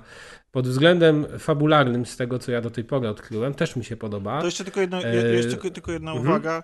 Gameplayowym za wyjątkiem tego skradania. To jest taki koszmar, że się w pale nie mieści. No Skradanie ale w tej teraz powiedziałeś kom... skradanie. No jest, jest krótkie. Znaczy, ono bo, jest- Bo, bo, bo trwa dwie minuty, trzy minuty, Oni coś mają ale- z tym skradaniem w tych grach, tak samo w Ale Observerze po- było. Ale po prostu jest tak Znaczy, koślawe, tym tak, tak Ale w durne. tym skradaniu to wiesz co przeszkadza chyba najbardziej właśnie ta kamera. Bo często nie jesteś w stanie ocenić, y, ja tak miałem, czy dany, czy ta osoba druga mnie widzi, czy nie, czy ja się za tym ukrywam, czy nie, bo w sumie ujęcie kamery, ta perspektywa nie dawała mi jasności. E, I to, to chyba tak psuje A nie wiem- wrażenie. Rzeczywiście mogłoby tego nie być. Nie wiem, czy y, jak daleko jesteś, Kas, bo nie pamiętam, czy mówiłeś, il- ile grałeś, ale y, na przykład Ja trafiłem może na... tak z cztery godzinki A, grałem. a miałeś zagadkę z zegarem Tak, i ukrytym Miałem. pokojem? tak. I ona jest świetna w ogóle, mam nadzieję, że więcej takich rzeczy jest w tej grze, bo ona na przykład, to, to, to ona jest bardzo prosta do operowanie roz... czasem, tak? O Tak. tym mówisz. I ona jest bardzo prosta Mhm. do rozwiązania, ale fakt, jak to zostało zrobione i że musisz się przełączać między tymi dwoma światami, operować jednocześnie zegarem i szukać jakiegoś tam ukrytego przejścia, a potem masz jeszcze zagadkę z wywoł- wywoływaniem zdjęć. No fajne to jest, bardzo... Ba... Ale w ogóle to jest też super, że masz tego typu y, zagadkę, ale nie masz w sumie żadnych podpowiedzi. I to jest tak skonstruowana zagadka, że ona tak naprawdę jest prosta, y, ale też daje satysfakcję, bo jest czymś innym. Tak, Ja bo ci nie mówił, a teraz tutaj X, a teraz zrobić. idź tam, tak, tak, tak. Tak, dokładnie, tak. I to jest też y, no, y, fajny kompromis taki między taką poważniejszą przygodówką, a tak, takim właśnie no, symulatorem powiedzmy chodzenia. E, I to też mi się podobało. E, Także ja pod takimi względami gameplayowymi mm, nie mam tej grze dużo do zarzucenia, ale e, tym, co chyba najbardziej kupiło wszystkich graczy, jest e, ta warstwa wizualna tego drugiego świata. Tego O, świata właśnie. duchowego. Porozmawiajmy To o słoniu w tym pokoju. Wow! Słoniu? No właśnie o to chodzi, bo tylko dla Preza to nie było oczywiste, że oni wprost mówili, że się będą y, jakby wzorować, a, a tak. Prez mówi, że oni ukradli. Wzorować, nie, Złodzieje! ja nie powiedziałem, że oni ukradli, wzorować się na twórczości Beksińskiego, a kopiować jego twórczość to są zupełnie dwie inne rzeczy. A Ale co, grze namalowali obraz? od samego początku to są po prostu prawie, że kopie ich obrazów. Tak, ale, Ale przeniesione hotel, na grę, to no jak to wygląda masz- hotel. Już masz coś innego, no. No ale Monalizę No też przenoszą często do gier. i Ja po prostu, tak, tylko że widzisz, ja po prostu widzę tutaj trochę nie inspirowanie się, a kopiowanie całych wzorów z od obrazów Beksińskiego. I chciałbym się z tego cieszyć, ale mam wrażenie, że twórcy trochę poszli na łatwiznę. I jak Ale widzę na Beksiński przykład sam się hotel, podzielił swoimi pracami z muzeum. Ale nie miał nic mistrzu, przeciwko, żeby te jego prace mistrzu, były jakby powszechnie dostępne. I ja nie widzę tutaj ale, żadnego to, ale, problemu. ale w ogóle o Jest. czym my mówimy teraz, stary? Powszechnie dostępne prace w muzeum jego, a wykorzystanie jego No własności dobrze, intelektualnej w celach zarobkowych dla siebie, gdzie to jest po prostu Ale naprawdę bardzo często. inne medium, no to nie do końca Ale to, jest, rozumiem. to właśnie to jest. No, Gdzie tu jest że ja nie kradzież? widziałem, jest ja, jakby- ja nie widziałem nigdzie, żeby gra, ta gra informowała mnie o tym, że w, wykorzystano w niej pracę y, Zdzisława Beksińskiego. Ani żeby świat wzorowany był na pracach Zdzisława Beksińskiego. I gdyby to były naprawdę inspiracje, tak samo jak można się inspirować Geigerem albo, nie wiem, Siódmakiem, to byłoby inaczej. A tutaj po prostu ja czuję bardzo duże lenistwo, czy twórców, jakieś pójście na skróty, gdzie ja uwielbiam ich poprzednie gry, uwielbiam ich e, art design, bardzo, bardzo lubię Observera, szanuję Layers of Fear, które było dla mnie trochę zbyt straszne, a tymczasem w The Medium ja mam wrażenie, że troszeczkę jednak ktoś poszedł na łatwiznę. W tym aspekcie oczywiście. Nie, no wydaje mi się, że to Możesz jest mieć takie za, wrażenie, za grube porównanie. Znaczy nie, wszedłem Ja sobie też, na ale- stronę, stronę gry i pierwsze co, to jest album Graphics The Medium, jest dopisane, że inspirowany obrazami Zdzisława Beksińskiego. No dobrze. W każdym wiesz, razie to- pres. Cie, ciężko mi powiedzieć o, o kradzieży, gdzie, gdzie jest faktycznie zupełnie inne medium i, i nie bardzo wiem, jak ta kradzież miałaby wyglądać, że, że, Ja, że co ja oni nie mówię zrobili. o kradzieży, Adrian. Ja mówię o pewnym pójściu na łatwiznę, o pewnym po prostu przeniesieniu tych obrazów. E, Wiesz, tam. co oni zrobili, a powiedz mi, gdyby to, był, gdyby to było na przykład Picasso i nagle ten świat wyglądałby dokładnie tak jak obrazy Picasso, to też byś powiedział, nie wiem, co Ale oni co zrobili. to znaczy dokładnie no, jak? tak, No. No Tu- tu nie ma znaczenia, że jest bo to że go trochę- nienawidzę nie, nie, teraz, nie, bo- odbieram. Bo gdyby ktoś wziął teraz, bo gdyby teraz ktoś wziął muzykę Wangelisa, y, I napisał nagrał książkę. jeszcze raz, nie, nagrał ją jeszcze raz, tą muzykę Wangelisa i odrobinę przerobił te motywy, ale wrzucił ją do, do swojej gry i No to powiedział, zobacz, to jest to nasz się na- to się no. nazywa remix. Heavy metalu. No. No, To nie, się ale nazywa zobacz, co to remix. jest, ale No zobacz, nie, to się nie nazywa teraz w remix, nowoczesnym no. heavy metalu. No, no, to jest kopiowanie wzorców dawnych i to ewidentnie słychać Nowoczesny heavy nuty, metal. które, No, grubo. Naprawdę. które się są Interesuje to ciebie i jeszcze jedną 80.. osobę na świecie. E, Które się smaruje oliwką teraz. Jest coś, o czym Prez mówi. I nikt nie ma żadnych zarzutów, że ktoś coś, nie wiem, że... No rob- to jest nowoczesny heavy metal. Tam nikt nie ma o nic Daj mu zarzutów. skończyć. Ja, ja już skończyłem, po prostu według mnie, no to powiedzmy, że niech tak będzie. Może ty masz takie podejście, może inni mają podejście inne, ale abstrahując już od tego podejścia, jesteś pewnie w stanie przyznać, że wygląda to świetnie. Po prostu. Że te grafiki, nawet jeżeli twoim zdaniem to jest przekopiowany Beksiński złodzieje, to wyglądają one, te grafiki Nie Beksińskiego w powiedziałem ani grze. razu, że złodzieje. Na pewno Nie nie. ani nie, razu to ja bym nie był pewny. Ja ci wkładałem w usta wtedy, no. Daj mi skończyć. Nie tylko to. Wygląda to po prostu kapitalnie i ten klimat w tej grze i w ogóle samo to nawet prez, że oni mówią o tym, że to jest inspirowane. Kto ma kraść. Beksińskiego jak nie Polacy? I reklamują. najlepsi złodzieje jacy mogli być. No. Jak to by nam ukradli Reklamują tym samym pracę tego autora, to jest dla mnie super i, i moim zdaniem wygląda to przekozacko. Bardzo mi się podoba ta warstwa wizualna tej gry właśnie w tym drugim świecie. Moim zdaniem to jest rewelacja. Nie wiem, jak tutaj Tomek i Ma Maciek do tego A podchodzą. na jakiej licencji są Super. obrazy Beksińskiego? Na srakiej. Fundacji Zależy- Beksińskiego.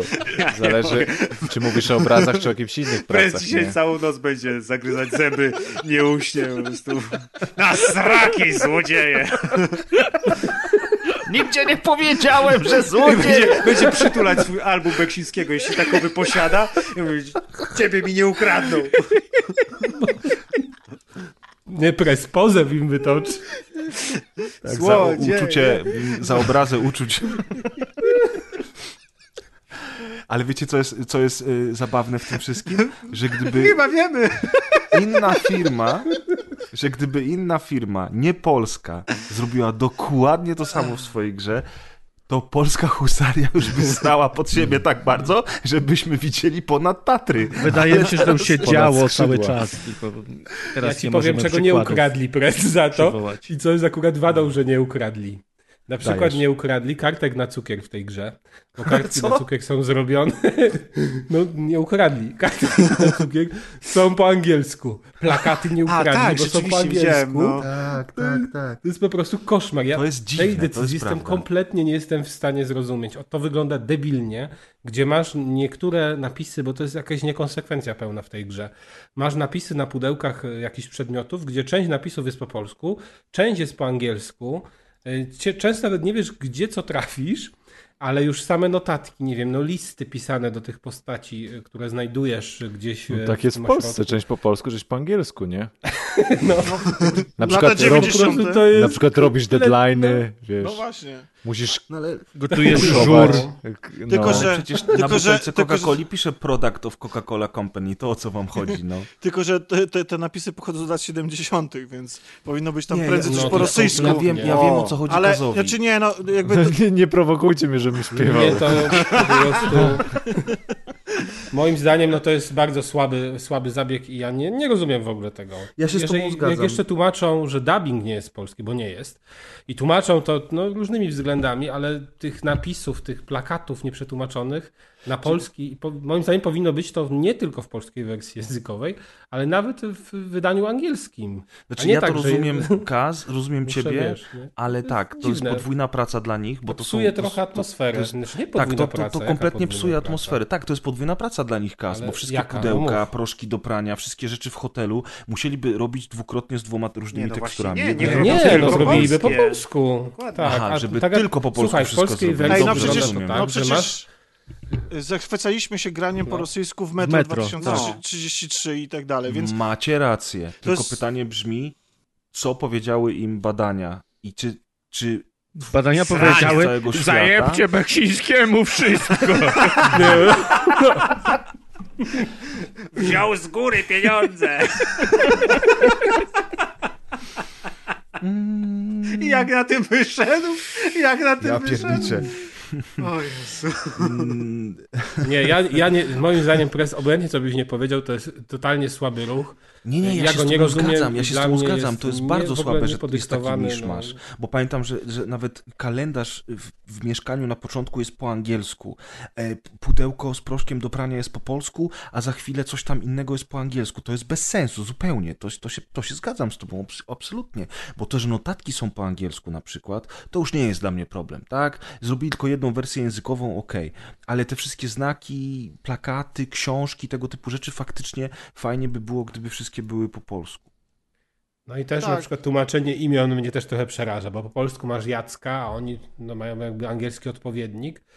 No, nie wiem, ale to brzmi Hansa też mają. śmiesznie, biorąc pod uwagę, że mamy tu jednak realia polskie. to znaczy, no. gdyby to była ale- konsekwencja, ale wiecie, macie, macie po prostu napisane ośrodek wypoczynkowy czy, czy coś takiego Tak, i, mamy, i mamy dużo polskich elementów i, i, to, i to wybija, natomiast no, jeśli chodzi o dubbing, no to, no to COVID jest przeszkodą, zresztą tak jak powiedziałem na samym początku, to jest mniejsza gra i podejrzewam, tylko podejrzewam, że musieli niestety w, pod, pod sam koniec po prostu decydować, na co przeznaczają pieniądze i, no, i nie przeznaczyli tego ani na polskie tekstury, ani na polski dubbing, ani na animację schodzenia po schodach. No. By, Tylko być może zaczęli robić, Fundacji Beksińskiego. zaczęli robić te Chwila, ale to polskie... nie jest, a w ogóle w tej grze nie ma polskich aktorów, w sensie użyte, Jest Dorociński. użyte- Jest. Dorociński, ale nie mówi, tylko y, wygląda. Kogo pewno. widać, tak? A y, mm, z kolei pod główną bohaterkę to Weronika Rosati, tak? Tak. Ją chyba grała. Chyba tak, no. Mm, A. Więc, e, więc to jest dziwne, że oni na przykład nie nagrywali, wiecie, od razu tych Tak, dialogów tych, ty, w tej sesji, no ale no być może tak, tak to, to, to, to się wiąże pewnie z większymi wydatkami, no i ja nie oczekiwałem od tego The Last of Us. Znaczy ja jestem w ciężkim szoku, że oni takie fajne y, y, jakby do, nie, bla bla bla, weź się ocknij Grzegorz, że oni fajnych aktorów zatrudniają do swoich gier, bo przecież Rutger Hauer w Obserwerze to było, to było mistrzostwo świata. Nawet już nie mówię o tym, że on, jak on zagrał, bo on nie zagrał wcale wybitnie, ale był tam i, i się ładnie postarał. Tutaj w ogóle w The Medium widziałem w napisach początkowych, że występuje mój ukochany Troy Baker, w ogóle, czyli Joel z The Last of Us. I on jest w tej grze. No kurczę, no super, bardzo mi się to podoba. Co? Beksiński Dobrze, występuje. chyba tyle mamy o również. tej grze, co? Czy jeszcze chcecie? Chyba tak. nie powiedzieliśmy no. w ogóle o fabule, ale to szczegół.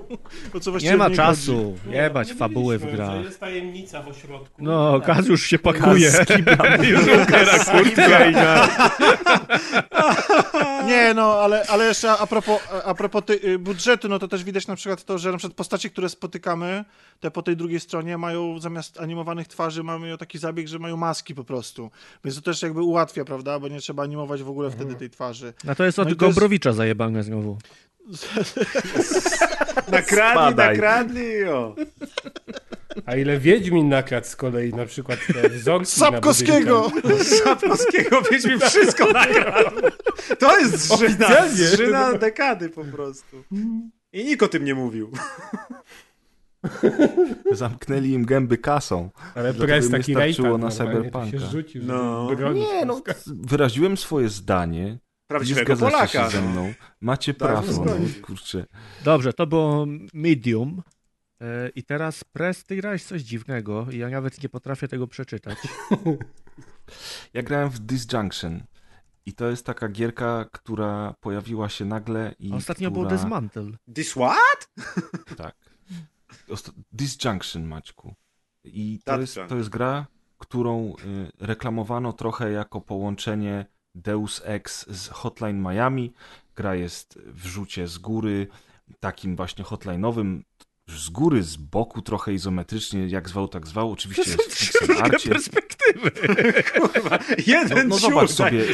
Dobrze, to jaki to jest rzut? Powiedz mi, czy Beksiński to by to tak namalował, czy nie? O Jezus. E, No jaki to jest rzut? No to trochę wygląda jak, jak serial Cleaner ten polski, zresztą trochę Izometria jak to nie Hotline jest, bo Miami. masz wszystko na wprost, że tak powiem. Nie masz tych kątów pomiędzy Ale poszczególnymi to też nie jest taki rzut z góry jak no nie jest Hotline z góry, Miami. bo jest od dołu, jak w Gdzie od dołu? Z góry Gdzie nie to jest, jest bo jest rzut z od dołu. dołu? kurwa, logiczne, no nie. To jest pół rzuta z góry, pół rzuta. No, jedna wielka Generalnie rzecz biorąc, nazwijmy to rzutem, nazwijmy to rzutem z- izometrycznym. Na potrzeby tej recenzji. rzutem. Gra jest skradanką w pixel arcie z trzema różnymi postaciami w świecie cyberpunkowym z, i to jest bardzo ciekawe, bo jak spojrzycie na tę grę, to byście się w życiu nie spodziewali, z naprawdę ciekawą fabułą, z całą, z całą rozkminą, y, taką kryminalną. Czy jest fajna? Tego bym nie powiedział, zaraz do tego dojdziemy. Mm, Mamy trzy różne postaci, y, trzy O różne niby style gry, bo, bo mamy takiego typowego gostka, który i się skrada i może przywalić z pałki. Mamy takiego trochę scyborgizowanego gościa rodem z cyberpunka, który ma mechaniczne ręce i w ogóle może trochę mocniej uderzać, ale również się skrada i mamy taką hakerkę, która jest bardzo delikatna, praktycznie na jednego strzała, ale ona tam y, tak samo jak w cyberpunku może hakować. Kamery, nie kamery i w ogóle jest przydatną postacią. Każda z tych postaci ma swoje misje, te misje się będą przeplatać fabularnie. Co więcej, nawet jakiś tam wpływ na tę fabułę mamy, chociaż on się z tego co zauważyłem ogranicza do takich sytuacji, jak na przykład kiedy zabijemy ludzi podczas misji, to dostaniemy opierdziel od babki, która nam zleciła tę misję, mm, e, bo ona by wolała, żebyśmy się do przemocy nie uciekali. Mm, A całość mechanicznie sprowadza się do dosyć prostych, skradankowych misji, podczas których musimy obejść całą mapkę i dostać się do jakiegoś notatnika, do komputera, czy do jakiejś osoby. No i to już my podejmiemy decyzję, czy będziemy szli all guns blazing, strzelając na lewo i prawo i rzucając granatami, czy będziemy się przekradać. Jak się przekradamy, to mamy pole widzenia strażników rodem z pierwszych komandosów. Strażnicy są różni, mają e, różne ścieżki, po których chodzą, są kamery, są drony, są robociki, a my poza samym skradaniem się i pałką możemy mieć broń palną, do której jest ograniczona amunicja. Podnosimy y, amunicję też z wrogów, jeżeli chcemy walczyć non-stop, ale mamy też na przykład granat dymny albo, albo taką strzałkę paraliżującą, jakieś tam urządzenie do wyłączenia tymczasowego kamery. Mm, no i mimo tego, że są trzy różne postaci, to tymi dwiema pierwszymi. Przede wszystkim gra się bardzo podobnie i tak naprawdę to my decydujemy, czy będziemy się skradali, czy będziemy walczyć. Problem jest taki, że to skradanie jest dosyć nudne, powtarzalne i w sumie przez to, że w tej grze nie ma żadnej minimapy, ani żadnego wskaźnika celu, do którego dążymy, mamy tylko zadania, które są wypisane, że musimy na przykład znaleźć kogoś tam i podnieść przynajmniej jedną informację na temat czegoś. Mm, i trochę po omacku po tych mapach chodzimy, to nie jest tak jak w komandosach, chocia, komandosach chociażby, że gdzieś tam, gdzieś tam jakby widzimy całe pole manewru i możemy sobie zaplanować nasze ruchy, więc to jest dosyć irytujące, zwłaszcza, że przez ten rzut właśnie, ni to izometryczny, ni to z góry, chuj wie jak go nazwać nawet z, z dołu, no, to nie jest rzut z dołu, Adek, ale okej. Okay to, to przez to bardzo często na przykład my nie widzimy, są, są ściany, które zasłaniają nam część korytarza i wydaje nam się, że ten korytarz jest bardzo wąski, a dopiero jak zejdziemy niżej, to się okazuje, że ta ściana robi się niewidzialna i nagle się okazuje, że ten korytarz no to jest... jest ta najgorsza perspektywa. Tak, ten korytarz jest trzy razy szerszy niż nam się wydawało, dzięki czemu w ogóle możemy ominąć praktycznie pole widzenia każdego strażnika, który jest w tym korytarzu. A przez to, że, że, że, że te ściany, te fragmenty nie sygnalizują w żaden sposób, że, że tam coś jest, dopóki do nich nie podejdziesz, to bardzo często ty nawet nie wiesz, że masz dużo szersze pole manewru niż ci się wydaje. No i, no i przez to niestety ta gra nie, nie oferowała jakiegoś specjalnego fanu dla mnie. Ja bardzo lubię skradanki, tu jest ta możliwość przełączania się między akcją a skradaniem. Ten pan z mechanicznymi rękami jest spoko, bo on szybciej doskakuje do przeciwników, jak sobie użyje swojego ultika, Właśnie, to ile w niej jest powala. z cyberpunku?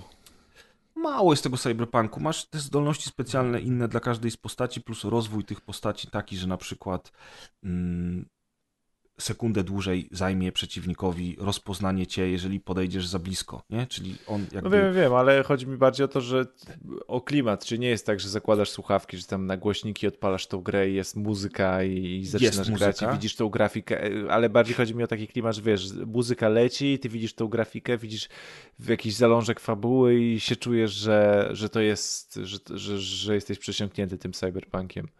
Trochę tak jest, bo fabuła jest taka, że mocno, mocno cyberpunkowa, złe korporacje, organizacja, która walczy, mm, facet, który jest niesłusznie o coś tam skazany i ty musisz udowodnić teraz, że, że on tego nie zrobił, więc musisz walczyć z politykami i z policją. Do tego te wszystkie hakerskie rzeczy, te wszczepy, miasto, jakby, które widzisz tylko jak podróżujesz na misję, tak naprawdę to jest ekran ładowania, mm, który jest bardzo mocno w klimacie, no i przede wszystkim muzyka. I tutaj muszę bardzo, ale to bardzo pochwalić soundtrack. Soundtrack napisał Dan Farley, gościu, który zrobił y, parę soundtracków do gier, innymi Hymno i World of Eater. Ja w ogóle tych gier nie znam. Teraz zrobił Disjunction i naprawdę muzyka jest fenomenalna ale reszta jest bardzo oszczędna. Wszystkie dialogi są tylko czytane, efekty dźwiękowe są minimalne i ogólnie rzecz biorąc czuć, że no to jest, to jest, to jest budżetowa gra dosyć prosta w swoich założeniach, i, ale bardzo rzeczywiście jak na tego typu grę, bardzo mocno stawiająca na narrację i na ciekawą fabułę. Czyli konkludując polecasz, czy... Nie mogę tego polecić tak do końca. Może, bo... Grzechu, uwierz w siebie. Możesz nie mogę tej gry do końca polecić, bo, bo ona jest dosyć dosyć powtarzalna w tej rozgrywce i ta walka nie jest taka emocjonująca jak, nie wiem, w Hotline Miami. To skradanie nie jest takie dobre, jak bym tego chciał. Y, większość tych lokacji jest, jest trochę na jedno kopyto, no i właśnie brak tego, tego celu, że ty nie wiesz tak naprawdę, w którą stronę musisz iść. Rzut tej kamery, który powoduje, że często ona ci przeszkadza mm, i ostatecznie jednak mało rozwiązań mechanicznych, które są w, te, w tej grze, powoduje, że to jest ciekawostka, jeżeli się wciągniesz w fabułę, bo tam faktycznie jest sporo dialogów, sporo ciekawego tła, sporo różnych rzeczy, które się dzieją w tej historii, to może będziesz chciał zagrać do Bo końca. ta historia niby tam jakieś wybory się podejmuje, tak? Czy... Tak, no i tam są te wybory, ale mówię ci, no, te, ja nie zauważyłem, żeby, Mhm. żeby to jakoś niesamowicie wpływało na rozgrywkę. tak się pytałem, czy polecasz, no bo ona poniżej 6 dyszek kosztuje na Gogu. No tak, więc... ona kosztuje 50 parę złotych y, na Gogu i na Steamie, zresztą jest demo. Można sobie demo pobrać i zagrać, jeżeli chcecie sprawdzić grę. Jest tam jakiś klimacik, ale niestety no, nie wciągnęło mnie to tak bardzo, jakbym chciał. Ten Dismantle, o którym e, wspomniałeś, Adrian, na początku tej gierki i który zupełnie nie jest taką grą jak ta, ale, ale też jest takim indykiem, który widać, że nie miał dużej, dużej kasy i też próbuje łączyć w sobie wiele różnych elementów z różnych gier, no to ten Dismantle wszystko robił o wiele lepiej. Mimo, że Disjunction jest dużo bardziej w moich klimatach i graficznie, i tematyką, i ta muzyka, która jest naprawdę bardzo dobra, to jednak, to jednak ostatecznie to wszystko jako całość nie zaimponowało mi, no. Nie wciągnęło mnie na tyle, na ile się spodziewałem, że mnie wciągnie. I to jest niestety wina przede wszystkim tego gameplayu, który no jest jaki jest. Ale to nie znaczy, że, że, że wam się nie spodoba, no a tak jak mówi Deusz, gra nie jest szczególnie droga, a jeżeli chcecie sprawdzić demko, to możecie je sobie zainstalować i sami się przekonajcie. Bo to jest taki follow-up do dyskusji o demach. A. Już z początku odcinka pięknie to. Tak jest. Dobrze. Wszystko jest przemyślane jak zawsze, prawda? Przeskoczymy sobie teraz do Werewolf Apocalypse. Do gry odcinka, Earth zacznij od tego. O, tego jestem Tak mega ciekawy, bo grafiki promocyjne mi się podobają.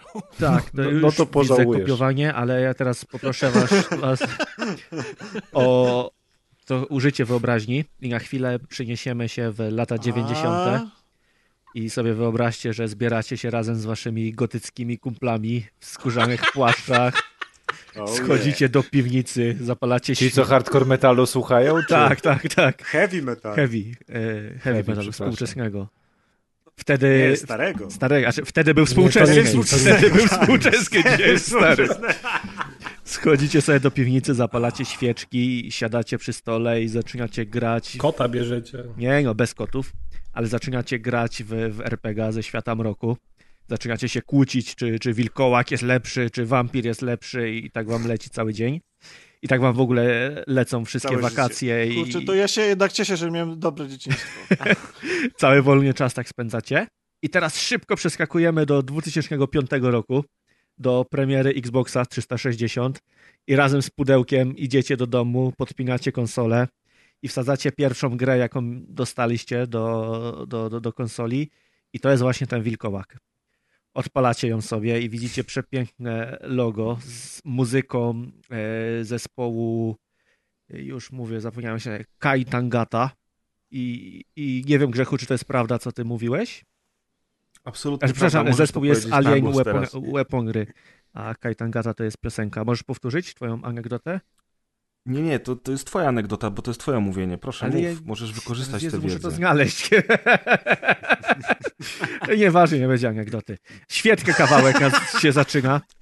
Wielokrotnie... Bo to jest ściemniona anegdota i strasznie chciałem, No. żebyś ją powiedział na głos na ja, nagraniu, ja robię ale research i nie dam się wpuścić w to. E, akurat tyle Ta niuchu. piosenka jest naprawdę świetna i wielokrotnie w tamtych czasach puszczałem ją sobie po to, żeby, żeby posłuchać samego, a niekoniecznie grać. Odpala Jakich się gra. To jest czasach? 2005. Premiera Xboxa. A, dobra. E, odpalam sobie grę. Zaczyna się przepięknym dialogiem z panem Radko i rozmawiacie i dostajecie misję i okazuje się, że mimo, że jesteś teraz takim łysawym człowiekiem z brodą, to masz dostępne też dwie inne formy. Cichutko, cichutko. No. Podobieństwa są przypadkowe. Macie jeszcze dwie inne formy i możecie się zmienić w wilka i wtedy jesteście szybcy i zwinni i możecie się przekradać, a możecie też zmienić się w wilkołaka i wtedy jesteście super wielcy, silni i, i możecie wszystkich ciachać. No i gdy jesteście człowiekiem, to jedyne co możecie to przyciski wciskać i rozmawiać z ludźmi, bo forma człowieka jest bezużyteczna, jak każdy wilkołak wie. I zaczyna się wie. misja i, i skradasz się, no bo twoja postać wchodząc do, do kill roomu zaczyna kucać, tak jakby się miała skradać, więc zmieniasz się w tego wilka, przekradasz się między przeciwnikami, udaje ci się przejść jeden, drugi, trzeci pokój. I nagle dochodzisz do takiej dramatycznej sceny, gdzie pochłania cię furia pochłania cię furia i wskutek tego, to jest pierwsze 10 minut, żeby nie było teraz, że jakiś tam duży spoiler, wskutek tego mordujesz jednego ze swoich przyjaciół. Po czym mamy loading 5 lat później. Niestety przez te 5 lat y, uciekliśmy z, z naszego stada i, i, i zajmujemy się innymi rzeczami. E, nie wiemy, co działo się przez te ostatnie 5 lat, no bo, no bo był loading, no to wiecie, jak jest loading, no to, to ciężko się domyślić, co tam się działo. w cyberpunku. E, możecie jedynie przez chwilę pomyśleć o tym, że po tym, jak zamordowaliście swojego przyjaciela, to musieliście jako postać wrócić na swoje miejsce, żeby cutscena odpowiednio się odegrała, ale akurat byliście tyłem do tego miejsca, więc robicie takiego moonwalka, żeby ich nie zauważył, a żeby klimat był odpowiedni, no bo, bo nie może być tak, że powiesz, o nie, zabiłem go, nie stojąc w odpowiednim miejscu. Eee, no tak, już chyba rozumiecie, co to jest za gra, co nie? Niestety okazało się, że Wilkołak jest grą faktycznie sprzed 15 lat. Tylko ktoś pomyślał, że fajnie by było ją wydać teraz. To kas na pewno. Eee, specjalnie przed odcinkiem sprawdziłem sobie, jak wyglądał Two Human i się okazuje, że wygląda ładniej niż ten Wilkołak.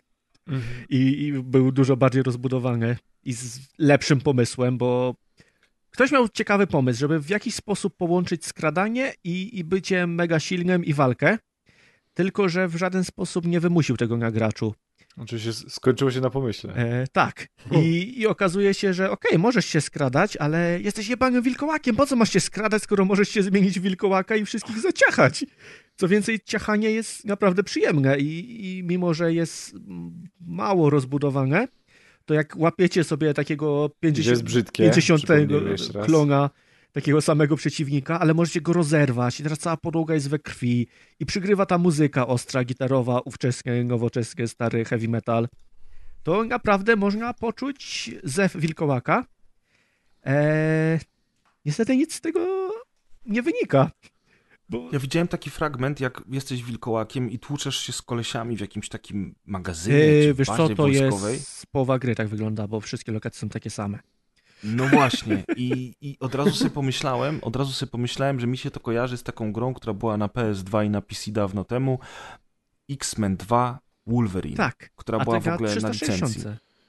Ale Możliwe, to była fajna nie, nie, gra. Na, Ale nie, to nie, czekajcie, na jak to- 360 to nie było. Origins Origins? już. Właśnie, nie, nie, nie. X-Men 2 Okej. Wolverine to jest inna gra. Ona też była na licencji, ona wyszła przy okazji premiery X-Men 2. No to jest bijatyka taka. I tak. była genialną grą. I właśnie jak oglądałem em, rozgrywkę z Wilkołaka, to sobie od razu przypomniałem tego Wolverina i uświadomiłem sobie, że Wolverine robił to lepiej To wtedy. prawda, to prawda. No, w tej grze nic nie pykło. Nie wiem, znaczy A masz, ale gra, gra w jakiś sposób premiuje na przykład to, że się skradasz? Nie, ci... nie. I właśnie to Okej. jest najgorsze, bo z tego co ja pamiętam, jakoś nie, nie byłem nigdy super fanem Świata Mroku, ale wydaje mi się, że akurat w tej odnodze Wilkołaka e, furia Wilkołacza jest dużą rzeczą.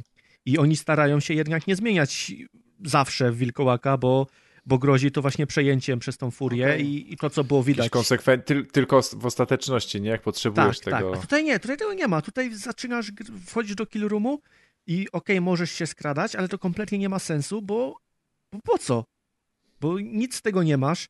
Więcej expa dostajesz za zabijanie tych przeciwników. Wow. Możesz się, okej, możesz się skradać tym wilkiem, co za chwilę i tak cię zauważą najpewniej, chociaż ja nie jestem dobry w skradanie, więc, więc tutaj mój głos nie jest, nie jest aż tak reprezentatywny.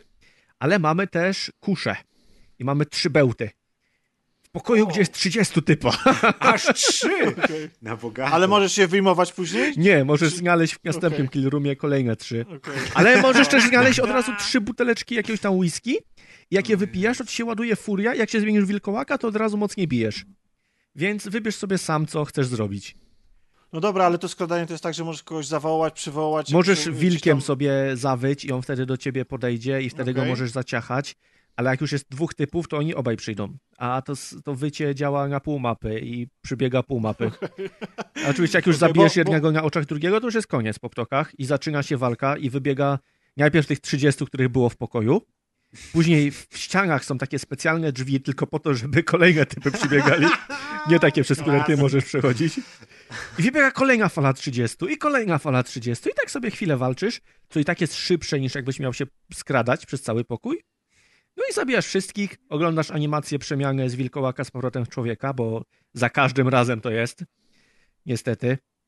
Zmieniasz się w człowieka, otwierasz ścian- e, przycisk, bo, bo, bo, bo tylko człowiekiem możesz, przechodzisz do kolejnego kill roomu, wygląda dokładnie tak Kurczę, samo ale- jak poprzedni. Ale to było wie, wie, wiele było takich gier opartych na tym, bo na przykład, nie wiem, Suffering kojarzycie? Mhm. No. To tam było połączenie strzelanki z, właśnie z takim właśnie, kiedyś zmieniałeś się w potwora i, i, i ciachałeś wrogów.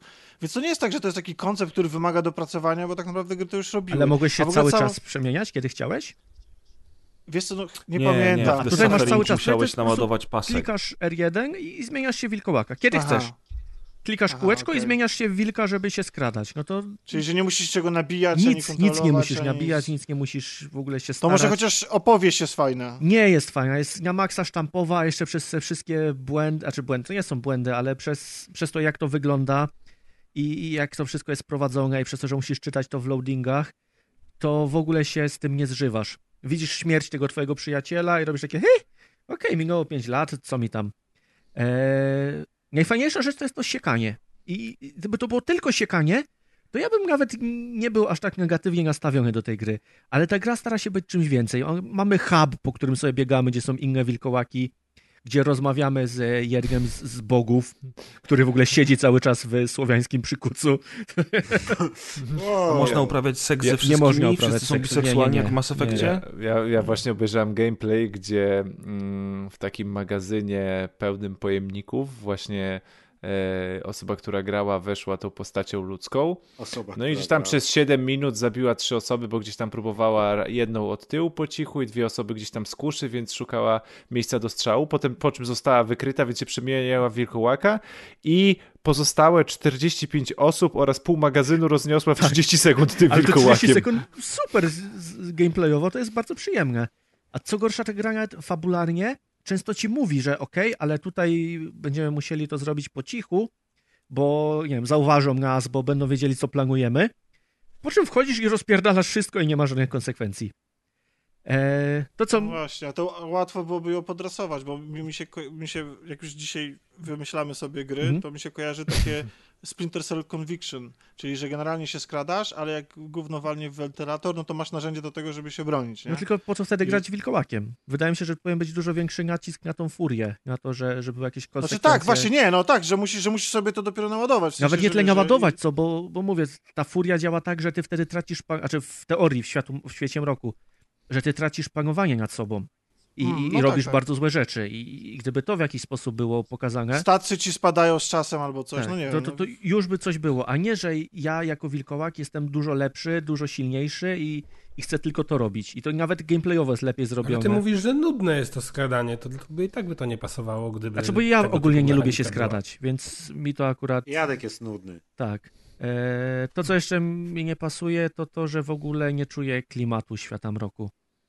To, to by mógł być dowolnie in, inny świat i, i w ogóle bym nie, nie odczuł różnicy. Nie, bo to bardzo generycznie wygląda. To tak, no nie wiem, dla mnie to te przestrzenie w tej grze są mega Brzy- generyczne. No brzydkie są, super. Tak, ale wiecie, chociaż że z żadnego fabuły, klimatu nie bo, mają. No, to jest RPG, który jest od ilu? Od 30 lat na rynku. I to tam No. chyba w trzech różnych wersjach. Więc oni mają z czego czerpać i, i mają jak budować lore, ale jakoś tego nie robią. No, padają te, te, te nazwy żmija i, i reszty tych, tych bóstw. E, o, to co jest jeszcze ciekawe i ja lubię takie nawiązania, to jest to połączenie właśnie z bóstwami, gdzie wilkołaki są przedstawione jako obrońcy środowiska. A oczywiście walczymy ze złą korporacją, która to środowisko niszczy i, niszczy je przez to, że jest połączona ze, ze żmijem właśnie, czyli jednym z tych złych. I ja lubię takie pro, proekologiczne przesłania i to jest spoko. Szkoda tylko, że ja wchodzę do, do, do, do, do tej wielkiej korporacji i rozpierdalam wszystkich wilkołakiem. To niekoniecznie No, tak wygląda cena, bycie no. eko. Chociaż też ten nasz bohater mówi, że w sumie to i tak tylko tyle można było zrobić. O, jest. To to, to czyli od tej pory nie segregujemy śmieci. Tak, znaczy segregujemy śmieci ludzkie. Właśnie. Nie, ale ono jest ekologiczne, bo tu widzę, on wszystko rozwala, te wszystkie te rzeczy się w tych magazynach, te pojemniki rozwalają i po czym znikają w tej samej Tak, sekundzie. to prawda. Jest O, na przykład rozkład. hakowanie. I, i możemy się... Z... dobra, ale Adek, ale w tej grze można złapać za łeb korposzczura i rzucić nim w tak, innego można. I- i korposzczura. To- rozerwać go. Ocena No, w to górę. ja. To są, to są fajne elementy. Jest hakowanie, które wygląda tak, że musisz się zakraść do komputera, klikasz ten komputer i kli- przełączasz suwaczkę, na przykład wyłącz kamerę, otwórz drzwi i tyle. To nie jest hakowanie, to jest używanie komputerów. No, no dobra, no, używanie komputerów, ale No, czyli można używać komputerów w tej grze, super. można. No, ale to ale nie jest tak, że każdy, że każdy, kto się zna na komputerach, to jest jak haker? Może trochę tak.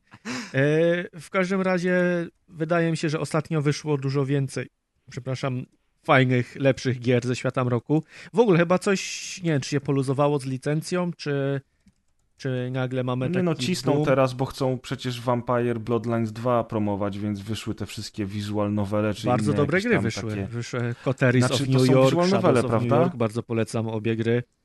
E, to z Vampira świata, z Wilkołaka wyszedł Ale powiesz nam, co to za gatunek gier? visual novel.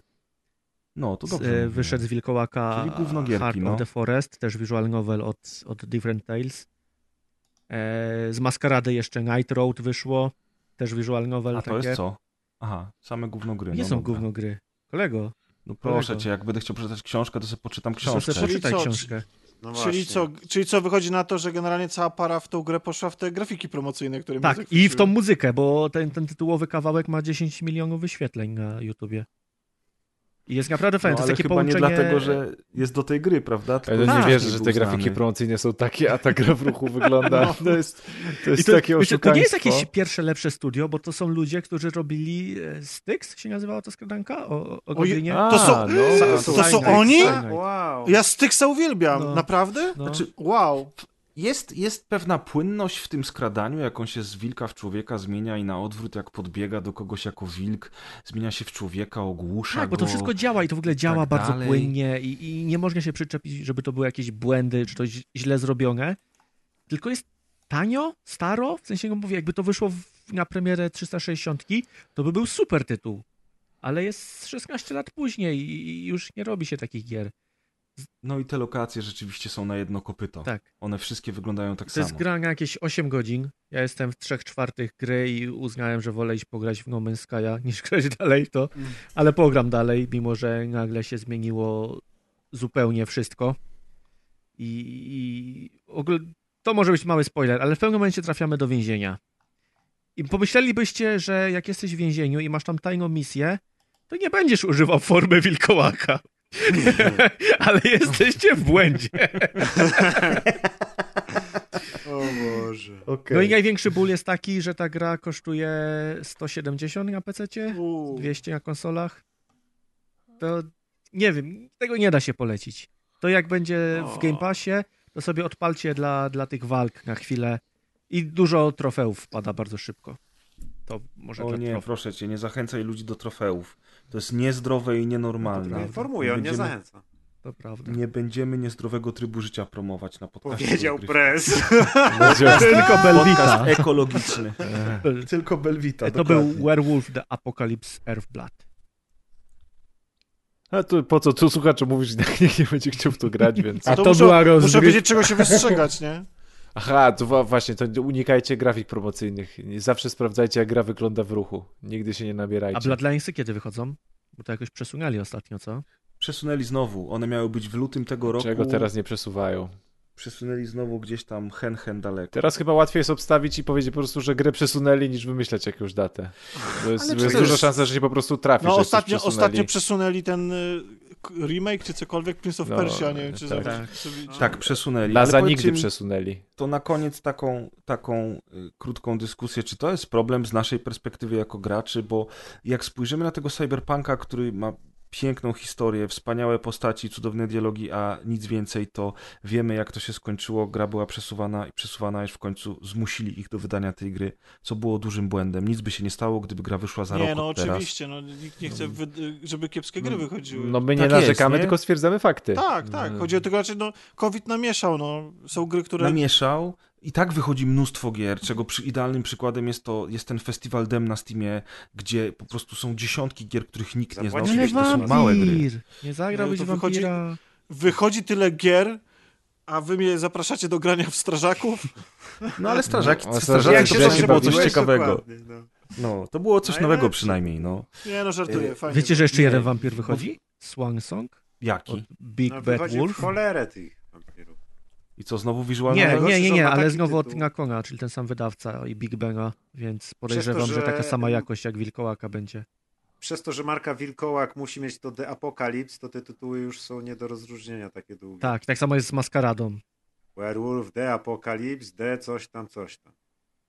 A Ale te wiecie, visual novelki pamięta- bardzo dobre, polecam. Zupełnie jestem niezwiązany z A, a propos przy, przy, No więc już przestań, kurwa. A, a propos przełożonych gier, to wiecie, że y, pamiętacie, jak chyba nawet na zeszłym podcaście wspominałem, przy naszym wspólnym graniu, że niedługo będziemy mogli sobie pograć w Riders Republic wspólnie, No, czyli ten otwarty świat Ubisoftu, to on chyba poleciał na grudzień tego roku, także A, to akurat szkoda, bo to bym chętnie zagrał z wami.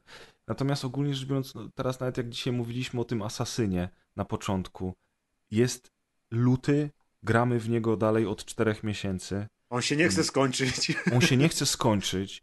Gdzieś tam, gdzieś tam y, y, liczę na to, że ten drugi patch, który wjedzie do Cyberpunka, będzie na tyle dobry, że z przyjemnością wrócę do gry i zakończę ją, bo jestem daleko, ale, ale czekam, czekam na ten drugi patch, bo uznałem, że skoro ma być tylko patch drugi w lutym, a potem długo nic, to akurat po tym lutowym patchu chętnie wreszcie zakończę tę przygodę, y, bo bawię się świetnie, ale, ale, ale mm, wszyscy wiemy, jak jest z tą grą i tak naprawdę gdzieś tam jeszcze jest taka ilość tych wszystkich gierek mniejszych Persona i zaraz większych, że wychodzi. no na przykład dla ciebie to jest, to jest dobra wiadomość, ja akurat nie gram w, w Persony i nawet, ja nawet w tym roku też, chociaż z tobą akurat w kooperacji bym zagrał, ale ty nie grasz na PC, więc No. nawet nie wiem na czym ty chcesz w to Ja zagrać. niczym, już nie gram w takie gry. Po prostu się... A, to z gier, w które nie gramy, to Little Nightmares Braille dwójka Default. O, będzie grane w Little Nightmares, o, o, Jezu. Widziałem, Ja muszę wreszcie jedynkę przejść, bo Maciek zawsze chwalił. Super, to jest to jest bardzo, takie gorsze Inside. To jest gra z bardzo niepowtarzalnym klimatem, moim zdaniem. Ale gorsze, czy, czy gorsze znaczy złe, Tomku? E, Wiesz co, no czy nie wiem, czy chcemy się tak, aż tak cofać teraz i- retro robić. To są Ale inne tak, tak, to, gry to są inne gry, A. natomiast od takiego czystego platformówkowego doświadczenia mam tylko małe pretensje, że nie zawsze te skoki były tam moim zdaniem dobrze zaprojektowane, dlatego że były miejsca, w których miałem wrażenie, że postać jest dociągana do krawędzi, a to w platformówce nigdy nie powinno mieć e, takie, nic, nigdy nie powinno być, mie- mieć miejsca po prostu. Ale to tylko tyle, natomiast czekam, chętnie zagram w dwójkę. Mm. Okidoki. No ta dyskusja to w ogóle nam się wielokrotnie przejawiała już na, na naszych odcinkach, właśnie na, jeżeli chodzi o zalew gier i w sumie to, że coraz częściej dochodzimy do wniosku, że przesuwanie premier nie jest niczym złym. Co wychodzi? Old School Runescape, taki stary MMORPG. W przeglądarce było. Ale co, to jest Dobra, nowy bo- landscape jakiś? Nie, to jest stary, przy, przy, stary, tylko teraz może... No tak, w końcu old school, a nie new school. Z tego co rozumiem, to jest ten stary Runscape, tylko przeniesiony teraz Old school na, landscape, który działa na. Steama. Mhm. Bo nie, wygląda no to super, dokładnie tak Runscape'a, zobaczcie jak wygląda, bo to jest, Wygląda dokładnie tak samo jak kiedyś. no, taka ekstatyka trochę się przypomina. Także się szykujcie na recenzję na No. tym. A później na Androidzie grane. i iOSie. Ten rok jak się będzie na iOSie, no to super, sobie pykniemy. Mordo. No. Ale Wszyscy. bym ekstatykę zagrał. Mm, mm, mm. Szkoda, że nie można w nią zagrać nigdzie. Liczę na Goga. No dobra. Słuchajcie, to była odcinka. To Free to była play. odcinka. Co free to play? Runscape old school. Adek, jest- Adek, To nikogo, jest Runscape. nikogo oprócz ciebie to nie obchodzi. Przysięgam ci, że nikogo. Nie, nie Runscape, Nawet tylko. Runescape, ja wiem. Obchodzi fanów e, tego heavy, me, mówię, heavy metalu.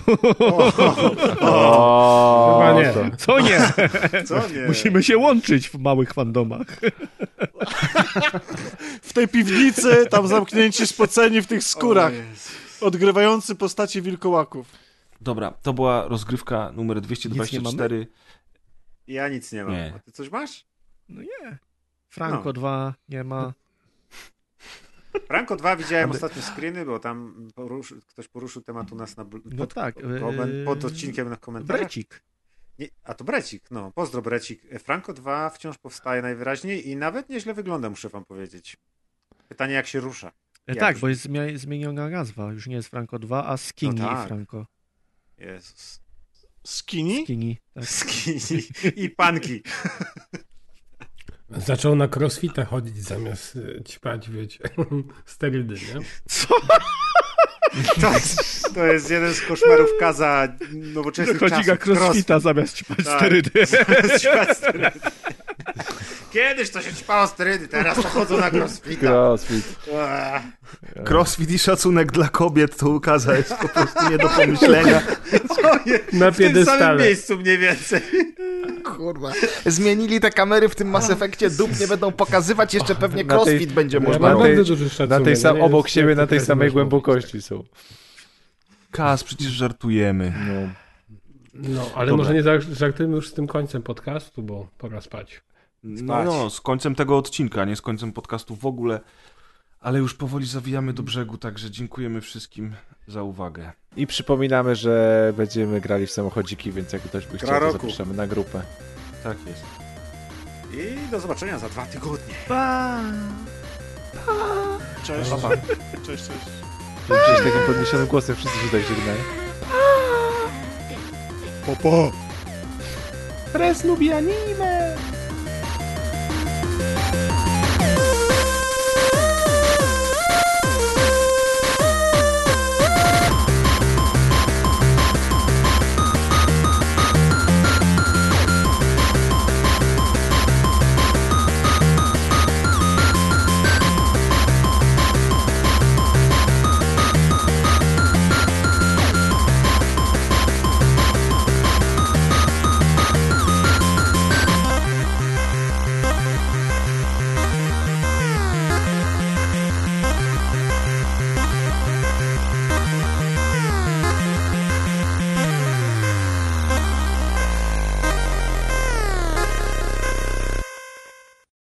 Cudna okładka.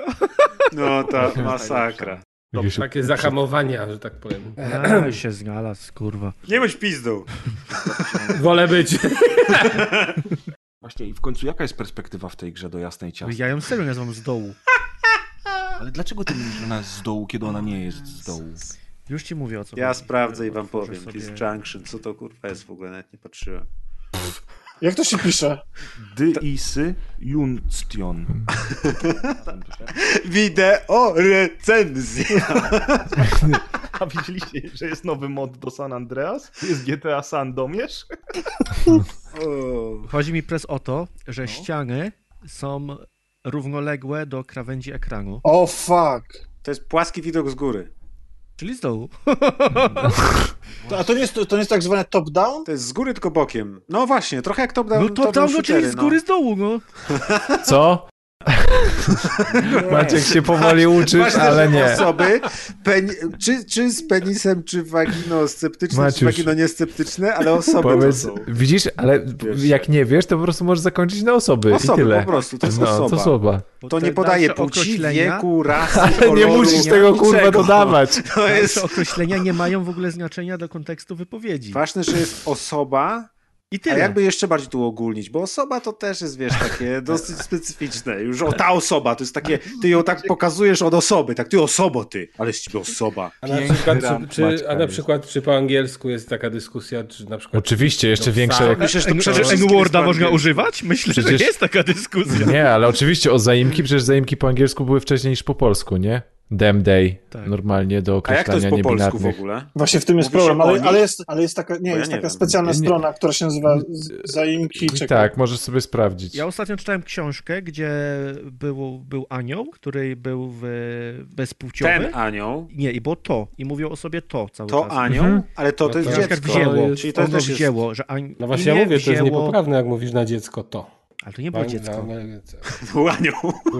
Ale Tam Była e, osoba to. bezpłciowa. jest, ten, jest, jest taka strona, która się nazywa zaimki.pl i na niej można sprawdzić różne formy zaimków wraz z opisem, jak one się mają do, pols- do języka polskiego, jak, w jakich sytuacjach ewentualnie je stosować i tak dalej, więc Mhm. jak ktoś jest zainteresowany, to, to tam odsyłam. Aczkolwiek, no, y, jest to pewne wyzwanie, żeby to wszystko y, ogarnąć na raz. Dokładnie, trzeba coś wymyślić nowego na tych, co nie chcą być ani on, ani ona. Nie, bo chyba najczęściej jest oni ich, nie? Tak, tak, Um. tak, tak. Ale generalnie na tej stronie jest dużo właśnie... wa- Formę neutralną, ono Tak. jego, to właśnie tak mówili o tym aniele. Mhm. Jego, no to jego to męskie. No nie, Nie. Jak jego? neutralne. No na pewno nie kobiety, no jego. A, tego dzie jego dziecka, jego kobiety nie powiesz, czyli to jest dziecięco-męski. Widzieliście to, co Neutralne, Okej, kurwa. Neutralny. Patronami montażu są Łódzki Dom Kultury. Parę Last Jedi 84 Rumiński. I Andy. Mm.